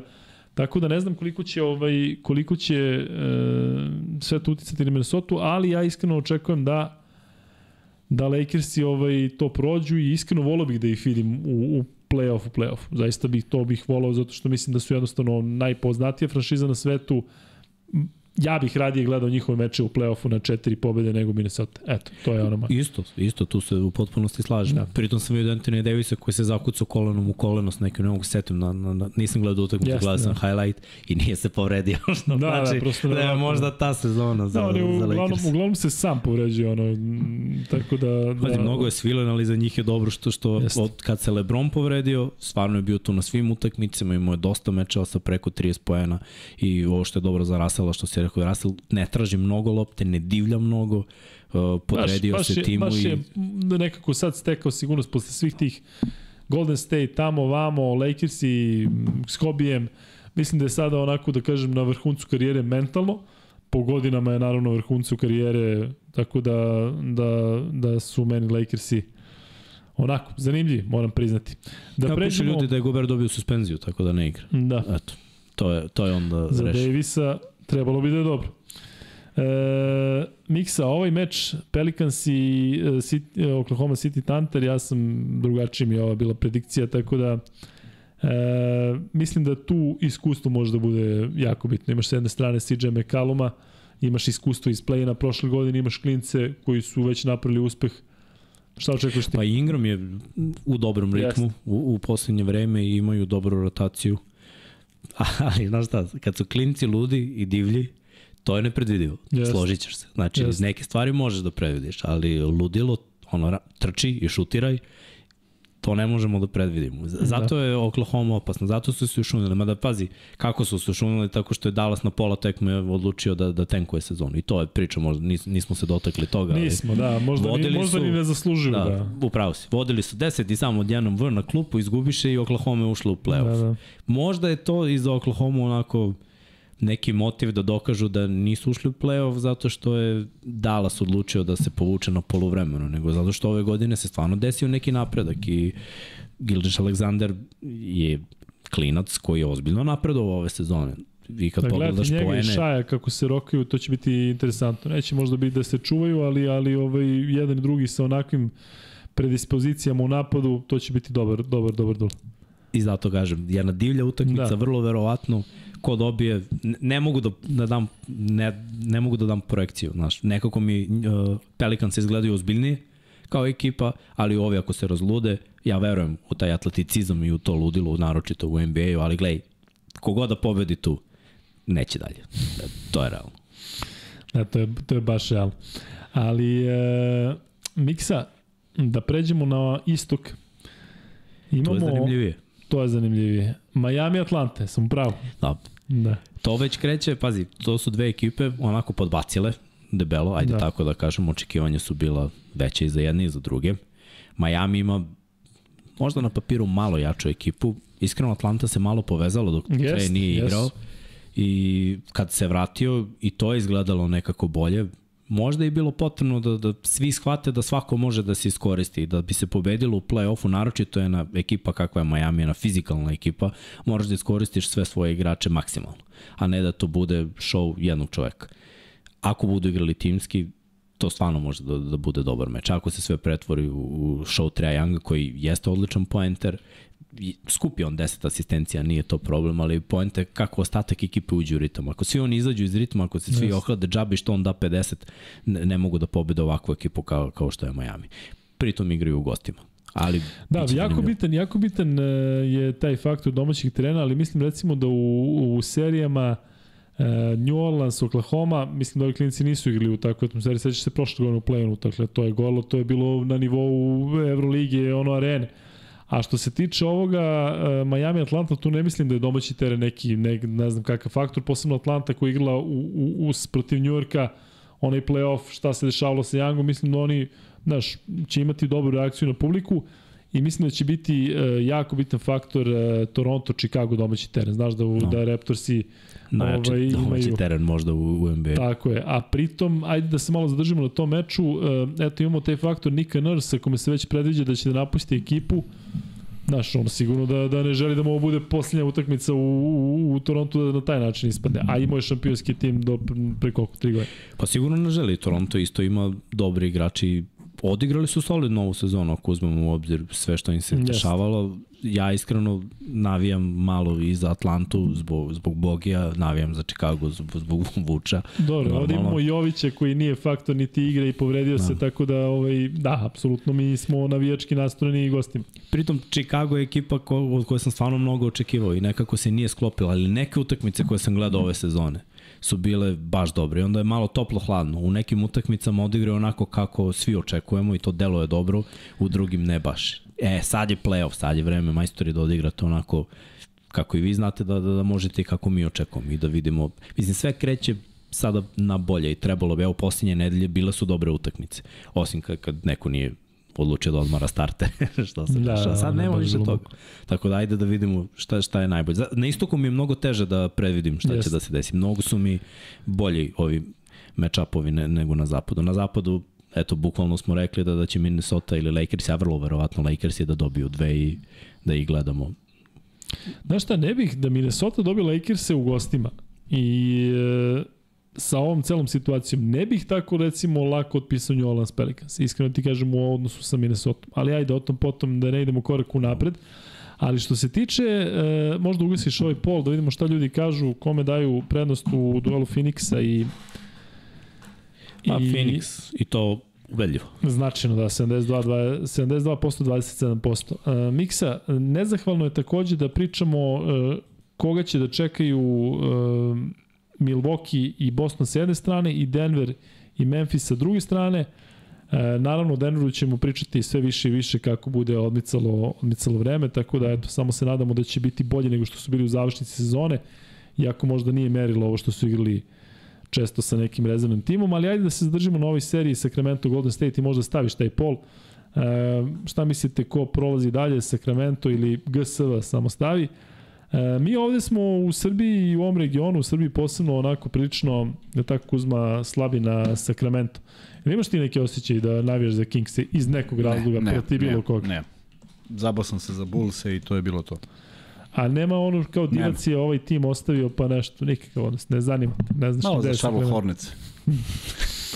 e, da vidimo šta ljudi kažu. Miksa, ja sam ubeđen da Golden State ide dalje. Pa, ali ne 100%, naravno da si ubeđen nego milion posto. Mađioničari. Ali sa šest, znaš, ono kao šesti i treći. Kad smo imali te odnos da je neko šesti takav favorit protiv trećeg? Pa, ajde ovako te pitam, jesu oni realno šesti? Naravno da nisu. Jesu ali... imali problema s povredama ove godine? Ti sa, su, sa Wigginsom, što nije povreda, sa svim i svačim, pa šta je počeo, kako počela sezona, Paul Green, ali je to šampionski tim i što kaže Green, se slažem s njim, oni su poslednja dinastija, NBA dinastija, prava NBA dinastija. Tako je i i dalje imaju igrače koji mogu da naprave razliku u ključnim momentima, što još uvijek Tako nisam je. siguran da Sacramento ima. Sacramento mi je sada kao Denver u onim prvim dobrim sezonama. Da. Regularni deo su odradili kako treba, nemaju igra... Mislim, imaju igrače koji su zvezda, da kažemo da, da su Sabonis i Fox zvezda, ovi ostali igrači mogu da, da urade nešto, ali još uvek nisu na tom nivou. Ali nisu igrali takve play-off iskustvo. Tako je, nisu igrali takve utakmice kao što su igrali ovi. I mislim, nikad ne znaš kada će ovi majstori samo u jednom trenutku da se naoštre i, i, i da pogode sve bukvalno što šutnu. Pritom Gary Payton koji je meni vrlo važan igrač za uh, Golden State se vratio, on je defanzivac koji može bar malo da pokupi i uspori neke od opcija, sad vidjet ćemo. Tipa kad bi Monka zatvorio, to bi bila onako, to bi bio problem za Kings, jer mnogo se oslanjaju na njegov šut. Jerona Foxa i njegovu brzinu, to, to je nemoguće, ali ajde da kažemo da će živeti sa njegovim poenima i sa poenima sa Bonis, ali da treba da neutrališu ove druge opcije. A znamo da Golden State ima svoje tri opcije, znači Poole, Thompson i, i Curry i da će sve bukvalno svesti na, na njih. Njih trojica 100 poena. To, to, A tako igra Golden State. A vidio si posljednju utakmicu, oni stvarno daju 55 poena za četvrtinu, oni mogu to. Dakle, to nije iznenađenje, niko nije ustoji kaže, au, znaš, nije, nije dao šalot nego su dali ovi, tako da... Jesi vidio da ovaj, su borili rekord u istoriji NBA po broju pogođenih trojki u sezoni. Oni su sad, kažem ti, na zalasku karijera su realno i Kari je Thompson, Kari je 88, Thompson je 89, oni neće moći toliko da trče za 2-3 godine. Dakle, mislim da je ovo za njih sezona, posebno ne znamo šta će biti sa Draymondom Greenom na kraju godine. Dakle, ovo je za njih sezona verovatno u ovom sastavu poslednje. Sad da kažem, ajde da su zdravi, da, da su svi tu, evo sad su se okupili, tako da meni su oni favoriti, da ti ne kažem, ne samo u ovom duelu, već da li neko može da, da kaže, u, igramo, idemo na Golden State, super. Pa ne možeš da osporiš šampione, mislim. To je, Tako to je činjenica. Em, em aktualni šampioni, em svi osvali šta su osvali. Ovaj, tako da, da biće, biće zanimljivo. Ajde da se, e, možda ugasiš ovaj poli da pređemo na istok, pošto smo ispucali ova dva para koja znamo na, u playoffu zapada, Golden State 73%, 26% Sacramento i to mi je realno. E, Miksa, zanimljiv duel Clevelanda i New Yorka. Cleveland ima prednost domaćeg terena, četvrti proti petog, e, Cavaliers i e, onako, sa Mitchellom koji je mlad, sa Garlandom koji je mlad, sa, sa svim tim Allenom i ostalim mladim igračima, New York Knicks i takođe sa nekim slabijim NBA iskustvom. Mene ovde ne, ne bi čudo da ima sedam utakmica. Ni mene. I mislim Baš da je to, delo, da. da. mislim da je to totalno realno. I do, dobri bekovi na obe strane I, znaš šta, ovo su ekipe koje će odraditi vrhunski posao, istrošit će se i jedni i drugi, kogod da prođe ovde, istrošit će se toliko na momentima kada nalete na, na, na ove šifraše, ajde tako da ih nazovem, sa, sa vrha istoka, tu je kraj. Tu je kraj. Ali da. ne mogu da ih vidim da, da naprave neku čudu, mogu da ih vidim do polufinala gde očekujem već susret sa boljim ekipama. Mislim da, evo kad pogledamo broj pobeda ove godine uh, Milvokija, Bostona i Filadelfije, ka, kako mogu da, da idem protiv njih. Znači, nije, Jest. nije mi realno. To su neke ekipe koje, koje očekujem u play-offu. U polufinalu kao istoka. Ovde ćemo se zadržati još više na ovom sledećem e, duelu, zato što smo u poslednje vreme, posebno ti si često apostrofirao Brooklyn kao ekipu koja je vrlo interesantna. Filadelfija sa Embiidom koji je verovatno, nažalost, bliži MVP nagradi od Jokića. E, iskreno ti kažem, Filadelfija je tu favorit, ali ni tu me ne bi začudilo da ide na šest utakmica minimum. Brooklyn mora da odigra savršeno ako, ako žele to. Gledao sam i njihove neke utakmice i baš je bila jedna protiv Filadelfije da su imali šut za, za, za izjednačenje, za pobedu. Nisu ga rešili, a bili su relativno otvoreni šutovi. Onda poslednji šut je bio forsiranje Dinvidija iz finte šuta preko ruke, neki fade away. Jako težak šut iz levog kornera i uz. A mogli su da reše meč mnogo ranije, pre, pre toga. Nije se desilo. I naravno, sposobnost Filadelfije da iznudi neka bacanja u finišu, to, to je prelomilo meč. Znači mora sve da se odigra savršeno i ne smeju da, da izgube na tako naivan način ako žele da idu dalje. Ali da imaju talent, da imaju neku hemiju i da, da imaju nešto što ih vozi, to, to je to. I to je to. Samo kao što i rezultat kaže, Fila je bolja i iskreno oni nisu imali rešenja za Embiida. Na, na, na toj jednoj da. utakmici koju sam gledao iz njihovog duela. A u poslednje vreme zapravo niko nije ni imao u poslednjem mesecu rešenje za Embiida. Ono što je igrao, igrao je na, na visokom nivou. Očekujem da Harden bude jako bitan, on ima, ima šta da dokaže protiv Bruklina. Ima dakle, jako je, tih, jako tih je. Jeste, ali mislim da je sad da je tih zato što je čekao, znaš, mislim da je on, da je on vidio, vidio si i podatak da kao nisu mnogo zainteresovani da ga ostave, nego već ako hoće, može Harden da ide na leto. To su oglasili vadi iz Filadelfije zvanično, što mislim da je problem, znaš, da nije dobro da jednog tako bitnog igrača ti kažeš da ti je sve jedno da li ostaje ili ne ostaje u ovakvom trenutku. Ali, Pritisak je, mislim, na Filadelfiji. Za Brooklyn, posle svih onih tradova i svega što se dešavalo, ovi klinci, manje više klinci, e, Cam Thomas i ovi nemaju nikakav pritisak. Brate, idemo se grumamo s Filadelfijom, pa šta bude. A Embiid MVP, priča se MVP. Harden koji je onako toliko problematičan što se tiče e, play-offa. Doc Rivers pod, pod pritiskom. Kažem ti, Filadelfija će morati da dokaže koji šta je, a neće biti lako. Brooklyn je, sam si rekao toliko puta, Gle, ja navijam, ja navijam za Brooklyn, brate, baš da. bi volao da, da ih skinu, ali ne znam U, koliko je to realno. Zbog ovoga Embiid Jokića mislim da bi iz cela Srbija ovaj, mogli da budu iz Brooklyn. Pritom lepo igra Brooklyn, nije uopšte naš kao da... Nije, tako je, nisu oni sad nešto kao ne, ne mogu da odigraju, nego taman ovi hoće da se dokažu sad kada se otvorilo posle Durenta i Irvinga, možda staviš i taj posljednji, posljednji par da da ovaj da vidimo šta ljudi kažu. Um, šta očekuješ baš od Embida kada već govorimo o njemu? Dakle, on je zaista odigrao jako dobru sezonu. U završnici sezone onako e, želeo da se dokaže, želeo da dokaže da mu je da mu je mesto. Jel očekuješ da na tom nivou bude i play-off? Da, i idemo u matchup. Idemo u matchup na ruku. Oni ne mogu da udvaju, moraju da igraju 1 na 1. Prilično dominantan igrač. 1 na 1 i može da iskoristi svoje bekove koji su totalno drugačiji, Harden sa, sa svojim step backom, sa, sa svojim rešenjima i Maxi koji leti divlje i poče i onda pogađa sve, tako da ima Tobiasa Harrisa, ima dobru ekipu oko sebe i na kraju kada je frka, zna da ide lopta na njega i zna da će biti jedan i jedan i, i mora da rešava i cele godine je rešavao. Ne verujem da, da je neki choke moment u pitanju, gledali smo ga već u play-offu, dovoljno je on gubio u play-offu Brooklyn može ovo da dobije samo ako odigraju, kažem, savršeno, ali za Embiida ovo je prava prilika da se dokaže. Ali najveće dokazivanje biće u sledećoj rundi. Oni ako prođu ovo, ja mislim da će ih Brooklyn onako malo istrošiti. Da. Oni idu posle toga, mislim, projekcija moja, vrlo verovatno na Boston.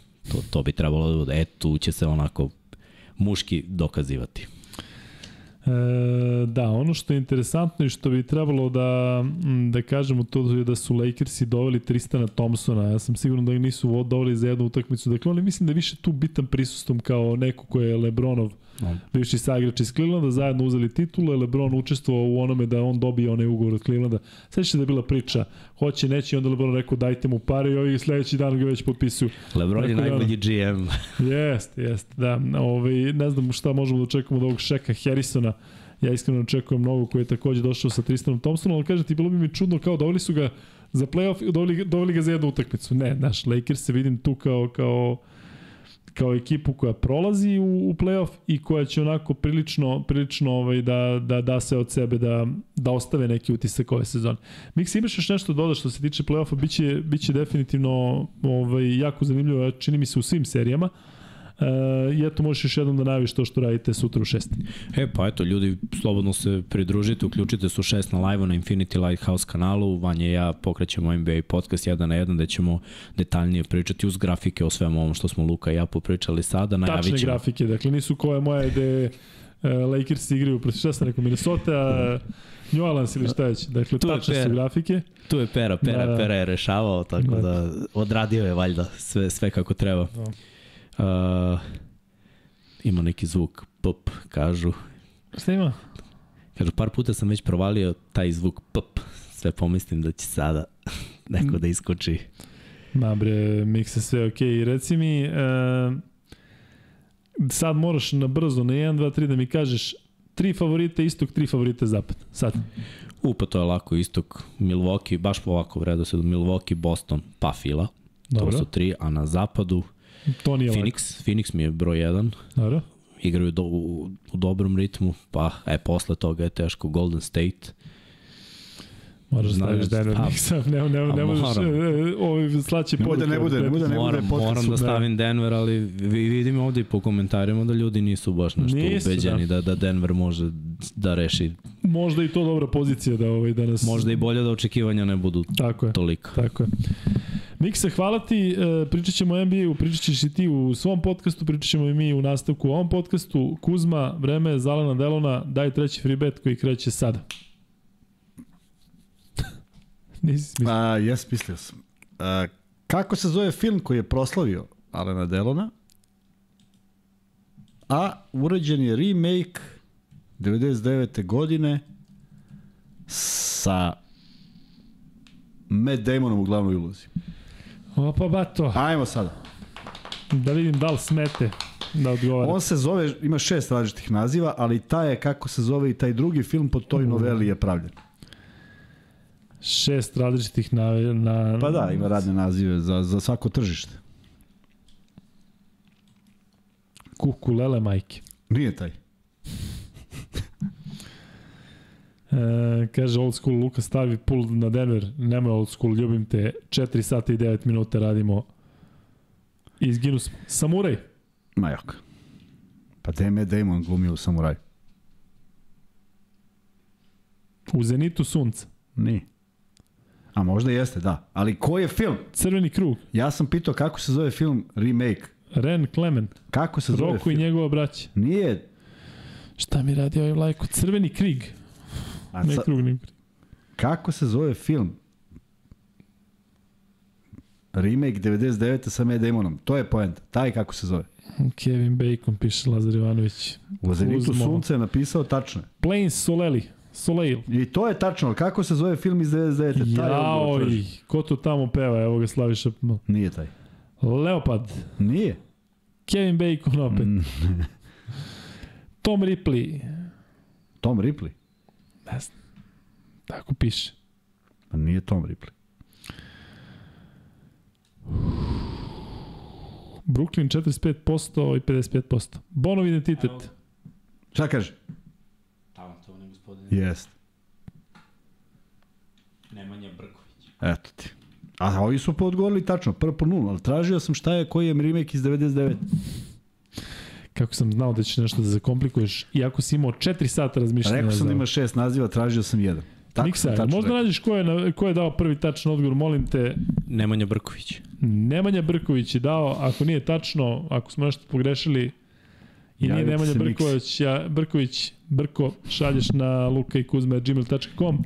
Završna reč za 159. podcast Vlade Kuzmanovića je Hvala na, kao i uvek, na druženju.